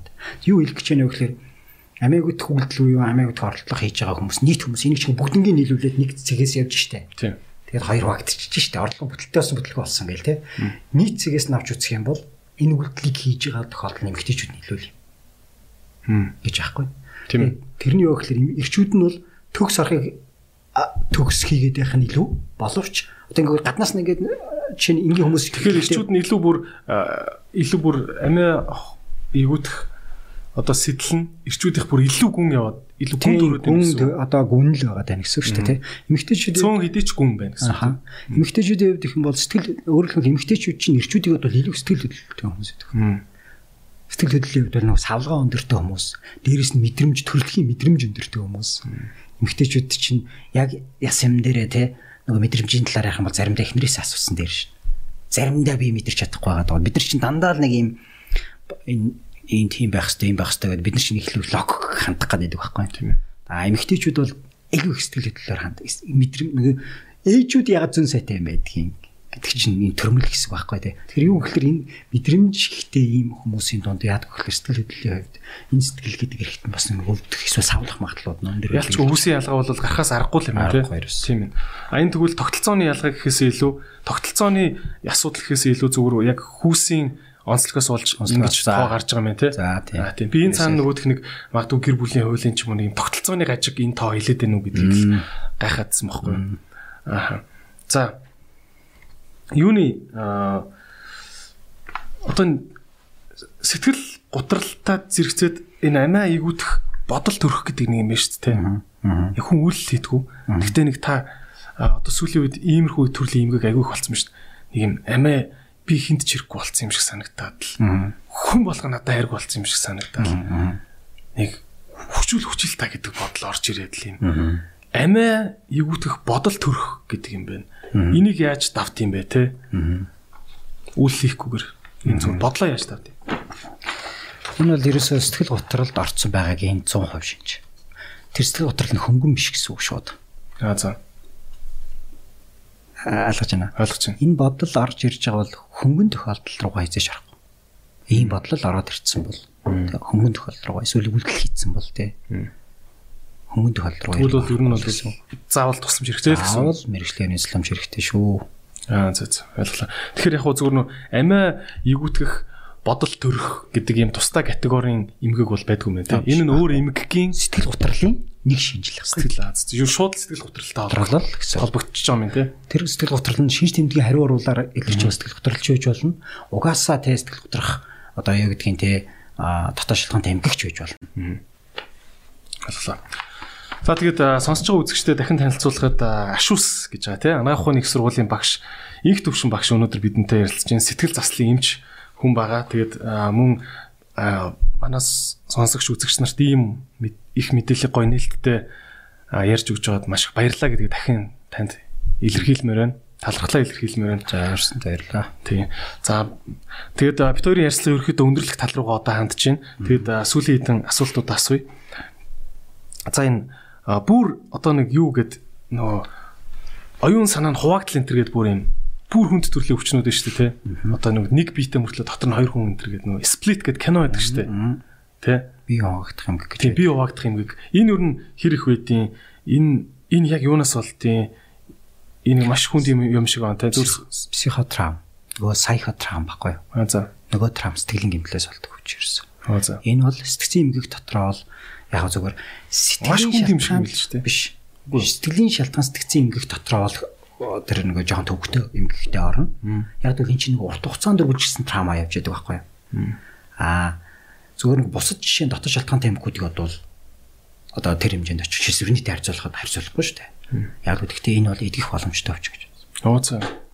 Зарим нэгэн одоо жишээ нь эмгэгүүд бол зөвхөн намжмал байдалд нь л оруулна шүү дээ. Жишээ шисвэрнийг бол биднес намжмал байдалд нь барьдаг байхгүй тэрнээс бол аа яг параношис бэрний энтриг бол ингээд нөгөө 100% идэх тухай ярихад айгүй төвхтэй. Тийм нэг эдгэрдэг төрөл нь маш одоо тийм явцтай юм гэж байдаг юм л гэхдээ маш бага байдаг байхгүй тэр. гэдэг ч юм уу. Тэгэхээр би хүн хуваагдах эмгэг бол одоо жишээ нь би хүн хуваагдах эмгэг би хүн хуваагдах эмгэг гэж нэрлэдэг сплит тэр киноны талаар тийм. Өөрөлд сэтгэлийн гэмтэл тэр киног чи сайн үзсэн бол тэр залууч би хүн 24 хуваагддаг залууч өөрөө аа одоо багта байнгын хүчрхийл төрт өгдөг байсан хүүхэд байхгүй. Тэр гимтэл тухайн хүнийг нөгөө нэг охиныг нөгөө амьд үлдээдэг шатгаан чи тэр охин нь бас битүү хүчрхийлэлтэй өөртөө адилхан байсан учраас амьд үлдээ шатдаг штэ тухайн үед бас. Шууд яаж чадаагүй нөгөө охин бас хүчрхийлэлтэй байдаг ч үл тэ. Өөрөлд би бинийг тодорхой хэмжээ. Би яг сайн утгахын би сайн утгахын үндэ ойлгов. Зүгээр ингэ зүр кинон л зүгээр акшн талаас л аягүй сонирхолтой байсан л та зүгээр нэг хүн ингээд 2 3 4 тавирал аа байгаадсан болохоор яг зүгээр энэ сэтгэц хуваагдах шинж тэмдэг л дээ. Энэ бол нөгөө сэтгэц хуваагддаг шинж тэмдэг. Сэтгэц хуваагдах шинж тэмдэг. Энэ болохоор бие хүний хуваагдах шинжээр нь илэрч байгаа боловч яг үндэ сэтгэц маш олон төрлөөр хуваагддаг байхгүй юу? Маш олон төрлөөр. Чин сэтгэц хуваагдах нэг шинж тэмдэг нөгөө амнези үүсдэг байхгүй юу? Одоо айгүйдл. Нөгөө би төр хэлээд шүү дээ. Би хүч одоо чинь хүчрхийлэлд чинь бэлгийн хүчрхийлэлд өртсөн хүүхэд бага насндаа хүчрхийлэлд өртсөн хүүхэд байлаа гэж бодоход тэр хүүхдийг биднес шинэ үзлэг хийхэд тэр хүүхдүүдийн одоо юу гэдгийг бараг л бүгд шахав шүү дээ тий. Яг хүчрхийлд өртөжсэн бүтэн процессыг бүтэн санддаг байхгүй. Хм. Хүчрхийлд өртөжсэн гэдгийг тайлбар өгнө. Гэтэ бүтэн санд чаддаг байхгүй. Яг бол бүтэн санах юм бол аюултай учраас тэр нөгөө байнгын төгшөд байнгын айгаад байгаа шүү тэр хүмүүс яадаг вэ? Тэрийг нөгөө unconscious mind руу хадгалцдаг. Доошоо л хадгал тэр дотроо л буглаад байдаг байхгүй тэр чинь тэр трол бүгд харин өөрөө энэ киног үзээ яах юм бэ гэдэг нөө кассетын авдрал ичж байгаа шүү дээ. гэсэн үг. Тэгтээ тэр нь байж байгаа. Бичлэг нь байж л байдаг. Байж л байгаа гэсэн санаа тий. Тэр дотор л байгаад байна. Гэхдээ тэр хүн тэр тийм учраас тийм хүмүүс яг энийг нэг төрлийн сэтгэл сугагдах хадгалж анууж байгаа юм биш үү тий. Дотор нь байгаад байгаа асуудал байгаад байна. Ухамсарт байсан угаасаа. Ухамсараас шууд автоматар яаж яах вэ хамгаалах механизмаар шууд далд хийж байгаа. Тийм ээ. Гэхдээ энэ аюултай. Далд ихч маа энтер бугалдаг. Энтер бугалж байгаа юмны нэг зорилго нь юу гэхээр энтерго гэмтэл трама шүү дээ тий. Энэ трама зорилго нь юу гэхээр ухамсарлуул гарч ирэх, ил гарч ирэх сонирхолтой. Тэгэд гарч ирч заримдаа чадахгүй байдаг, дээшээ гарч ирч чадахгүй байх тохиолдолтой яадаг бол хэлбэрээ өөрчил зүсээ ойлгож гарч ирдэг. Аюултай. Бид нар бөөрнг хэлбэртэй юм хийсэн шүү дээ энэ дотор. Тэр ингээд гарч иж чадахгүй 3 хэлбэрт гарч ирдэг байхгүй. Бид нар тэрийг гурвалжин байна гэдэг. Тэр нь юу гэхээр нөгөө одоо сайхосоматик юм гэж болох байхгүй. Зүрх хөдөө тань гэж бодоод байдаг. Тийм.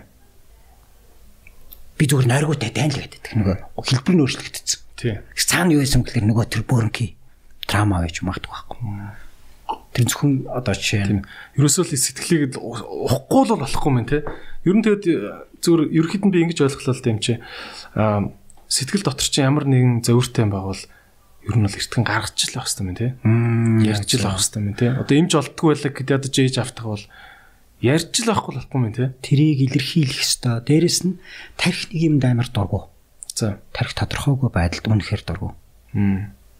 Тодорхойгүй байдал тархиндаа үлдээх юм бол нийшээгаал хадгалагдаад тэр нь ингээл хадгалагдаад байдаг. Тэр нь л хүнийг сэтгэл зүй тогтворгүй байдалд оруулаад. Тодорхойгүй байдал. Юу вэ штэ? Одоо нөгөө хүмүүс нэг юм хурамч бөөнүүд их байна гэдэг штэ. Аа. Зүгээр байжгаад онгод орж ирсэн гэдэг. Тэ. Би ингээд миний чихэнд зүгээр ингээл өөр дуу хоолой сонсогдол өөр дуу надад тэнгэрээс ингэж онгод орж ирж яс би энийг хүлээн авч авахаас өөр аргагүй байсан гэж яриад. Аа иймэрхүү юм зарим хүмүүс нь болохоор яг би бол яг ингээд юм онгодтой ингээд тэнгэртэй холбоотой юм байна гэж аа яваад байдаг. А зарим хүмүүс нь болохоор үгүй наадах чинь зүгээр нэг сэтгэх нэг өөр төрлийн имэг гээ наа чин бүү бол биш гэд ингээд байж байгааг сонсч ирсэн л. Та аль талд нь гарах уу энэ тэгж онгод орж толгонд нь ингээд өөр хажуудлаас нь юм яриад идэх те. Энэ энэ талаар мэдээлэл өгч. За нэг юм асууя шамаас тэгвэл. Жинхэнэ бөө гэж байт юм уу тэгвэл? За би ч өсгөлөх дээ өөрөө. За та өсгөлөөнөөс энэ мессеж авч байна уу? За за тэгвэл жинхэнэ би бол одоо тэр өсгөлийн тайгад бол жинхэнэ бөө байдаг гэж бол За би бол үгүй гэхгүй ямар ч гэсэн. Байт юм харин тэгээд. Би нүдээр харж байгаагүй. Би яг тайгад ингэж бөө дээр бол очиж байгаагүй. Аа. Тэгтээ Жигэн бөө гэж яа яадаг вэ хэлдэг юм. за одоо харин өстой тэгэл тэнгэр өөр өөр ертөнцид ертөнцтэй холбогддог хүний хэлдэг юм болов. Эсвэл эсвэл өөр цаг үеийн тэр одоо тэнгэр мэнгэрэн ч юм бэ одоо нөгөө миний ойлгосноо шүү дээ. Тийм тийм тийм. Хитэн зуун үеийг ал жилиг алгасаад өмнөх үеүүдийнхээ сүнсэн биетэй нь холбогдоод өмнөх үеэсээ мэдээлэл авч чаддаг хүнийг бөө гэдэм байна гэж би бол ойлгосон. Аа. Яг заавал бурхан мурхан тэнгэр гэлтгүүгээр зүгээр өөрийнхөө үг дээдсийн одоо тэр бие нь халиад одсон ч гэсэн Тэгэхээр сүнс байдаг гэсэн үг үү те? тий. Чиний хар. Зөв. Одоо байд юм билгтэй. Харин байд юм чи дэргэлд. Одоо байдаг бахаа. Байдаг гэж бодож байна. Байд юм уу? Гэхдээ гэхдээ би бол над шиг ийм жирийн хүн бол тэрийг аа байдаг үгүүд нь итгэж шаардлагагүй гэж би боддог. Тэгвэл над шиг хүн болгон над шиг жирийн биш тэр хөвсглийн тайгад магадгүй жирийн биш хүн байд байдаг гэдэгт бол ер нь бол итгэдэг. Гэхдээ би харж байгаагүй. Тийм. За би яг хаа зүгээр шинжлэх ухаан судалдаг хүнийхээ хуваар ухаанч хүнийхээ хуваар бол аа хин нэгний тэ шашин шүтэх би заахгүй. Аа гэхдээ сүнс байдаг гэж би итгэдэг. Итгэдэг ч биш ер нь тийм шинжлэх ухаанаар ямар нэгэн байдлаар батлагдсан тухай би мэдэхгүй. Хоёрдугаарт хүмүүс ярь тэтэн грамм байсан байсан тэр тэр бол баталгаа биш л дээ. Хоёрдугаарт физикийн одоо юу гэдгийг те дэлхийн ертөнцийн бидний мэдэх байгаа төм ямар нэг юм тайлбар байгаа байхгүй? Ямар нэгэн шинжлэх ухаанч тайлбар байгаа байхгүй. Бидний зарим нь олоог байгаа байхгүй? Жишээ нь биднес магадлалын хуваар бол одоо юу гэдгийг те бид нар хэдэн мянган хэдэн сая тэ хэдэн жива хараад байгаа зү. Тий. Тэгээ нэрээ тэнд ам одоо юу гэдгийг шинэ галактик те шинэ амьдрал байгаа бид мэдэхгүй. Би бол магадлал өндөр байгаа даа зү те. Окей байж болох талтай. Нэг хоёрдугаарт аа за энэ одоо нэг 13 4 жилийн хугацаанд одоо ингээд би нэг нийтдээ нэг давхарцсан доорд 60 мянган хүн үзсэн байдаг. 60 мянга. За. Тэгэхээр яг энэ мэрэгжлийн хүнийхээ хуваар юу гэхээр хинч сүнс харж болно. Харж болно. Чиний ярьдгаар. За. Тэрний юу гэхээр ерөөсөө саяхоо асуудалд орохыг л ярьж байгаа юм. Зүгээр л сэтгэл заяа айсан хүн дарахад татал гэдэг чи одоо энэ яриад байна шүү дээ. Хүн сэтгэл төвшүүртээ 50 биш байгаа үед хүн төсөөллөөр шууд сэтгэх процессор юу ч бүтээж болно. Бүр ингээ харсан юм шиг харж болно гэсэн үг. Харагддаг юм чинь угаасаа тэр хүмүүст угаасаа харагддаг байхгүй. Угаасаа сонсогддог юм чинь. Жинхнээсээ. Гэхдээ тэр нь өөрөө тархин дотор явж байгаа процесс байхгүй. Дээр үед хамгийн их нөгөө нэг болсон явдал аимшигын явдал ярьдаг байсан ярьдаг байсан хүмүүсийг чи сайн сандаг бол дээр үед дандаа л манай аав ээж нарын уюудд бол дандаа л тээврийн жолооч нар байдаг байсан шүү дээ мэдгүй. Хөө тийм. Тээврийн жолооч нар дандаа ингээд нэг тэнд явж байгаа тийм таараад ийм сүнстэй таарад гэл те. Нэг герт орсон чинь нөгөө авсан цагаан палажтай хүүхнийхэн зураг нь лаата зултай байсан тэргэлөө. Яг тийм те. Тийм тийм тийм аимшиг сонсож байна. Хамгийн энгийнээр тайлбарлая заа хамгийн энгийнээр тайлбарлая. Тээврийн жолооч нар дандаа нойрны хямралтай явдаг шин. Тэгдэг. Хизээж тэ чи бодтоо тэр 24 цаг зарим 48 цаг тээвэр хийж идэг гадаа холдохгүй л явж байгаа шүү дээ. Тэр гурт цамаар тий. Нойрны хямрал хамгийн энгийнээр нойрны хямрал хүнийг айц төгшүүрт айц төгшүүрн шууд төсөөллийг бий болгож чаддаг байхгүй. Хэрвээ би хүсвэл тий тэ энд ингээд нэг хүүхэд сууж байгаа харж чадыг бол чадах боломжтой л. Хм магадгүй нэг сүнсгэх бах те. Би итгэх итгэл юм сайн анзаараарай. Өөртөө ийм айц инсайтитэй хүмүүс бүр ингээд аимшигын кино дуртай авах магадлал өндөр байдаг шүү. Оо тийм. Сайн хараарай. Сайн анзаараарай. Аимшигын кино дуртай хүмүүс өөртөө сайн. Дотор нь те ямар сони төгшүүр айцтай хүмүүс амар үгүй аимшигын кинонд бүр ингээд дуртай бай үзэх дуртай. Үзчихэд бүр хайгаад байдаг. Тийм ямар сони бүр ингээд үзэх үзэх гээд идэг бүр ингээд. Аим шиг кино үзэж чаддгүй хүмүүс ямар аа бас ялгаатай байж болно тэр жишээ нь. Төрөний хэлдэг шиг зарим нэгэн тохиолдолд чинь өлегт бодолтой хүмүүс ч байдаг юм уу тэг хит санаас онтомс айцын кино үзэж чаддгүй. Үзэж юм өрт өртчихэд идэг байна өртөө санаа зовоод нөгөө төхөө ингээд идэг учраас цугцдаг тохиолдлууд байдаг зарим нэг би нөгөө тайлбарлаад байгаа нь одоо шиг киноны тухай тайлбарлаад байгаа тийм төрлийн хүмүүс бас амар их байдаг шүү гэж хэлэх гэж Тэгээ яг би миний хувьд гэх юм бол одоо ингээ хэлэхээр нэг бид нар одоо нэг ийм нэг балартны үеэсээ гармаар шатргалдаг. Тэ. Одоо хөвсгөлийн хүнд ингэж хэлж болж байгаа мөрч гүч юм уу. За яг таны шинжлэх ухаанч бодлоо чинь л. Юу гэхээр балартны үеэсээ гарах хэрэгтэй. Одоо юмд бид нар тэ жоохон тэ шүлтүртэй хандах хэрэгтэй. Юм л болохгүй болвол тэ нэг лам дээр очиод тэ хамгийн маа мэдээж одоо ингээд нэг миний хайр татны юу нас орчвол нэг нэг ламэр ял одоо юу гэдгийг те тэр ингээд нэг цамуул хийдэг штэ тий. Окей сайхан байхгүй ингээд сэтгэл засаал сайн. Яг үндэ шашин гэдэг бол штэ ямар зоригтой байдгийг гэдэг дээр анхаарах хэрэгтэй тий. Шашин ямар зоригтой амар те том чи бунаал те. Те ямар ч эрсдэл эрсдэлгүй бизнес хийгээл явах хэрэгтэй юм уу? Ямар зоригтой байдгийг шашин сэтгэл засах үстэй тий штэ эрт тэр үедээ сэтгэл сэтгэлслийг ганц хийдэг байсан хүмүүс чинь шашин байхгүй. Сэтгэлслийг хийдэг байсан хүмүүс шашин л хийдэг байсан шүү дээ. Тийм учраас шашныг үндсэн хууль дээр те 100 хэрэгтэй оруулж байгаа зү. Тийм ээ. А гэхдээ одоо эн чинь нэг юм гэдэг юу гэдгийг үүний ч нөгөө ламбон гэж юм байдаг л бахал та тэг хүний төлөө гэсэн сэтгэлтэй зөндөө хүмүүс байдаг л бахал та тий. Тэгэхээр маас нь тийм болж чаддаг шүү дээ өөр болж. Бүр хамгийн муухайгаар амар эрсдэлгүй бизнес. Чи хизээч хариуцлах хүлээхгүй. Худлаа хэлсэн ч үнэ хэлсэн ч ямар ч ном хэлсэн ч хизээч хариуцлах хүлээхгүй. Үгүйсээ барьцгүй мэрж байгаа юм чинь тий. Яах юм? Ягаал дандаа нэг чи тэгээд юу гэхээр чи өөрөө хурж ирсэн. Хоёр хизээч татвар төлөхгүй. Тийм.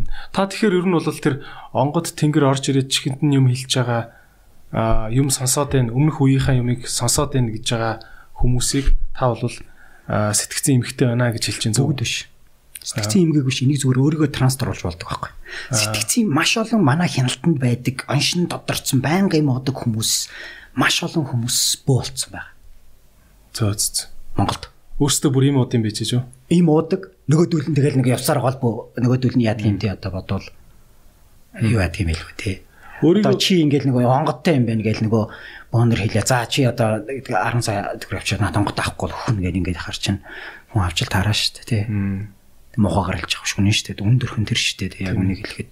Чи өстө нэг танаа гэрийнхэн ч болохоо очиж одоо манай нэг үйлчлүүлэгчийг тий гэрийнхэн ч болохоо очиж одоо 35 сая төгрөг авчихгүй одоо өстө өглөө өглөө нэг нэгээр өглөө гэдэг дарамтлаад байж болохгүй байхгүй. тийм. Тэг бид нар чинь эн чинь чи сэтгэлсэл үйлчлэгээ хийж байгаа юм бол сэтгэлслээ хий. Тэ? Бити хотлаа янз янз юм ийгээд тэ бизнес хийгээд яваа тайлтай болил л та. Ийм юм зөндөл байгаа дээ шударгаал гээд. Хайгаад ах чим алах тэ. Хоёр, гуравдугаарт юу гэхээр энэ ийм одоо юу гэдэг сэтгцэн эмгэгтэй маш олон хүнийг бүү болгоцсон тохиолдол байна. Хоёрдугаарт би өөрөө өөрийгөө хуваагдаж буй трансдор болно гэдэг чинь түрүүний яриад шүү дээ. Сэтгц хуваагдах би өөрөө өөрийгөө хуваагдуулж болдог байхгүй. Би тийм мэдрэмжийг авч болох байхгүй. Тэр нэг сүнс биеинд орж ирж байгаа мэдрэмжийг би авч чадах байхгүй. Тий. Зүгээр зоригтойгоор өөрийгөө амьсгаагаад авчтуулж чад ч юм уу тий. болно. Энэ өөрөө би өөрөө шинэ гипнозсанд яагаад юм мэдгүй яаж юм мэдгүй. Үгүй. Гипноз гипноз гэдэг чинь шинэ чи санахгүйгээр би чамааг чими чи яриулаад чамааг чамтай ярилцаад дараа нь чи тэргээ санахгүй байгаа тохиолдлууд байдаг штэ гипноз. Өөх харин. Орсын тагнуулууд л тэгдэг гэж сонсч ирсэн. Аа одоо тэр чин одоо энэ яг зүгээр олон улсад бол стандарт одоо харил харгалцсантай нөгөө амнеси а одоо айгуудлтай одоо гипнозыг бол бүр харгалцсан л да. Яг бол хүний эрхэн шууд халтаад байна. Тийм тий. гэдэг утгаар харгалцсан тий аюултай гэдэг. Заавал нөгөө сандаг гипноз байдаг юм л да. Өөрөө сандаг гипноз Тийм. Тэмдэг юмнуудыг бол ашиглаж байгаа. Чин Эриксон гипноз юм уу тий ашигладаг байдаг. А гэхдээ одоо энэ нөхцлүүд яагаад энэ хүний сэтгэц гэдэг чинь өөр ийм аимшигтай л эргэтэн байж та ер нь явж ийм хүчтэй. Тийм ээ. Би өөрийгөө ч хувааж чадна бусдыг ч итгүүлж чинь Яахгүй мэгч харж чадна тий. энэ чи өөрөө өөрөөсөө бий болж байгаа процесс шүү дээ хамгийн энгийнээр тал. Одоо чи намаа ингэ сүнсний талаар ярихаар хүмүүс аа бөөла чи сүнс харж үзээгүй юм байж маш ингэ ярьдгийг. Тий. Гэхдээ чи харсан үнэн л гэж хэл- хэлж ш та тий. Тий үнэн байхгүй? Чи- Тэр байгаа таныг үнэ. зүйл гэж юм ш тий. Тий яг үнэндээ зүгээр иний цаана асуудал нэг юм байгаамаа гэдгийг юм тайлбарлаад байгаа. Аа зү. Тэрнэш бол яг би нэг тийм тэр нэг 49 дэх тэнгэрээс нь тэнд нэг юм хурж ирэл тэгээ өв гисгийнхэн сүнс нь хурж ирэл чамд юм хэлээ тийм байхгүй л та. Тэгэд ер нь яг тийм юм сонссон гэж байгаа хүмүүс ихвчлэн тэгж хэлдэг штэ. Гүй би амьдралтаа хизээч харж байгаагүй. Миний хизээч сонсож байгаагүй. Би хизээч бүр сонирхож ч байгаагүй. Мэдээллийг надад өгсөн. Би энэ мэдээллийг өөрөө аваагүй. Хэрвээ энэ дотроос болж байгаа юм юм бол эн чи одоо миний харж үзсэн мэддэг юм маань л дотроос надад хэлнэ зү. Ойлгож байна уу? Ойлгож байна. Тий, тэг бүр миний бүр мэдхгүй хэлээр энэ төр ярьдаг гэдэг юм. Тэр ч од- тэр нь одоо юу гэсэн үг юм. Тэг яхаараа хүн хизээч харж байгаагүй юм а өөрөө өөрөө дотроос Жижиг тэр хүний ухамсар бодож байгаа байхгүй юу? Чи unconscious mind өөрөө мэдэх үү? Чиний unconscious mind чиний одоо юу гэдэг ухамсарын чи 95% нь эзэлж шít. Ухамсар чинь 5% чи эзэлж 5-аас 10%. тэгэхээр тэгэхээр ер нь бол тэрийг санахгүй л байгаа болохоос ш өөрөө авшаа уншсан юм. Магадлал байх магадгүй. Зөвхөн унших тухай ярихгүй шүү дээ. Тий. Яг тэгвэл тарих өөрөө боловсруулдаг хэрэгтэй шүү дээ. Аа тэгэхээр Тарих байхгүй. өөрөө ухаантай хэрэгтэй шүү дээ. Энэ unconscious mind биднээсийн биднээс сандаг юмаа л тарих гэж ойлгодог бол үгүй шүү. Тэгвэл ингээ хамгийн энгийнээр чи боддог юмараа яр- ярьдаг штэ тэгвэл. Тий. Тэгвэл чи боддог юмараа хизээш нүрийн ховрол үзүүлдэг байхгүй. Боддог юмараа боддог юмараа чи одоо жишээ нь гэдэг body language үзүүлдэг байхгүй. Заримдаа бид нэр ухамсарт үйлдэл захирагддаг маш олон зүйл явагдаж байгаа шүү дээ. За. Хамгийн энгийнээр полиграфийн аппарат гэж мэдэх үү? Үгүй. Үнэн худлыг ингээ ялгадаг. Аа за. ингээл тийм үү гэж асуугаа тийм гэдэг Дайн, гүйлтэй ингээл нэг кинон дээр ингээл нэг тагнуучид хийгээл үзээлд гээл ингээл нэг полиграфийн аппарат гэдэг. Полиграфийн аппарат заримдаа тэгдэг. Хүний үл хамсралхуйд байгаа зүйлүүдээс нь тестэлдэг байхгүй. Би өөрөө яг ингэ итгэхэд байд. Гү би ерөөс хийгээгүй штэ гэсэн чи гэдэг. Гү би хийгээгүй гэдэг. Тэгэхээр үг үг юу бодол бодол бодлын цаат хоёр нь зөрөөд байна гэсэн үг тий. Угаасаа л тэгдэг шин. Энэ бол маш бие ч гэсэн заримдаа зүг боддог боддог байх халамгүй шүү дээ. Тий. Яг үнэндээ. Өөрөлдөх юм бол хүний unconscious mind өөрөө тэр нэг юм процессыг явуулдаг юм байна л. Unconscious mind гэдэг нь одоо даалт ухамсар гэж Гэж ойлгоод байгаа зөв. тийм дээ одоо. Тий. Тэг яг одоо даалгавар ухамсар гэж хэлэхээр хэцүү. Одоо тэр чинь дээ. Unconscious mind-ийн хамгийн том бүрэлдэхүүн хэсэг нь юу гэхээр миний ой санамжгүй 0-оос 3 наснд бүрэлддэг шүү дээ. Амар чухал хэсгүүд. Ядж явах тэр нь тэр үед юу болсныг юу санахгүй тий. Яг зөв. Жишээ нь 2 настай хүүхэд эцэгхэн салах үед биш үү тэр хүүхд ирээдүйд сэтгэл гутранг эсвэл anxiety өвчтөй болох магадлал өндөртэй болчихдог. Тэр төвүүд нь тэр нэг зарим нэгэн төвүүд нь идэвхтэй болоод тэр нь бүтцийн нейротрансмит одоо нейрофизиологийн болон нейроанатомийн өөрчлөлтүүдэнд орж ийнэ гэж сүлбийн зарим нэг судалгаанууд function MRI хийсэн судалгаанууд төр гарсан байж. Тийм. Өвөрмөц. Тэгэхээр энд явж явж явж явж бүх өвчнүүд тарихтай холбоотой болчихж байгаа. Тэ биднээс яриад байгаа ингээд төмөн янзын өвчнүүдэд яриалах тарихтай холбоотой болчихж байгаа шүү. Бид нар ковидод давж болоход яагаад сэтгэл зүйч чухал гэж яриад байгаа чинь шүү бас. Сэтгэл зүйд би дархлаагаа бэлтгэх хэрэгтэй юм тий бид дархлаатай байх хэрэгтэй ч гэдэг юм уу тий. Маш олон шалтгаанууд. Окей. За өстө маш гал асан алуун сэдв ярьж байна тий. Ер нь бол сүүлийн энэ яг Монгол гэлтгүй бүр дэлхийн сэдв болчлоо л доо тий. Ялчгүй сэтгэл зүйн эрүүл мэнд гэдэг юм. Одоо энэний талаар мэдэхгүй болвол ерөөсөө болохгүй болоод байна тий. За одоо хоёрын ярьцлага бол үнэхээр төсөл хэсэг рүүгээ хандж байна. Эцэст нь хэлэхэд би танаас хоёр юм асуумаар. За нэгтгэх нь юу вэ? Хууль журам гэдэг юм дандаа бодит амьдралаас хоцордог. Одоо манай Монгол улсад энэ сэтгэл зүйн эрүүл мэндтэй холбоотой хууль журмууд нь хоцорсон л явж байгаа гэдэгт бол би бол бүр баталгаатай ихтэлтэй байна.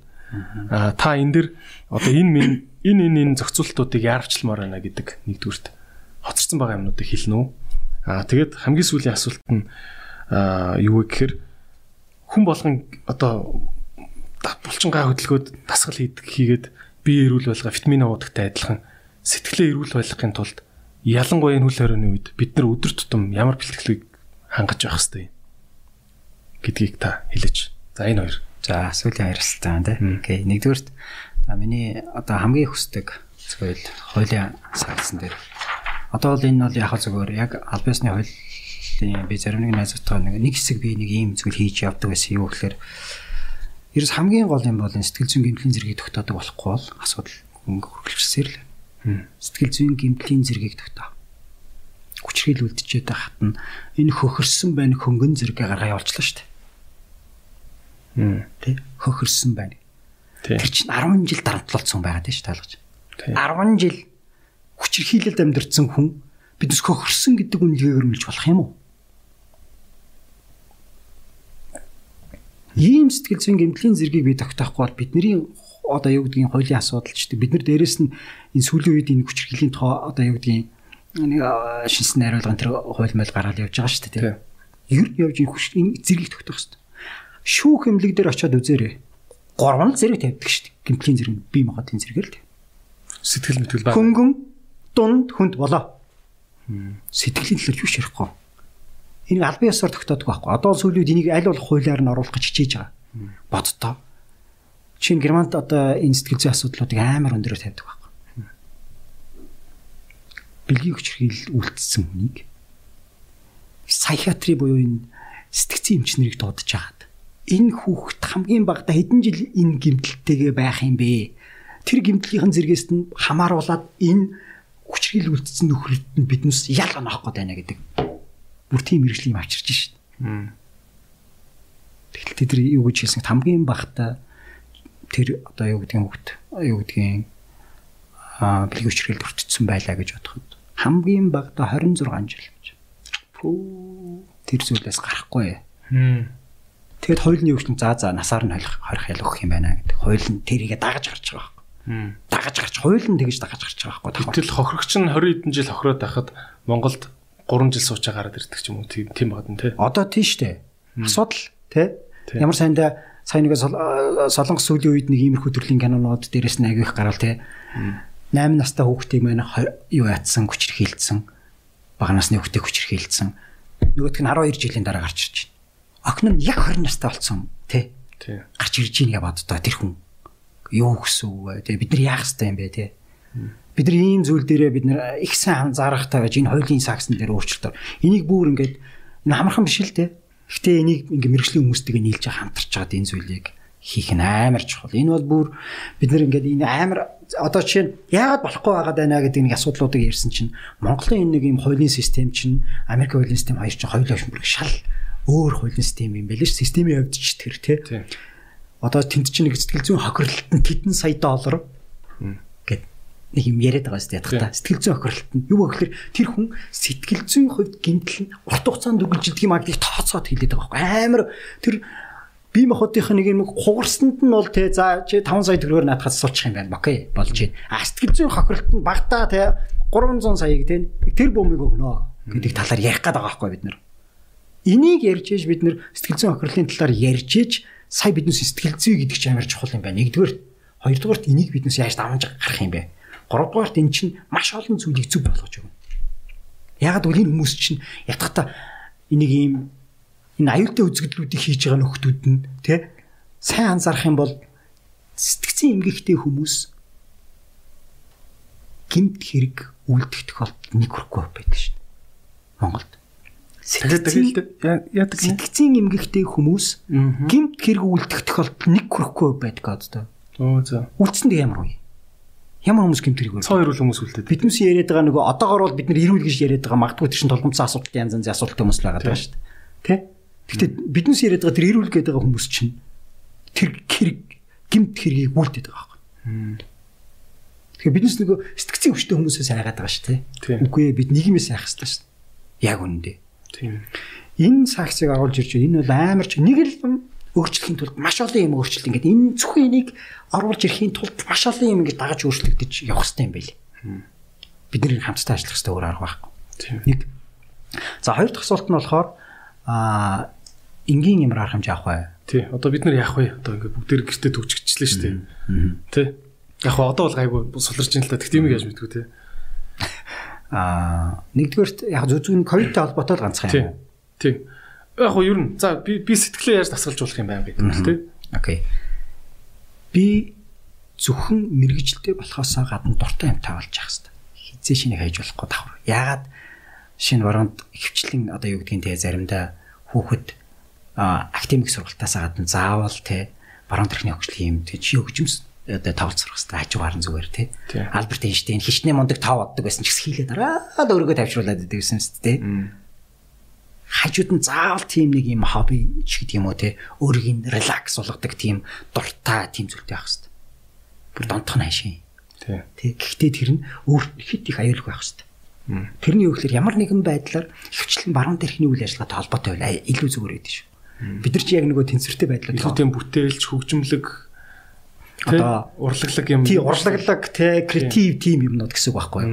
Би гэртээ тэр нэг амар том ажил сайн хийж хийж байгаа ч гэсэн гэртээ ирээд те одоо юугаа хийдэг баймаар шүү дээ. Тэ нэг юм одоо юу гэдгийг загвараа зохион бүтээдэг баймаар шүү. Эсвэл зураг зараас авч яадаг баймаар байхгүй тий.